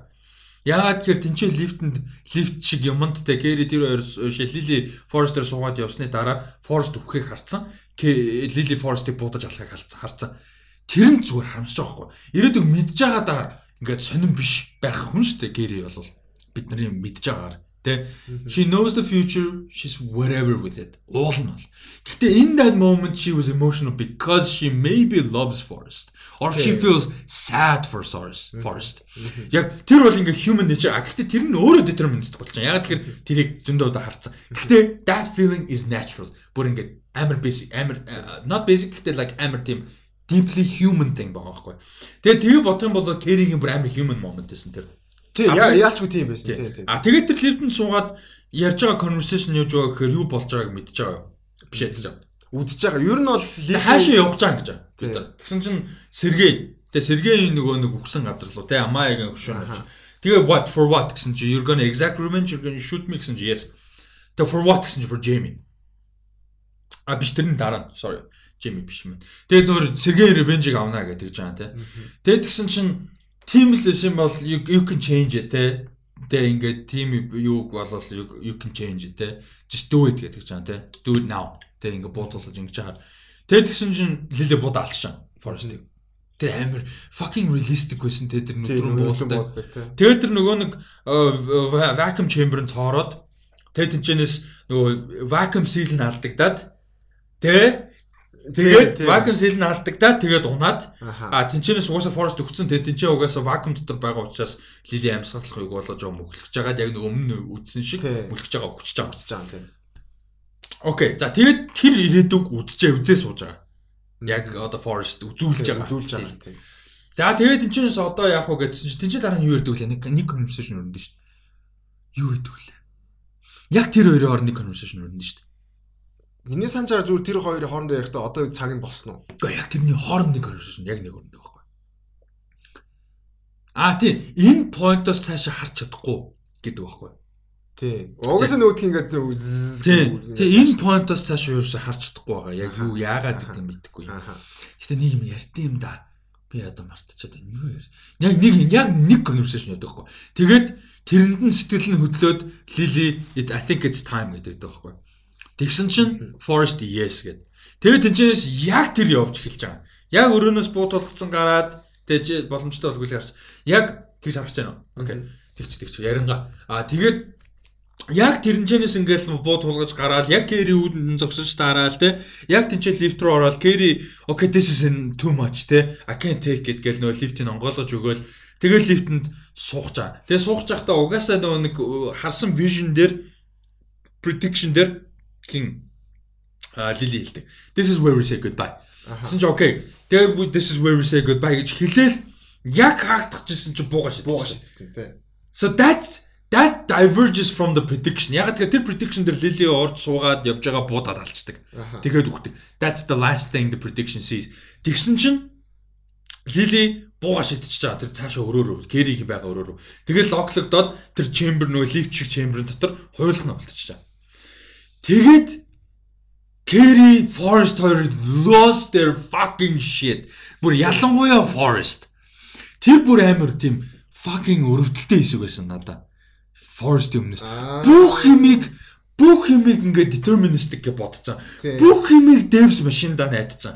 Бүх юмыг тэрэнд идэгцэн. Тэ бүх юмыг тэгээ бодцсон. Тэгээд ганцхан зүйл э, би хадаа ганцхан яагаад зүгээр бүх юм биш ганцхан гэж хэлж байгаагүй л ярина. Гэтэ ганцхан зүйл өөрчлөгдөд loses shit болж байгаа байхгүй. Тий. Тэ бүр ингээд тэгсэн чи дэ Лили юу гэж хэлж ихээр I changed it. Тэ а тэгээд хамгийн зөв хэлсэн юм do you know one thing about Messiah гэсэн чинь they're false prophets. Тэ тэр бүр амар тэ. А тэгээд тэгсэн чинь another thing. Тэгсэн чинь Stewart нөгөө нэг үүдэнд байгаад байсан шүү дээ. Өмнөх эпизод хоёлаа ярьжсэн. Тий. Лилиг ороход байсан, Хэнийг ороход байсан, Forest-ыг ороход үүдэнд зогсоо л байсан шүү дээ. яагаад зогсоод байгаа мэдэхгүй Тий. тий. Тэгсэн чинь манай хүн зогсож байгаа. Тэнгүүтээ тэнчэнээс нь контроллерсон шүү gravity-г нь унтраачж байгаа. Тий. Э, одоо gravity чи electromagnetic field Field, field-ээр тий. унтраачж байгаа. Тэгээд яаж юм гэхээр тэр шууд унж байгаа байхгүй нэг class elevator шиг юм. Тий. Тэгээд унаад тэр нь хагараад basically яаж юм forest layer хойлоо өгч байгаа. Ерөөсөө. Тэгээд тэрэн дээр бүр carry бүр lost shit. Тэгээд нөгөө. Stewart. Тэгээд тэрэн дээр ингээ хойлоо өгч байгаа. А тэгээд тэрний бүр дараа нь тэр дунд нэг том юм болно. Тэрийг дуйлаа одоо ярина. Гэтэ бүр тэр амар олон том юмны дараа бүр дараа. А яасан бэ гэсэн чинь Кэри асууж байгаа тест өөртөөс why what did you do гэсэн чинь electromagnetic field нь унтраад why гэсэн чинь I had to stop this someone had to stop this тэ Яг л би юу хийж байгаагаа ойлгоцсон. Тий. Энэ буруу. Тэ энэ devs гэдэг юмны тэ хийгээд байгаа энэ devs хийгээд байгаа юм бол маш буруу энэ байх ёсгүй. Тэ бид нар бол маш том алдаа гаргаж байна. Humanly том асуудал гаргаж байна тэ. Энэ бол байх ёсгүй гэд Стюартийн шийдвэрээр тэр унтчих. А би түрүүн жижиг бүхэн биш жижиг юм өөрчлөгдөж хэлсэн тэр эцэст нь deterministic байсан байгаа байхгүй. Тий. Ягаад тэр эцэст нь анханасаа Лили тэр буудаад Forest буудаж алаад класс нь хагарсандаа electromagnetic field-ны алдагдаагүй. Угаасаа Stewart тэрэн дээр бууцныг нь харангуудаа Stewart унтраасан. Тий. Угаасаа буудаагүй байсан ч угаасаа ялгаагүй. Угаасаа. Stewart унтраах байсан. Яг л ер нь Forest-ыг ямар нэгэн байдлаар тэнцээ суухал юм бол унгаана гэсэн шийдэлд хүрсэн Хүрсэн байсан учраас тэнцээ зогсож. Тий. Анханасаа Тэнцээ Лили бол ямар ч хамаа. байж таарсан. Байж таарсан. Тий. Тэгээ сайн ах юм бол амар detail гоо. Эхний нөгөө нэг Лили бууддсан шүү дээ. Тий. Тэрэндээ Stewart гарахад цааны control panel дээр нэг юм vision байгаа. Одоо panel-ын дэлгэц. Тий. Тэгээд дараа нь хим control panel дээр яг нөгөө унтраагаад одоо яг actual happen болж байгаа унтрааж байгаа шүү дээ. Тэр хоёр яг адилхан. Тэгэхээр өмнөх бууддаг дээр ч гэсэн унтраасан гэсэн үг байхгүй юу? Тий. Тий. Тэгээд сая нөгөө зүгээр хооронд юу ярьсан? Аа, за. Нөгөө хоёлаа нөгөө DS гэдгийг тайлбарлсан гарсан юм. Аа, окей. Тийм. Тэгээд тэгээд Devs. Лили асууж байгаа нь болохоор Ваа үгүй Force чи яг наваг буудснаа мэдэж үү гэсэн чинь Ah, because it's Jamie, because for Jamie. For Jamie. Тийм, тийм, тийм, тийм. Тэгээд одоо цаг нь болсон уу? Тэгээд окей лээс. Аа, тий, тий, ялч conversation үрт юм. За, тэгээд дунд нь том болсон юм ба. За, томын өмнө. Томын өмнө. За, тэгээд Stewart яваад өгч байгаа. Аа, тэгээд тэр чи яваад өгдөгсийн надад X Machina киног айгуу санагдулсан.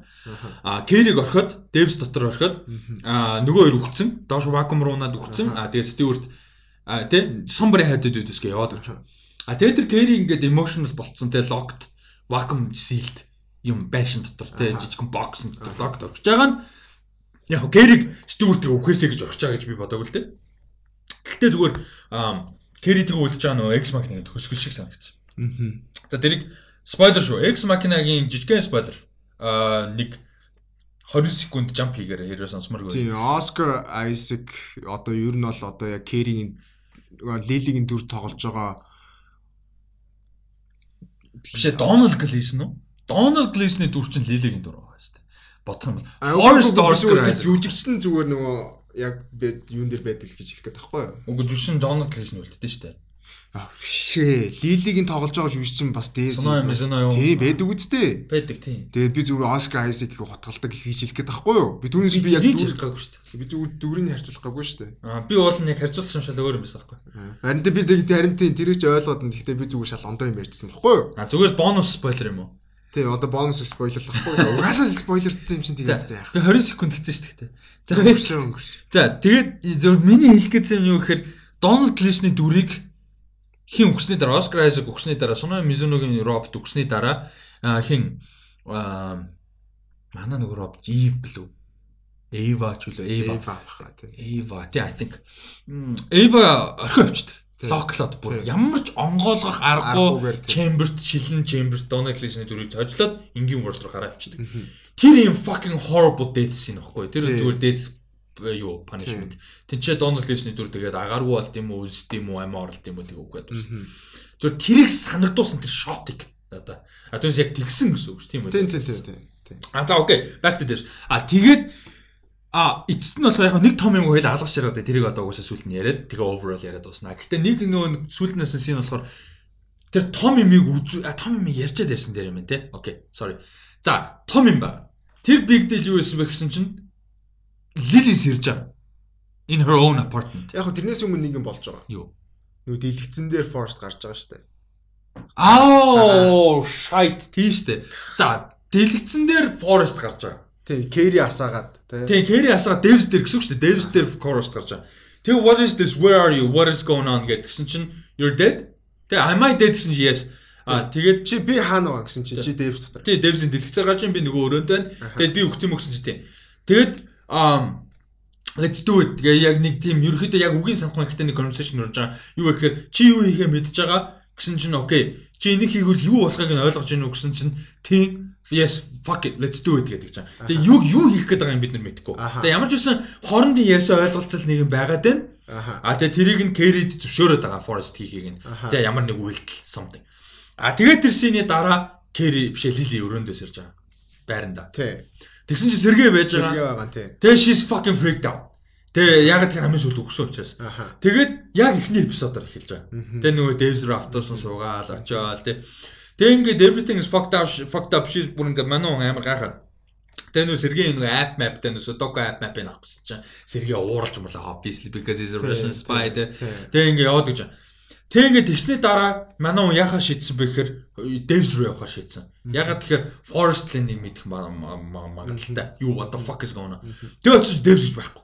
Зүгээр л хоос ой модны юм ойн цоргоо. Тий, тэгээд Forest болохоор охинтойгоо их нэртэй. Тэгээ суулаа байж. Тий. Тэгээ what the fuck бүр амсан амсан давчтай байжсэн чи Forest гэсэн hey тэ what's up Lily. Бараг э what's up Dark гэж юм шиг. Тий. Тэгээ ихтэй тэнчээс basic conversation дөрөвнөсөн яг хөө Lily угаасаа толгойн хэрэгэд та тэр юу хэлсэн чинь дээр хин fucking simulation. Тий. We're in the system now. Тий.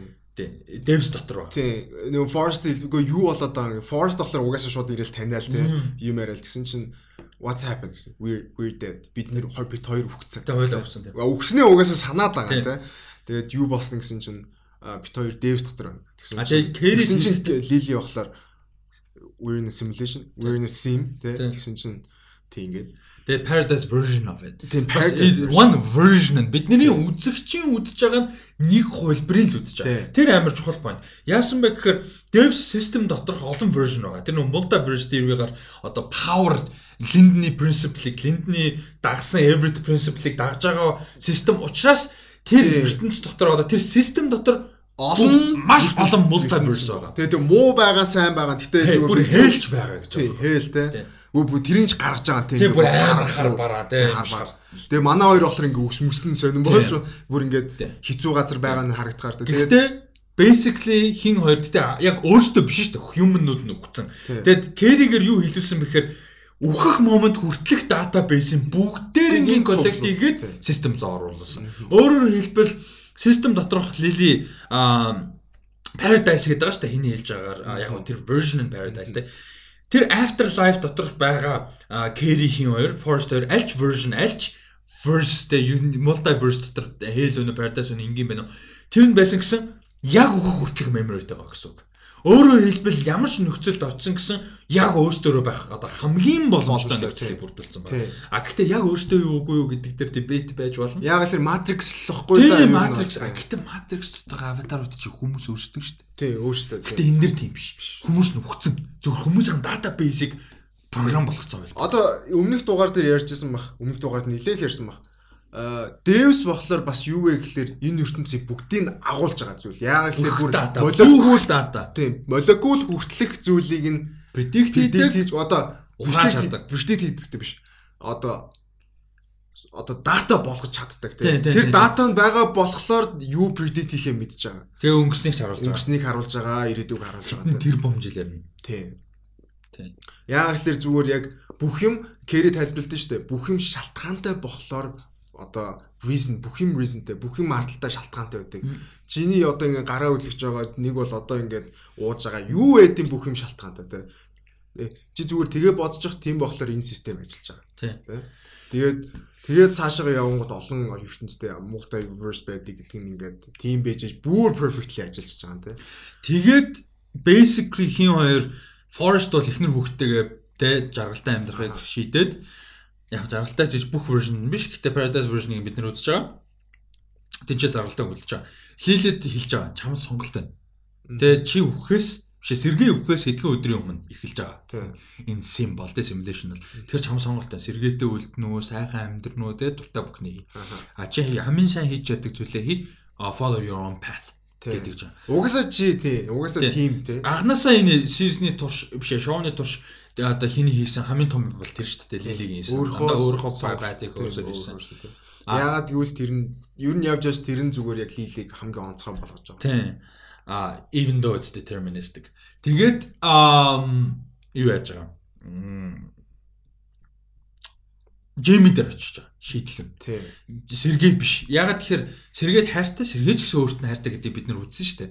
Хэдийгээр спайч гэсэн үнэхээр хэлээд хайртай байсан. А гэхдээ Сергей хин гэдгийг сайн мэдэхгүй. Тэгээ хэдийгээр танд 2 жил өргөсөн үнэ мэдж байгаа ч гэсэн тэрнээс өмнө хин гэдгийг нь бүгд худлаа олж тарж байгаа байхгүй спай юм чинь.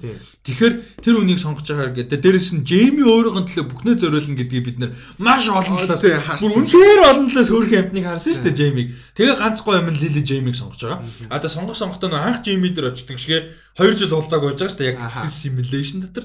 Тэгээд шууд Джеймиг сонгоод Джейми дээр очиж байгаа. Тэгээд Джеймиг ингээ харж байсаа твэрчиж байгаа. Тэгээ шууд тврээ тэгээ Джейми уулар тэр аим хөөрхөн царайд байгаа. Шок өгсөн. What the fuck is happening гэсэн.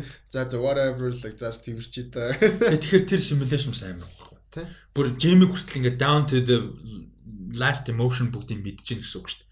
Дата болгоцсон. User Rehoboam баггүй fucking Rehoboam минээрээ. Тийм. Гэтэ Rehoboam гэтэ яг энэ шиг бол биш. Энэ шиг байхын тулд бас нэг дата дутаад байгаа юм шиг болчиход байгаа. Human нөгөө юу дутаад байгаа шүү дээ.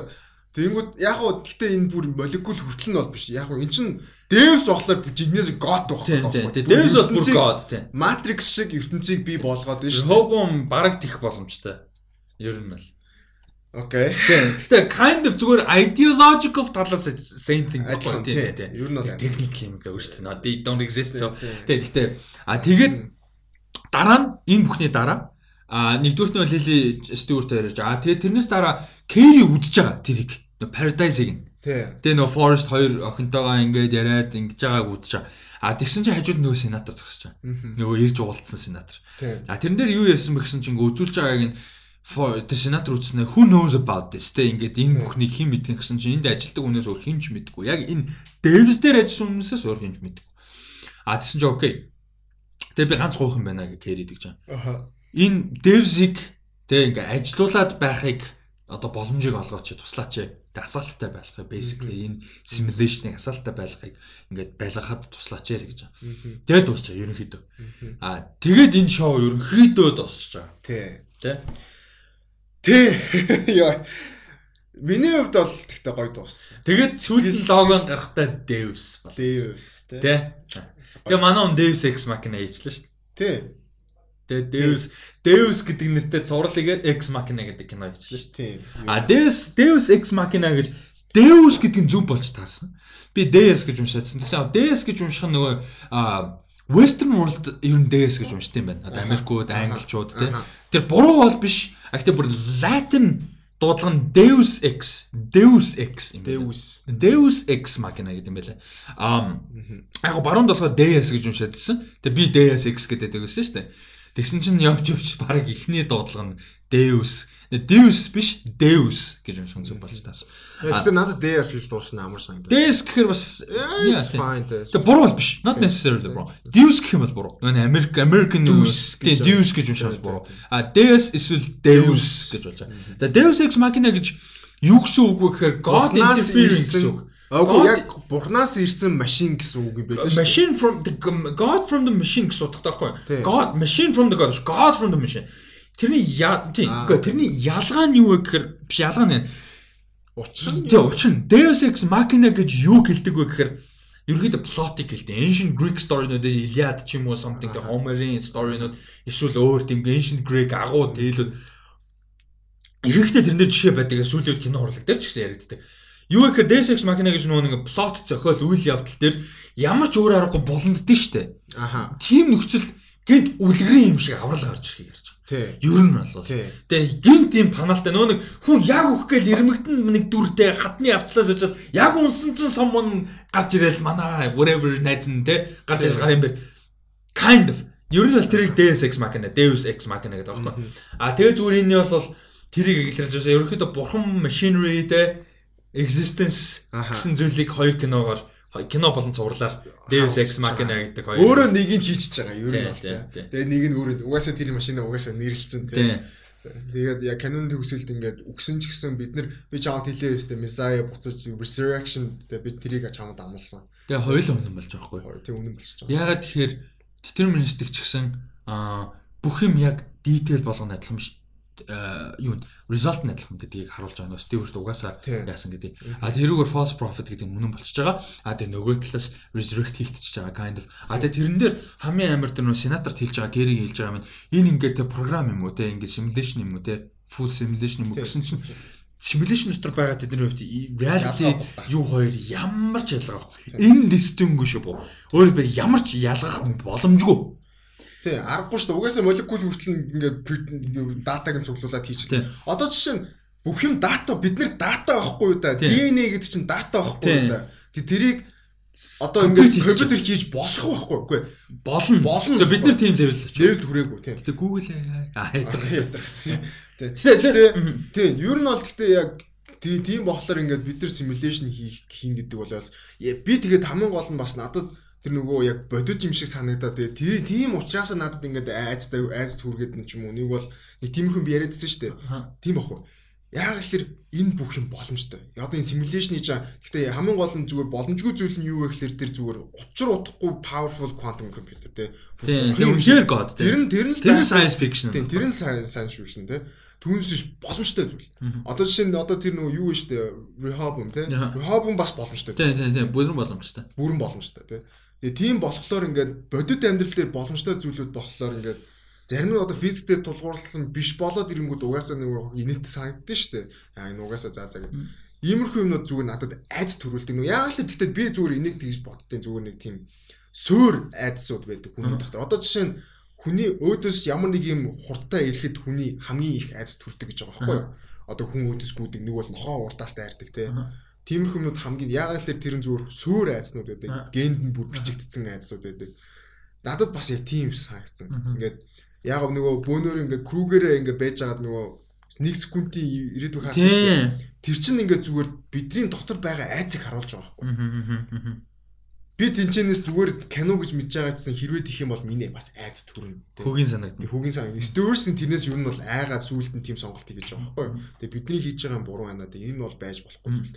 Тийм болохоор ингээд ер нь бол эцэст нь өөрийн сонголтоо хийгээд цаашаа яваад өгч юм тий. Тийм тэгээд эннээс харахад ингээд нэг тийм psychologically биднэрт ингээд нэг тийм суур айц байна гэдгийг бол би амар анзаарсан. Би бас нэг бодсон юм болохоор тэрнээс шал өөр юм.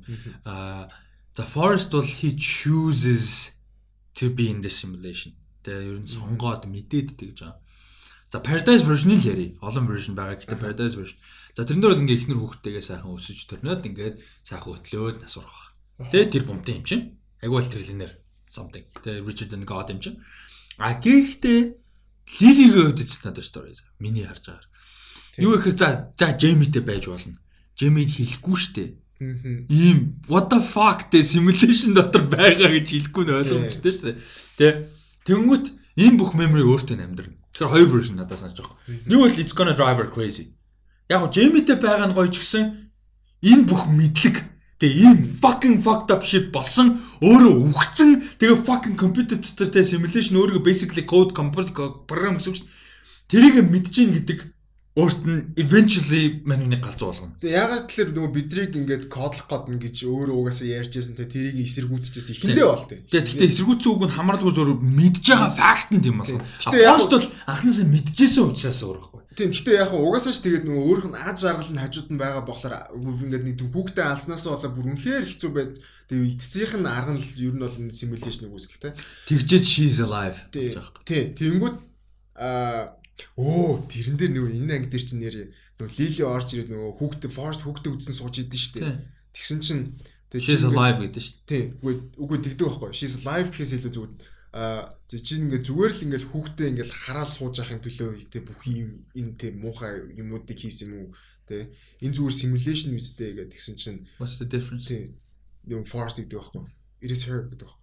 Яг боддоор it is her тий өөр юм байхгүй зүгээр л амая зүгээр яг байгаа л тэр. Тэгсэн чинь it's a simulation гэсэн чинь what's the difference Тийм. гэдэг Forest асууж байгаа. Тэгсэн чинь it's a simulation. Гэтэ надад яг simulation гэсэн чинь real life is simulation in in this in a way. Ягаад тэр deterministic учраас гэж argue хийж байгаа байхгүй. Тэгэд тэр нөгөө бас ингээд яг хуу лили ингээд галзууш магадгүй ч юм уу тий тийм би тэгтээ яг тэрийг бол тэхгүй гэж байна. Тэр би дахиад version байгаа. Яг гэхэлэр Forest ч гэсэн бас тэрийг predict хийж ч юм уу нэг бол өөрөө ч гэсэн бас тэрнээс ямар нэгэн байдлаар толгоонд баг хийн штэ. Тийм ч учраас ингээд нөгөө дэлхийлэл хийж хоёлаа заримдаа ингээд уулзаад кофе ууж тий ярилцж.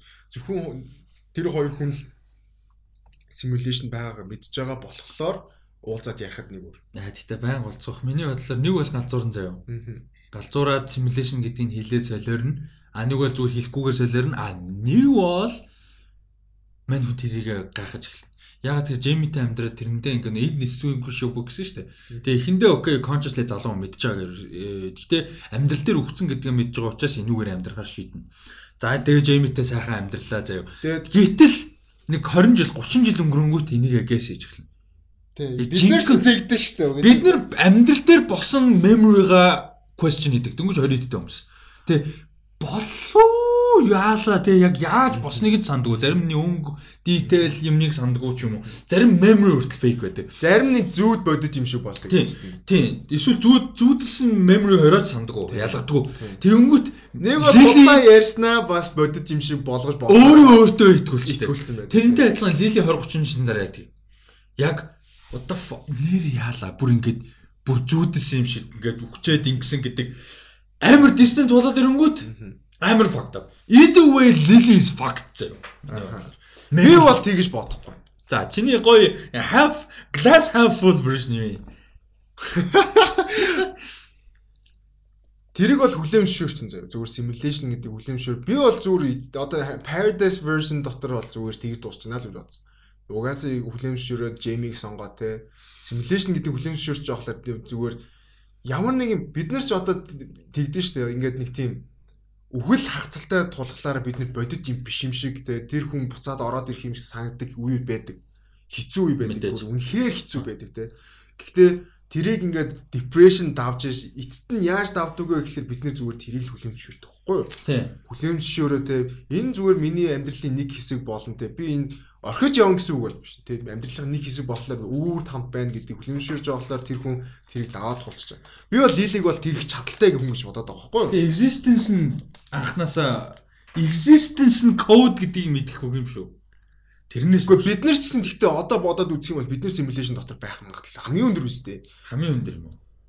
Боломжтой шүү дээ. Чи Боломжтой хамгийн өндөр гэдэг нь ямар утга? Элен Элен Маскын ярьж байсан мэднэ. Тийм ер нь байх боломжтой Тийм, гэдэг бид нар мэдгүй. Нэ нүг бурхан твит хийсэн байсан шүү дээ. Амар гоё твит хийсэн дээ. Ингээд юу ячаа simulation явуулсан чи тог нь хасаа хальт тасарсан гэ 20 онд. Тэгээ би бол гэхдээ яг simulation амьдарч байгаа гэдэг хүн гарч ирэх юм бол би нэг бол окей. Тэгээ гэхдээ би бол амар Simulation-ыг curiosity төрөх болохоос биш би гэхдээ тэрийг бол юу нааг бол үнэхээр баг хийхгүй. амар сонирхолтой санагдана. А нөгөө нэг simulation гэдэг тал дээр гоё юм before юу animatrix. Animatrix бүр тэр simulation гэдэг idea-г амар explore хийдэг. Амар гоё. Чи байгаагүй ингээд лүү? үзчихсэн. Аа, Animatrix үзчихсэн. Зүгээр надад эцэст ингээд бос үзээгүй тий. Зүгээр бодоод үзэхэд зүгээр мэдгүй байснаас мэдчих юм бол надад хамаагүй дээр. Тэр Doctor Strange л биш Manhattan. Тийм. Strings-ээ хардаг гэсэн. Тэгэхээр existence өөр болчихсон л та point. Мэдчих юм Яг уу бол доктор доктор Миний хэлэх гээд байгаа point ирэхгүй. доктор Манхаттен шиг өөд Гөө, доод ингээ бүх юмас үүддэг юм тийм. бодолтой fuck. Би бол тэгж бодохгүй. Би бол амар fuck. Би бол Indian just fucked either way гэж бодож байна. It's up. it's үгүй хамгийн гол нь амьдралаас ямар ч ялгаа байхгүй. Тэрийг хүлээмж шүрчгэл байж Гэхдээ reality fucked up байх өөр, simulation fucked up байх өөр. Чи мань хүн хийх үйлдэл нь бодоод үз. Зүгээр зүгээр нэг emotion-ороо fucking this is all computers те. This is all just a code гэх хүн халт юм амиа орлт юм уу? тийм байх боломжтой. Чи хүүхдтэй болъё гэж бодъё заяа. Зүгээр зүгээр happy амьдарч байгаа. Жимидээ хүүхдтэй болох мань хүн ямар актер болж болох? Зүгээр зүгээр зүгээр just fucking think about it. Гэхдээ гэхдээ Лили Кэритэй уулзаад бот ихтэй бүх юм асуусан бохгүй юу? Яагаад энэ систем ажиллаж байгаа? Яагаад энэ сүрэн юу юм? штэ тэр чинь цаашаа амьдрах гээд байна. Үчээ тэгт тэр ертөнцид аваад гараад үсэн үз ус гарын тэр ялаагүй мэдрэхэл зүйл байхгүй юу? Тийм гэтээ айхгүй. байхгүй. Гэтээ үхээс айхгүй юм. Яагаад тэгвэл компьютер бүх юм код гэдэг юм гэж байгаа. Бүх юм simulation. Үгүй яг код гэхээс илүү үгүй нэгдүгээр код, хоёрдугаар өөрөө жинхнээсээ үхсэн гэдэг юм мэдж байгаа. Бүр бүр бүр fucking died. Гэтэ Тэгээд Үгүй, her. хэрвээ тийм байсан бол үний хэлэхэд бид нэр тэрийг нь харах байхгүй. Тэгхгүйгээр тэгэл Джейми дээр очоод би тэгээд биш зүгээр Alex Garland-ийн сонголт болохоор Jamie дээр очиж байгаа байхгүй. Би цаашаа өргөжлүүлээд байгаа. гүрэлжилсэн ч яахчгүй ээ. Нэрээ. Тэр тэр миний хэлээд байгаа Үгүй, зарим нэг ертөнцид нь тэгж болно. Тийм, exactly. Exactly. Тэн тэн it. Гэхдээ зарим нь болохгүй байхгүй. тийм. Тийм болцсон. Угаасаа тийм. Би л multiverse тэгээ тийм болж л таарна.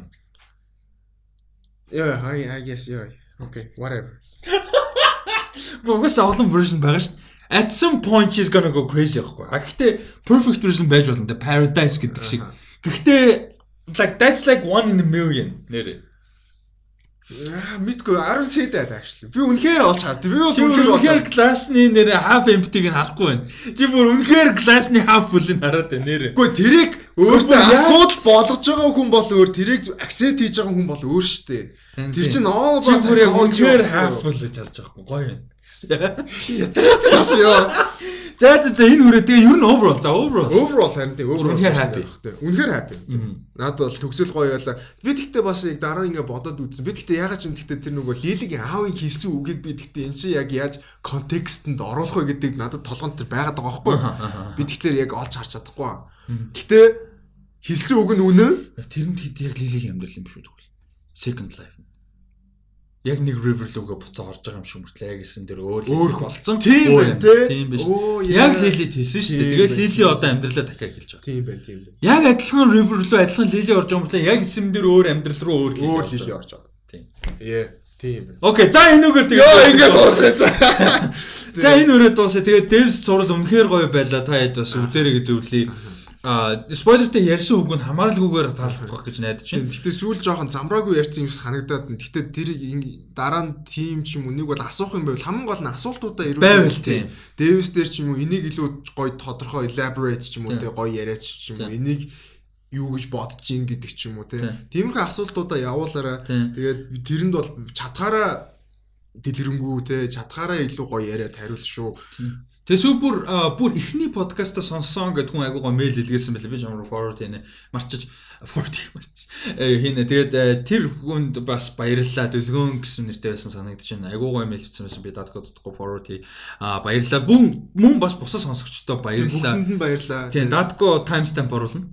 Тэг оруулна. Тийм, өнөөдрийнх ч оруулахад бас л эвгүй эпизод боллоо. Би бол бодож ин амар funny байна. Тэгээ Тэгээ timestamp-ын дээр гой лайк дараарай, комент хийрэй timestamp дээр. time step тэр гэхдээ амар лайк дардаг. Тийм, лайк дараа комент хийрэй. Тэгээд өнөөдөр эпизод үнэхээр төлөвлөөгүй гоё юмнууд их байлаа. Тэгээд зинхлийн шинэ контентыг бас үзэж сонирхоорой те. 5 сарын 1-нд вүүдээр гарах юм байна. So proud. So Тийм, that's awesome. Тэгээд одоо ингээд сүүлийн 2 жилийн хугацааг эргүүлээд харахад үнэхээр сонирхолтой байна те. Ингээд подкаст эхэлжсэн үед сонсч байсан хүмүүс ямар байсан. Одоо ингээд ямар хэмжээнд явж байна. Магадгүй 5 жилийн дараа бид нар юу хийх вэ те. А дунд нь мэдээж онж алдах зүйл зөндөө гарах бах. Trials and tribulations те. Тих бах гэж найдаж байна. За тэгээд Instagram дээр datco@datco наваа дагаараа намайг restaurant 7 гэдээ байгаа дагаараа кино цог Rusty Socks подкаст болон удахгүй эхлэх шинэ гоё контент болон цэнгэлийн гоё контент юмнуудаар уулзцаа баяр та. Баяр та.